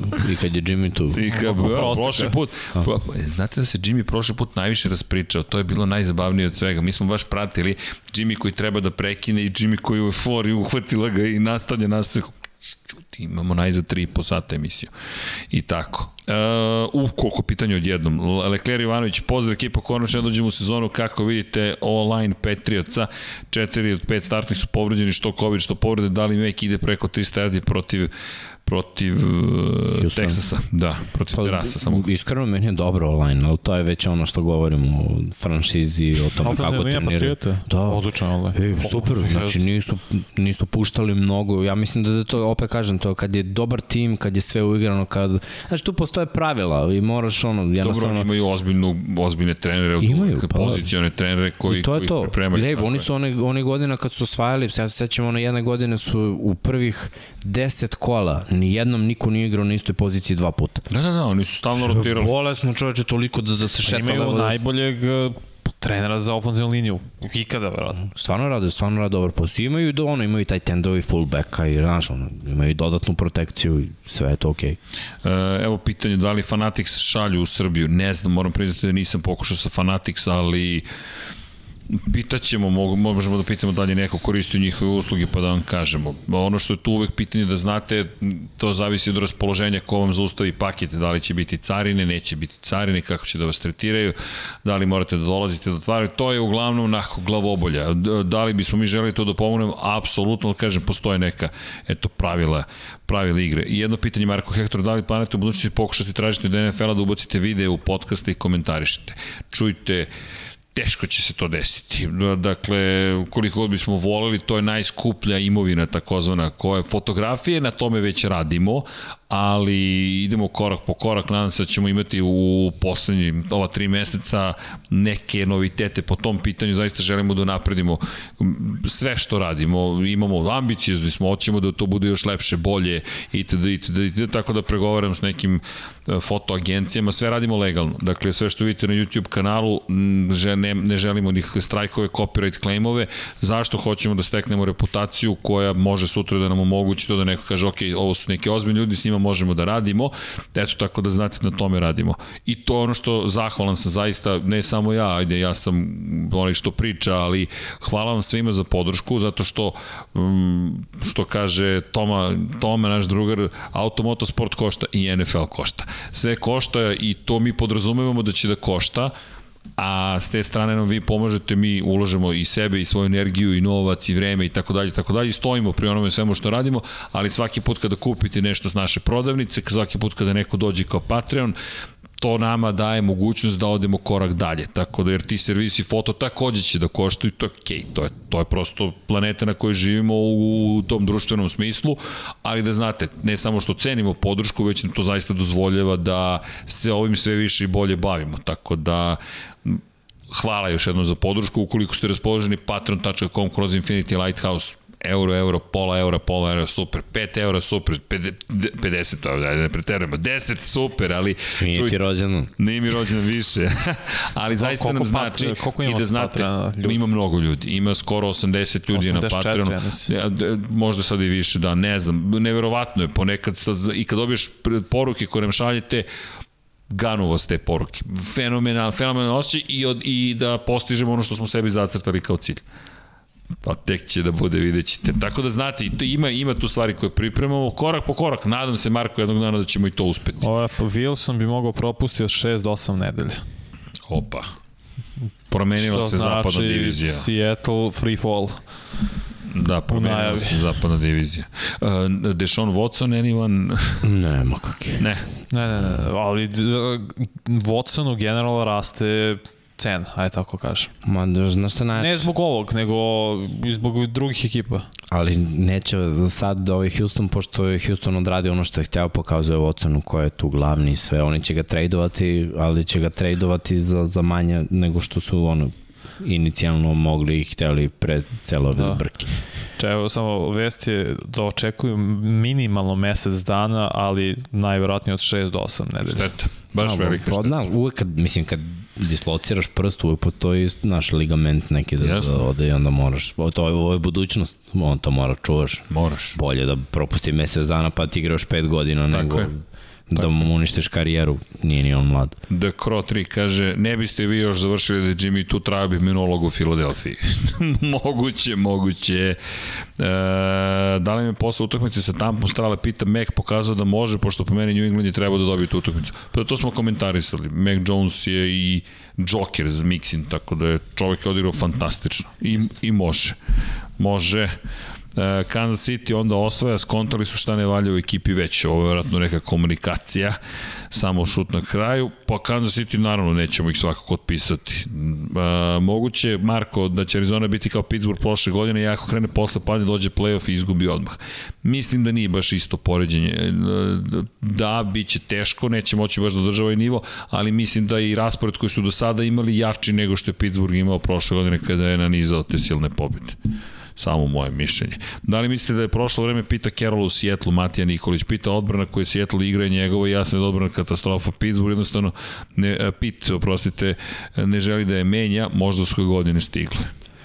Pa ono, ne znam, nisam siguran. Nisam siguran da, da je on tu kao sad jedini krivac zato što je odbrana loša. Nije samo odbrana loša i napad ne, ne briljira, imaju oni momente, ali ovaj, imaju imaju veliki problem jer su morali da se reše velikog broja talentovanih igrača zbog kepa. A kep uglavnom drži kotrbe koji je ono jako plaćen.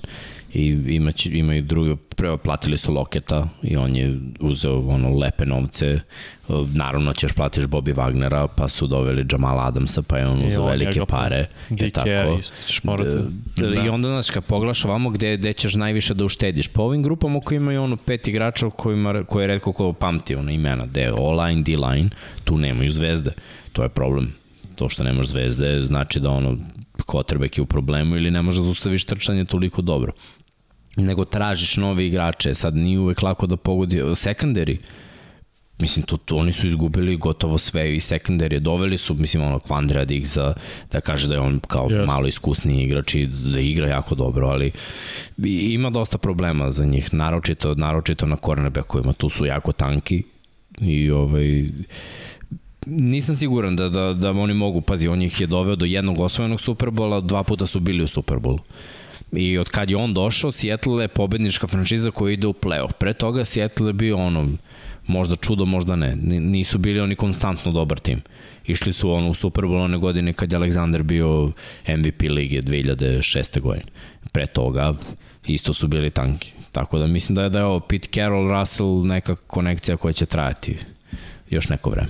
Da, jedno pitanje da li je istina da je San Francisco, da se Tom Brady nudi u San Francisco i da, ga je, da su ga 49ersi odbili, pa Wes Welker izjavio pre jedno desetak dana da je da ga je kontaktirao Tom Brady u periodu kada je tražio novu ekipu i da je obavestio u čelnike San Francisco da bi volio da dođe u San Francisco, to je i klub za koji je navijao kao klinac, John Montana je njegov heroj bio, i San Francisco je odgovorio da smatra da prosto Brady nije unapređenje odnosno na Jimmy G-a i odbili su, nisu hteli da dalje razmišljaju o tome. Eto, to je, to je nešto što je ispričao sad Wes Welker je to otkrio. Normalno, Madoni, mislim, ja razumem San Francisco. Brady bi ih napravio dobrim timom danas, za dve da. godine i mislim, ono, ti ne znaš da li će on da igra, on kad je potpisao za Tampu, to je bio priča prošla i ova to što je on produžio na još jedno, ali opet to je, znaš, imaš 40. Nisi mogu da znaš kako će klikne, mislim. Da, imaš 44, 5, 6,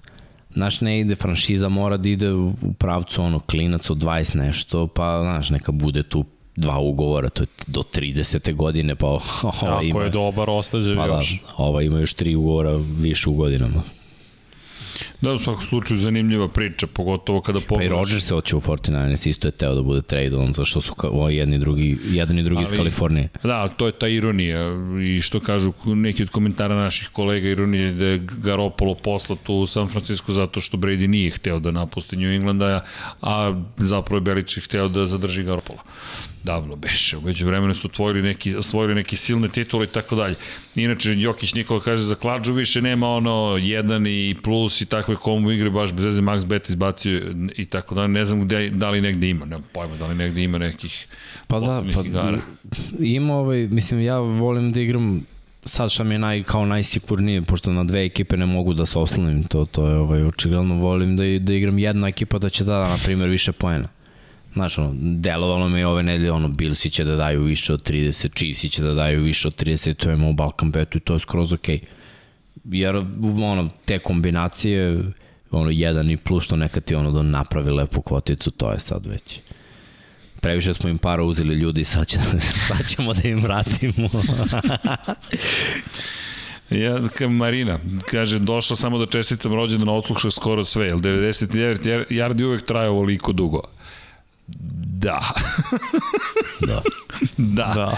Da, ali pozdrav Marina, hvala što si nas ispratila. Aj za čestitke za rođendan.